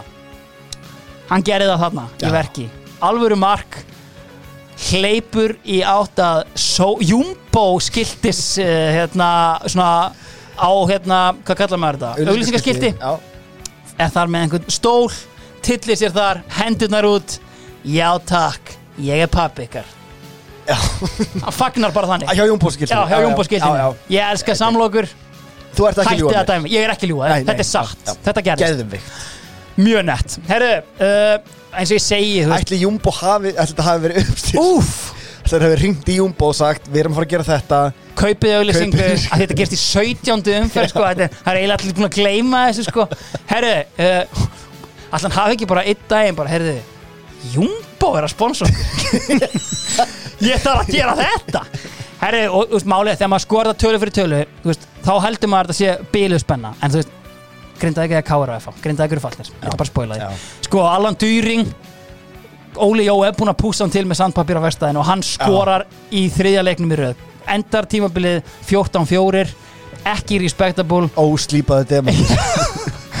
Herri, uh, Ray Anthony er síðan reikin út af Óskar Örn Jafnar, það er bara ekkert nóg. Nei. sko, Sjóvá og R3 tryggingar og verktakagreistur, þeir rindi í þetta. Þetta er rosalegt lið hjá Grindavík sem er að falla þeir eru, en þú veist eftir að sögðu Sayonara við Kekits þá skellir Lósiki Jóns en þá meiðist David Hanna, ekkert skildu keisarnum Röggvaldi Geir frá Akranesi. Óli Stefán brákar kinnbein. Og allt í einu er liðið fara að líta svona uh, út sko. En ég meina þú veist, ef við horfum bara á þetta leikmann fyrir leikmann Kristján Valdimarsson, prúven leikmann í Já. del Óðinn Átnason, prúven leikmann í eftir del Já. Eistill litli húni Paul húnninn. McShane, Jói Þórhall aftur skorar Jói Þórhall double digits Já. og fellur Já.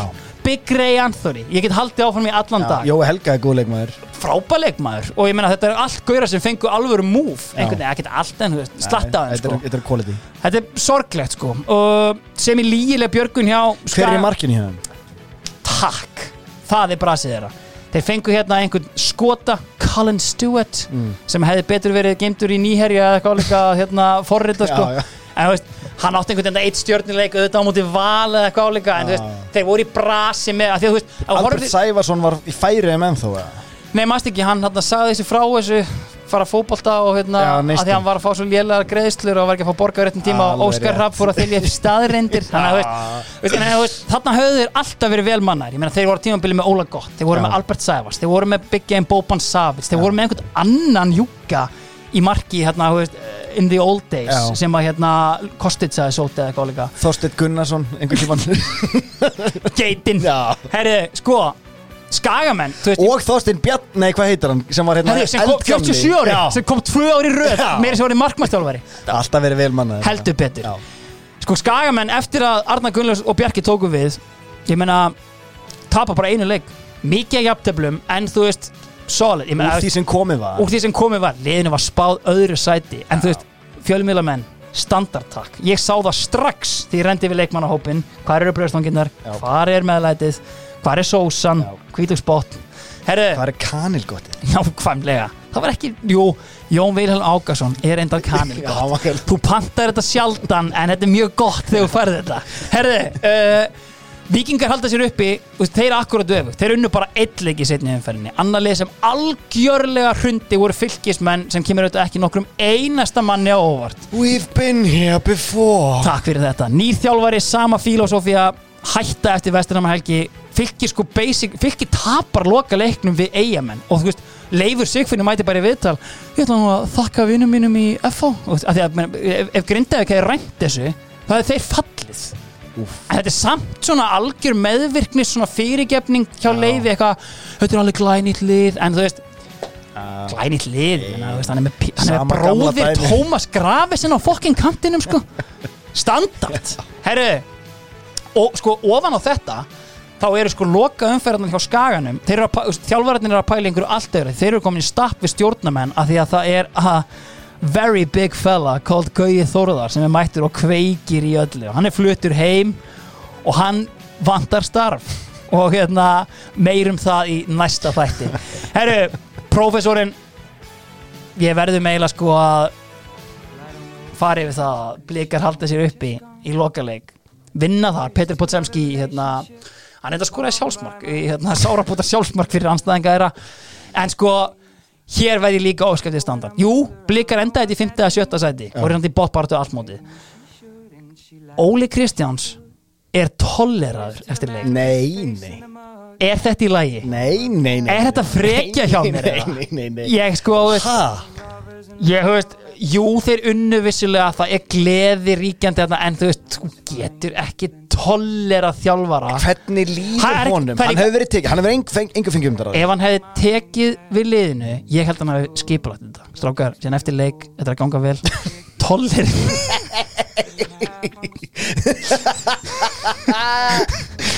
strákar, síðan er þetta tolleringin hérna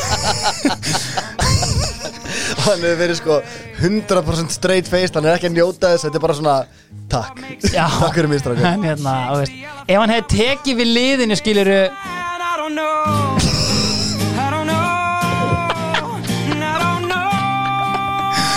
Ég held að það svo mikið að fara með þetta í þveröfu átt þessum hann er þvingaður í þetta og hann er svona að reyna að komast úr tolleringunni allan tíman hann er sko, hann er hands out.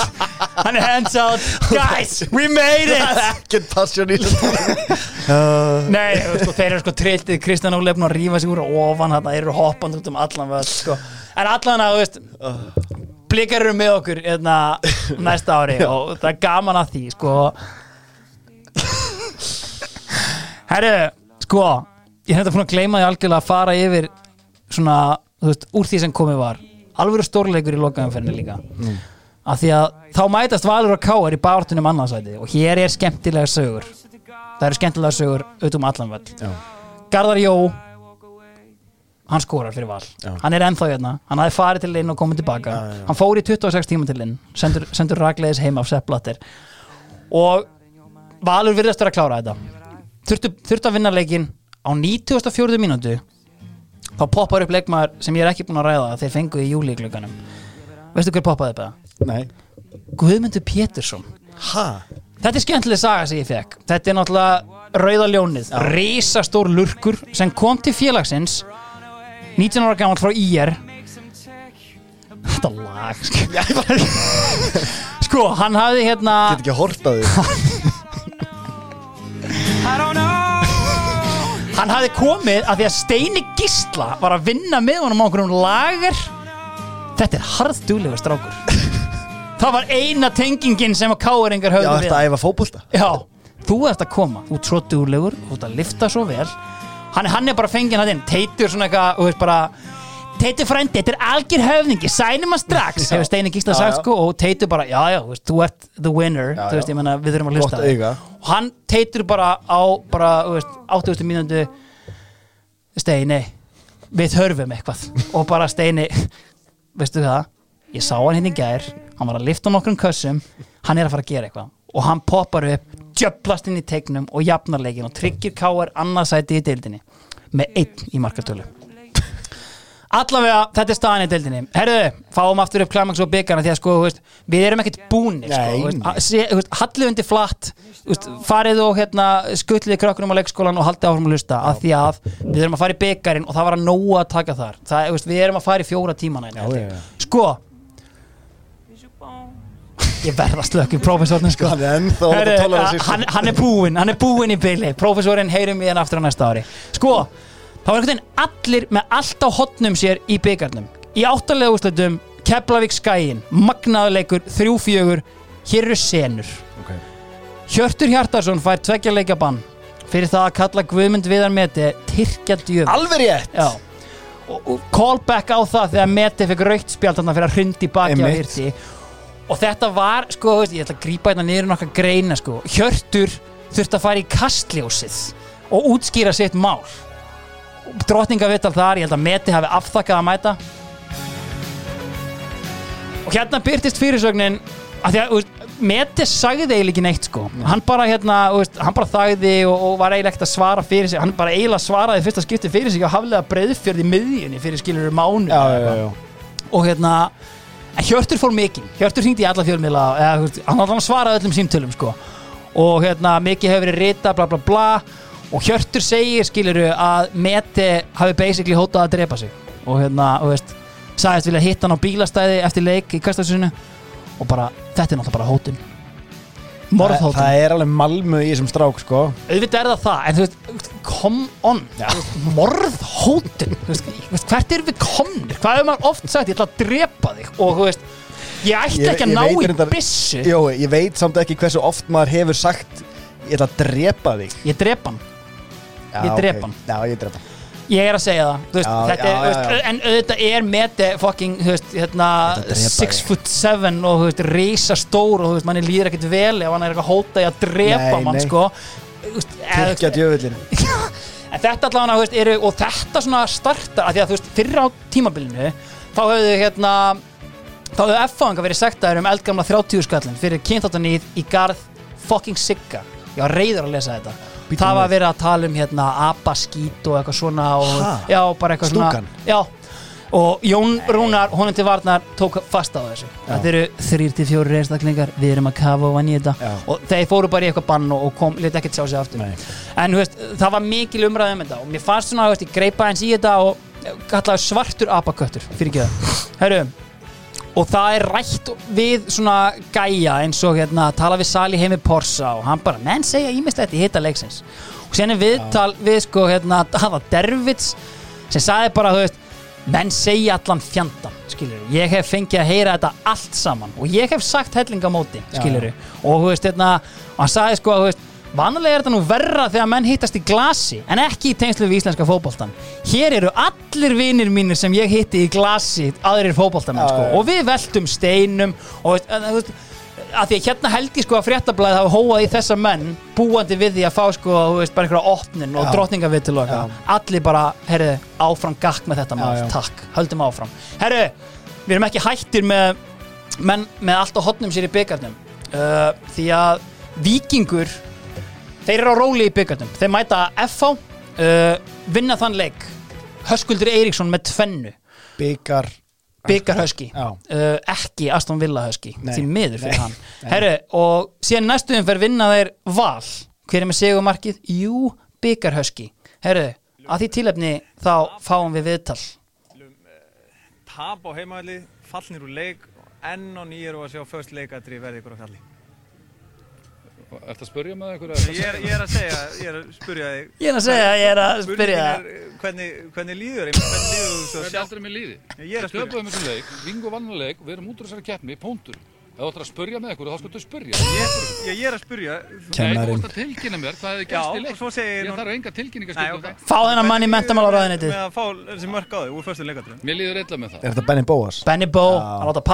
þennan þannig er hann að vinna fyrir NFS en þetta er helviti gott og hérna blikar, nei hérna vikingastáð valuleik uh, svona þú veist mjög unspektakular ár hjá Val eftir að hafa sænað alla þessar world class leikmenn. En þú veist, ef við höldum áfram bara með sko hvað er í gangi byggarnum og þetta var svona lala ár. Káeringar og Keflavík mætast í úrslutaleiknum Já, uh, fáum aftur upp hérna einhvern betta bara, fáum bara hérna góstrætirinn á þetta bara, klárum þetta aðeins Bara núna. þetta. já Það, þú veist, þegar við erum komin á þennan tímapunkt þú veist, ég væri sko nánast bara til að hafa prófessorn ég get bara ekki haldið feysið þegar það er þarna. sko vikingar eru á róli uh, Kára keflingingar mættu vikingum þarna, í banastöðu, þeir eru stoppaðir þar. Uh, og það sem að menn byðu helst eftir alveg rétt, hérna var ég með þetta. Einhver almesti bloggari og, og lagahöfundi þessa árs er auðvitað Daniel. Af því að þegar var talað um hérna guðmundu við að meti þá drapu okkar maður niður penna og fór að blogga Oft hafa menn hótað að fótbrjóta mig í leik en alltaf í einhverjum æsingi og í hita leiks. Þeir hafa aldrei staðið við það eða einu sinni verið nálægt í. Einn hótaði mér því salla rólegur og yfirvegar. Hann ætlaði einni að býða eftir mér á bílastæðin eftir leik og drepa mig. Hann kallaði mig einni aumingja og lélegan leikmann. Kemur næst meti. Hann kleip á mig risa markblett og barði mig í bringuna af öllu afli innan svega 27. júli 2006. Guðmundur við að meti er astni. Mér er alveg sama þó pappans í útlendingur, það er ekki ástæðan fyrir að hann er astni.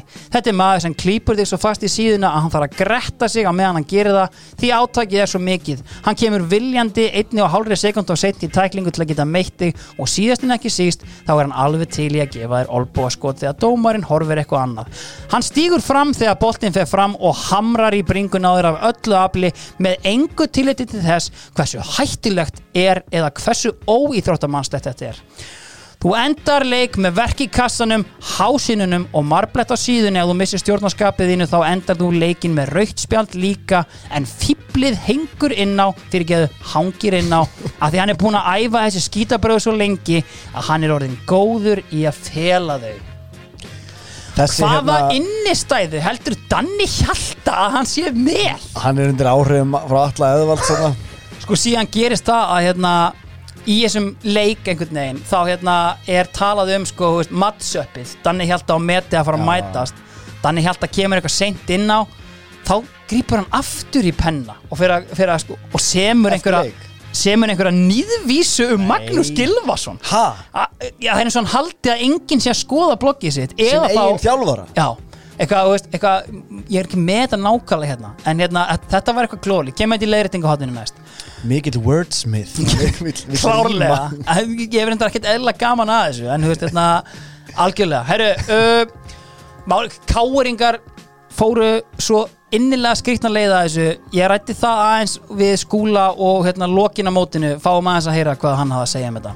Ekki að koma hérna að byrja úslitaleikin Þú veist, þetta varstu líka Förum aðeins í hérna setni hlutana á tímabilinu. Sko, þú veist, ef við förum aftur út í svona kaldar kveðir frá, frá teiti og annað, þú veist þú skorar þarna uh, segumarkið í undanúrslutum byggasins og, og færð síðan ekki að koma hérna að byrja úslita leikin þú veist, þetta varstu líka í millitíðinni búin að skora þarna einhvern vinnir á móti viking uh, reyndar allt komandi inn af bekknum, varstu orðin einhver svona supersub hjá Teiti Þórðar hérna á tímabili? Ég held, ég minnir að þetta verið þannig að ég mitti þarna mitt fót Já, og ég held að þróttara leikurinn, byggarleikurinn hafi verið fyrsti leikurinn með tilbaka, koma tilbaka til mitt. ok.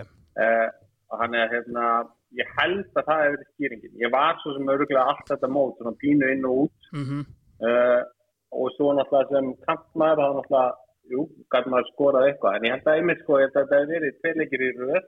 Já, sem, að, sem ég kom að einu að skora þetta er ég einu skipti sem ég skorað tvo leiki í röð.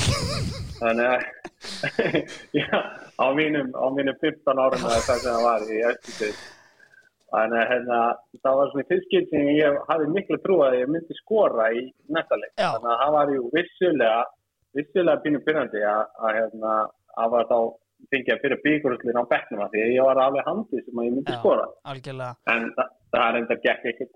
Hérna, þriði leikinir eða það hefur verið gott. Já, en ef við ræðum aðeins um þetta hérna, við erum búin að vera að tala um þetta kapprönn hjá Káar hérna í, í svona gegnum ge- þetta ár 2006 þú veist, hvernig leið ykkur svona komandi, veist, lituð á þetta sem svona heyrðu, veist, vissulega búin að klára annað sætu og annað, en þú veist nánast með mínus í markatölu, hvernig veist, hvernig var svona stemmingin hjá ykkur eftir þetta svona hvað ég var að segja svona, ég ætla bara að segja dabra svona leið í ústættaleikin svona, þú veist, fylgdi það einhver inn í hann? Að því að einhvern veginn áttu aldrei sjans kannski mútið keflaðik Já, ég held að bara svona til að að líða á þetta tímabil held ég að menn séu bara svona orðnið að frekar andlega þreyttir Mhm. eh, á bara á öllu Mhm. og einmitt þú veist kannski, jú, menn á að sigla einhverju öðru seti bara á einhverju reynslu því að allir er náttúrulega með ansi mikla reynslu. Um, en hérna, hann að það voru svona heldur bara pínu stingsli Já. í hóknum almennt. Þannig að eh, ég man ekki hvernig stemningi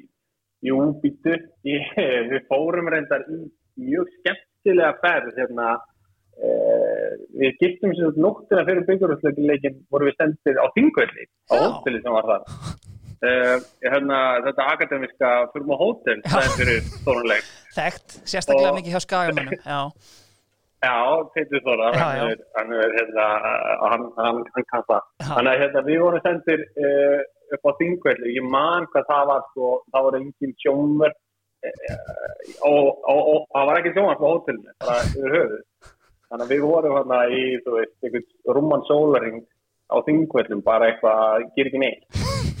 Og ég man hvað það var erfið fyrir okkur ungu strákana og fyrir að koma svona pínu súr stemning menn orðin ógislega þreystir að þá, þetta var ekki alveg þannig að ég maður þegar mætti með leikin að já, jú, ég hef svo sem alveg geta unnið hann þannig en það var ekkert eitthvað rífandi stemning í gangi sko nei, það er alltaf ekki minningin. Nei.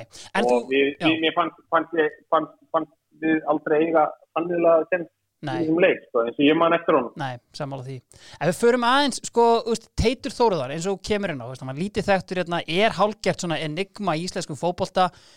Bróðir Óla Þóruðar náttúrulega, uh, svona áran hans í viðtölum, svona betast merki, hann sé svona rólegri bróðirinn, en þú ert, veist, ég menn eins og kemur inn á á þessum brjáluðu liftingræðingum, það er alvöru passjón í þessum gæja.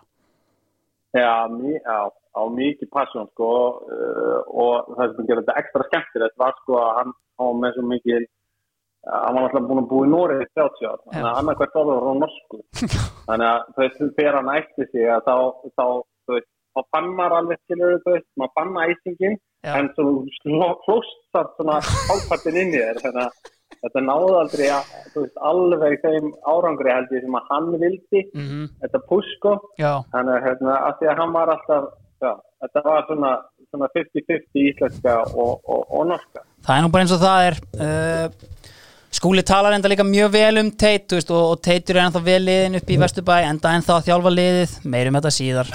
Herri, uh, en eins og hann kemur inn á Káringar náttúrulega finna bara þeir eiga ekkert skili að vera mættir inn á ústæðarleik og veist, tapa hérna sándli fyrir keflaðik kannski verðt að minnast á það að hérna skorar Baldur Sigursson uh, og var í fyrsta skipti byggamestari og hér er upphæða viðnefninu Byggar Baldur. Þetta gæði sem hefur skorað í endalust á ústæðarleikum uh, einn af tveimur til að vera byggamestari með þremur liðum í hérna nútíma Já.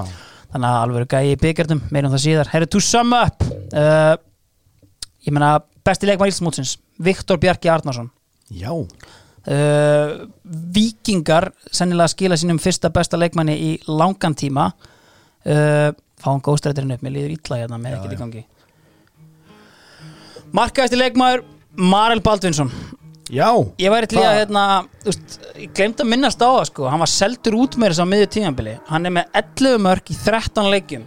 Ég held sko að hann sé sá leikmaður sem hefur náð gullskó á, ja, nei, fyrirgeð, á næst fæstum leikjum, 15 leikir 7 mörg. Það verður náttúrulega aldrei já, já. bætt og ég held að þetta verði aldrei heldur veist, þessi eftir tvö sæti Þú sagðir eftir 15 leikið semörk er, er ég bilað? Þetta er ótrúlega Sjöleikir 15 mörg, ég, málið er bara ég trúi þess ekki. Já, það er í rauninni passar ekki inn í á er þér. bara, ég, ég komprehenda þetta ekki. Sko, þetta verður aldrei bætt.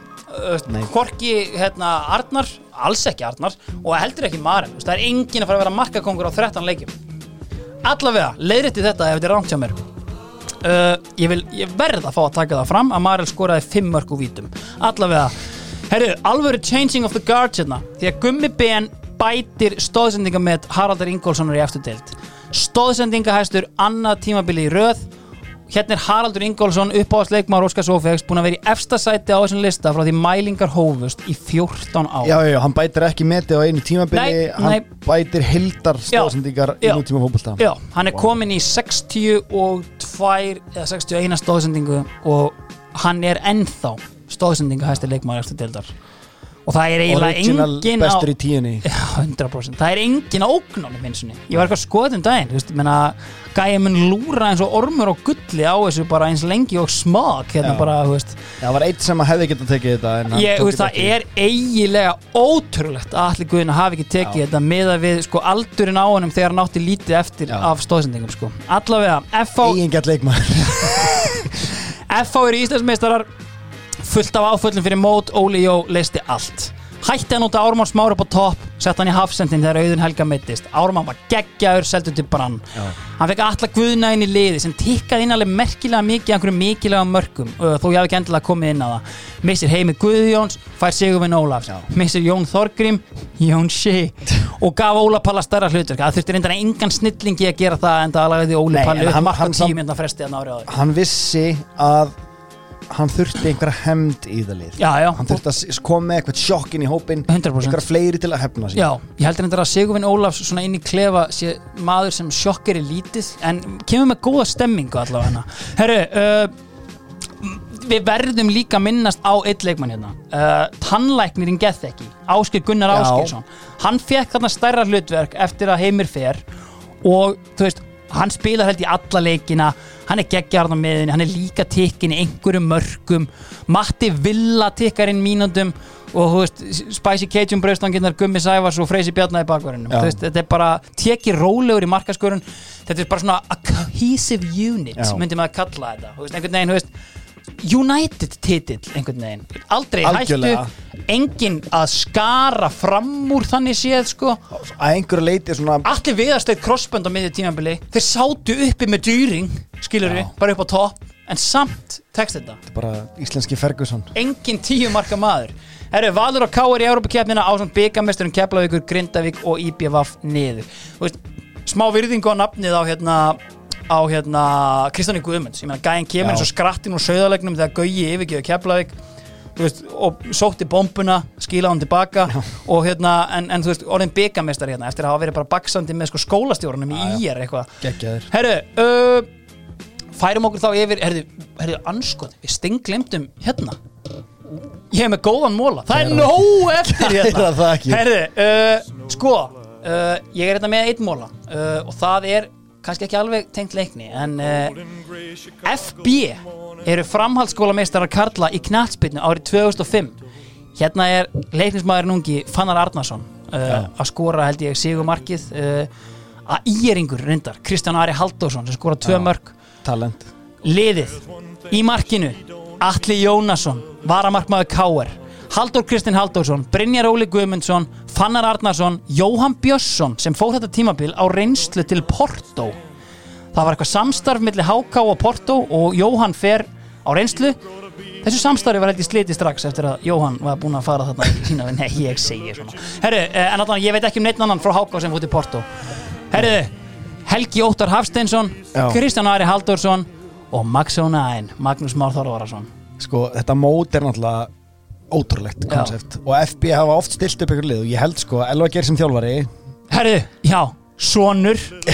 Magga Einars. Já, sko ég er nokkuð vissum það. Ég held að ég, ég, sko, ég á leiki fyrir FB í framhaldsskólamótinu. Byttu að twist. Aldrei- ólöglegur síður Já, aldrei, aldrei setið seti bekkin í FB Nei. ég held að Greta Rapp Steinsson eigi leik fyrir FB í framhaldsskólamótinu hvort hann var í kvöldskóla eða eitthvað sko, bara Elva Geir masterclass. Til ykkur sonur pappa sín það er klárt ég, mál. ég, bara, ég, ég þarf að hérna, óska eftir staðfesting á þessum mér minnir endilega að Greta Rapp hafi mætt hann í eitthvað leik. Já. en þetta var alltaf eitthvað svona djók og þetta var bara svona mikil stemning yfir þessu. Og, og hérna, og Elva Geir skilur til, sko, ég var eiginlega vissum að hún ætlaði að taka sko, hérna, Mentor Sjúbi og Jetton Gorkai nei, nei, nei, ég ætla ekki að gera Nei, það. ok. Hvað, ertu með eitthvað þar? eða? Nei, bara okkur vantar nefnilega efni tveir svíjar sem komið í leiknum. Við erum, alltaf, við erum í fyrstu deild sko, veist, við erum, að, við erum á, það er uppgangur. Já, og hérna Garðakunar Áskis hann er náttúrulega þjálfarið þarna og alltaf minnum að það leiknismólin er í bóði Stíplúlasonar Áskis Skólprinsson Ásgeir, þeir myndalagnir, Já. þeir laga stíplu Já. og meta ástand. Þeir Það eru geiturnar í þessum leik. Uh, Ertu með pínu litla lögn, ringdu í Skólprinsson Ásgeir Já, takk. En sko, þannig komin inn aðstöðu þjálfarinn Jóhann Gunnarsson Joe Gunn, Já. kongur Já. Ok, Já, já, já, það, hann, ég, ég tengi hann bara við leikni sko. hann var hann að, hvort hann er uppalinn eða eitthvað, ég bara maður ekki, en hann er hérna það er þetta rétt, ég hef séð marga myndir af hann upp í leiknins húsi Já. Jú, hann er uppalinn eða ekki allavega, rændum hann var allavega að spila þarna in the 90s, þar var hann leikmaður Var hann leikmaður in the Mér noughties? finnst það endilega sko. Jóhann, bara- hann á ennþá auðvitað húu inni hjá okkur uh, Já, hann, hann hérna. Ég þarf að klálega að koma inn á hann sko. Sýlik og kongur Já, en allavega bara hérna við, við sko, já, alveg rétt, ég ætla að segja það líka af því að ástæðan fyrir því að ég held og ætla að hérna, fara að rífast við þið áðan Já. um að þetta hefði verið sko tólleikja deilt uh, árið eftir Já, er, það var það í fyrstu dildinni já, og það er á því technicality sem leiknir halda sér uppi á líginni við erum í næst, við erum í 11. sæti nei, Já. hérna, endum í 9. sæti Já. en sleppum við fallið Já, að það kom hann að ég, ég raka augun hann í það að sóknarmenn leiknis hafa týnt markaskónum Þetta er ekki skemmtilegt ástand, segir Garðar Gunnar Ásgeirsson, uh, skólprinsari Ásgeirs uh, og þjálfari leiknis. Það vantar ekki að menn skora á æfingum og fái færi leikjum. Það virðist bara ekki verið hægt að koma blöðrunni yfir blessaða línuna, geðveik lína. sko. Bladran, sko. Og svo er mynd, sínist mér vera mynd af buksa hérna. Já, Sé ekki betur. Pilla. Eða, heyrðu, er, er mynd af einhverju manni með fyrirlega band? Hver getur þetta verið þá? Já, hvernig læti ég? Já, já. En Buxi, hann auðvitað skoraði hérna, frægun leika mútið Þór uh, þar sem að Þórsar að bjarga sér frá falli fjögur, fjögur leikur í Já, loka en sko bjargar sér ekkert frá falli af því að hérna, að haukar, haukarnir hafa- Nei, jú, jú bjargar neðan sér frá falli. Og þar sko skorar hérna, maður sem var sko erfiður ljári þúfu leiknis oft og lengi í Mm. bara jagni Ah. hann var alltaf mjög erfiður sko. Algjörlega. Herðu, færum okkur úr leikinsmólanum og förum yfir í Evrópuleikina og þeir eru auðvitað í bóðið lenginar lengjan, lengjan, lökusbrengjan uh, Orri, ég er til fari yfir Evrópu Já, já, þetta er hérna Er þetta ekki bara fljótt gert eða? mjög fljótt gert Já. um, eina liði sem að er að hérna, gerir eitthvað svona sem er raunverulega glóri, kepla ekki vinna einhver firmalið frá Já. Skotlandi eða Wales eða einhverju bara al algjört skildudæmi Já. áður er tap mútið Lilleström í að detta út á móti Ranners Mm. uh, valur dettur út á móti Bröndby þannig að við erum að í já. basli með uh, Skandinavíu Sko það er einhver saga á baku einan bröndbíleik og Bjössar Reyðars þarf að, það þarf einhver að senda hana á mig það var eitthvað, sko, Bjössi Reyðars fór í eitthvað glórulegst leikbann og veist, hann er nánast ennþá í banni í Í Evrópu. Evrópukeppni eða eitthvað sko. Það er mjög gott. En F-fáingar hérna, þeir vinna flottan sigur á, á Tallinn mönnum. Já, gömlu lærisveinum Tates, já. TFFMK Tallinn reyndar. Já, eh, og fá hérna leikja Varsjá. Já. Og uh, tapa svona sæmila nefnilega 0-1 heima og, Já. hérna, og 2-0 úti. Geta borið höfuð hátt. Já, og þar er í markinu Fabianski, Fabianski. alveg rétt já og, og hérna, Hugo Alcantara pabbi. Ekki Tiago Alcantara? einhver, eh, random Alcantara sorry. En það, það er bara ekkert meira um það að segja. Nei. það var bara, þetta var eitt, enn eitt árið í Evrópu þar sem við erum ekki að gera Nei, neitt valda hluti og, vonbrigðum og ekkert og- skemmt er þetta í gangi. Því miður, herru, færum okkur þá bara að hinga. Samba. Eyjólu Sverrisson hann er tekinn við liðinu. Uh, og hann byrjar þetta á tapi gegn Trinidad og Tobago ég meina, þú þarf vall að spyrja hver er að afgjöra okkur þar. Dvætari Dwight Little York. Það er samt sko, ég ætla að minna það á að árið er 2006 og hann er ennþá að afgreiða litla þjóðir. Lítill móli tengt ótengt. 2006 uh, HM Já, Trinidad og Tobago er fámennasta þjóðundur að komast á HM rétt. Until. Já, heldur betur og þarna einmitt sko, mér minnir einmitt að hérna, hvort þessi leikur er í aðdraganda þess sko, en hérna að því Dwight York er hérna dreifandi á miðjunni fyrir Trinidad á þessum móti án félags hann er bara þarna í liðinu bara, veist, er það er HM Dwight þeirra Emil veist, samt svona hálf eða reyndar, veist, Eiður var náttúrulega í moldi og allt já. bara svona pælingin að við höfum íhugað að þú veist, það væri eitthvað tæft á því að Eiður færi á Einmitt. EM veist, hugsiði bara til Trinidad og Tobago Já. sem ringdi að sjálfsögðu í dvætaran, það Já, já. sama eitthvað ástandan væri. Er ég glemdi, ég minnast bara aðeins í lokinu því ég fór að telja upp einhvern leikmenn sem fengu aldrei samþykið frá þjóðinni eða fjölmjörnumönnum minn ultimate leikmaður þar er náttúrulega Helgi Valum Danielsson Já, það er gæi þú veist, það var svo leið á bakinn á honum þú veist, bara, og þú veist átti það svo innilega lítið skilið. Fekk hann ekki smá greis early lalli? Nei, Hann var samt að spila þetta þá leiki? Hann spilaði alla leiki hann skipti engum Nei. máli. Þú veist, það bara, menn voru líka ekkert alveg seldir á, veist, ég meina, jú, ok sko, Noregur, flottur sigur hérna, 2-0 Já, síðan, mannstu eitthvað fylgdi í kjölfara á því? Var slóven Nei, það var 1-0 tap úti á móti fucking keeper Men, Já. veist, Við vorum ekki komnir í þetta skrimsla mindset bara strax. Það er ekkert fyrir en við sko, fyrir en við vinnum tjekka hérna heima. Það er turning pointið í hausnum á mér sko. Sko, er tjekkaleikurinn ekki samt basically leikurinn það sem við bara, heyrðu, við, get, við erum actually að fara á mót? Er það í EM Þegar Kolli 2016? skorar þarna sem hann er svo múki í tegnum og, Já, Aron Einar skallar hann inn. ég, ég held að það sé hérna Það er, jú, það er, Sko- við erum að fara á mót sko Já, En það er, þar er ég Hvað með Svissleikin hérna, ó Jóhann Berg Það fannst mér Tjanti. Herri, Fannst þér að er vera ég að tilfallandi? rugla? Er, sko, tjekkaleikurinn Hann Það er- er 2016 Já. leikur Ok, Eða, sorry já. Ég er aldrei seldur á að við séum að gera neitt E- Þessi, þessi svissleikur og Jóhann Bern Já. gerði ekkert fyrir mig til að fá okkur Það gerði bara fyrir mig að ég var þú veist, í skíunum með úrslitin Já. En þú veist, að vera eitthvað þú veist, Ég meina, þú veist, förum, spólum nokkur ára eftir í tíman Allir eðalsir að þjálfa liðið Við mætum Jackum á lögadalsvelli Egilur Sverris hamrar stöngin inn Já. Jan Koller Hrækir og Hermann Reyðas Já. Ég er í stúkun að tjanta Ísland og HM Já, já. Ég veit við erum aldrei að fara ánga sko. Þú varst ennþá þar Já, til- eftir eitthvað fjögur, fjögur jafntefli En það var samt, var ekki möguleiki fyrir okkur í þeim riðli þegar eru tveileikir eftir eða eitthvað Og það var eitthvað, Þetta tala um hérna, Já. Alveg rétt, alveg rétt, alveg rétt. Hérna, þú veist, en, en ég meina ég er að horfa á Ísland-Noregur hérna, loka leikina sem við gerum jafntefli Já. og, hérna, Kolbett Sigþór skaupir auðlýsingu fyrir bakaramistaran hérna, veist, og ég er sko ég er á nálum, allan leikin já, tveim árum setna, ég hefði verið svo innilega rólegur, veist bara ég hefði ekki pælt í þessi sekund bara, þannig að, ég, allavega þetta, þetta er umræða fyrir setni tíma. Já, já. sko, ég, förum að slúta þessu hérna, hvað, hérna, erum við ekki með eitthvað lag jú, hérna, hérna eru náttúrulega Hérna þurfum við að tala saman sko. Það ekki veitir af.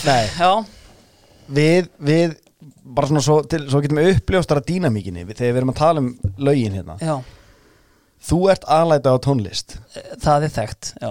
Ég er léttur bjelliðamaður léttur. En sko það er eitthvað sem ég er bara búin að komast að í dialog við alvöru aðlætu Af því að Já. ég held að ég væri bara að, að hérst að væri gómur. Ég held ég væri að bera á borð hérna bara eitthvað sem allir vita og elska og eitthvað svona bara algjörlega e, pottjætt dæmi. Og, og kannski kristallast í nákvæmlega þessu. Mhm.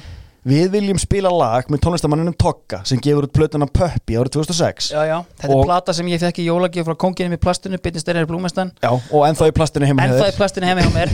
Ég, ætla, ég má ekki eyða plastinu Nei. en árið eftir, við skulum koma að því árið eftir þá lærði hann sinna leksíu og gaf Já. mér Ultimate Aural Orgasm með skúter. Allavega, næsta mál já, Hann fór að spila og það var plata er sem var spilið já, ok, Það eru tvö lög þarna sem við rifumst um hvort við ættum að spila. Já. Annars vegar, lagið Heart in Line sem að mér finnst vera augljósi slagarinn á þessari plötu uh, og þú vilt spila lagið Sexy Beast já, sem að er að þínu mati A-hliðin og, og Heart in Line B-hliðin. Þetta er í annað skipti sem við eigum þetta rifrildi á nákvæmlega sem nótum þar sem vorum að ræða hljómsveituna útrás árið Já. 2001 einmitt, þar sem að ég tala um að förum alla leið sé klárlega þeirra besta lag já. en þú ert 100% á litla leikfangi mittvagninum og ég hef hlotið mikið meðbyr í samfélaginu með það. Já, ég, ég, ég vil vika út þessa umræðu þar sem að förum alla leiðir augljóslega aðalslagarinn þeirra og hitt er svona bjelliðin sem að fjekk að fylgja með að þið þurft að vera með bjellið sko. en, en við, erum, við erum bara mjög ósámála og það, ég, ég er að horfast í augu í sjálfa mig og eitthvað svo leiðis þannig að ég vona að þú gerir það líka en já, menn ég ég ætla Já. að vera stóri maðurinn hérna og ég ætla að lúffa. Já, og nú heyri ég sko þvílíku stunurnar hérna út í samfélaginu bara nei. Já, en þið getur bara farið á Spotify og spila Heart in Line sjálf. En hér er Sexy Beast með Toga við erum farnir í frí. Já, já, Uh, Við erum kennara sinir og við erum fannir í jólafrí. Ég ætla að lauma át uh, eh, tveim draumalist áttum á aðvendunni uh, eh, Engum smá draumalist áttum bæða Ég komi með alvöru kanonu Já. sem er að fara að mæta hérna Hörður Magnússon. Úff. Það er ennþá smá samninga viðræði með setni aðlan sem ég Já. kem með. En hérna, eh, uh, býð spennt eftir hötta Því veit er ég spennt eftir fyrir Já. Herru, uh, heyrjumst eftir áramót. Verið sæl.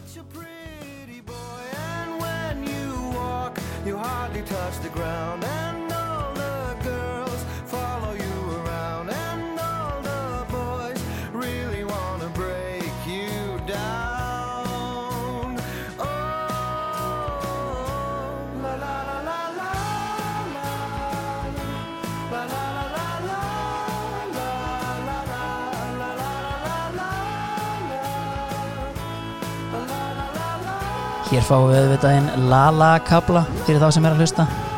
Alætur, það kemur setna.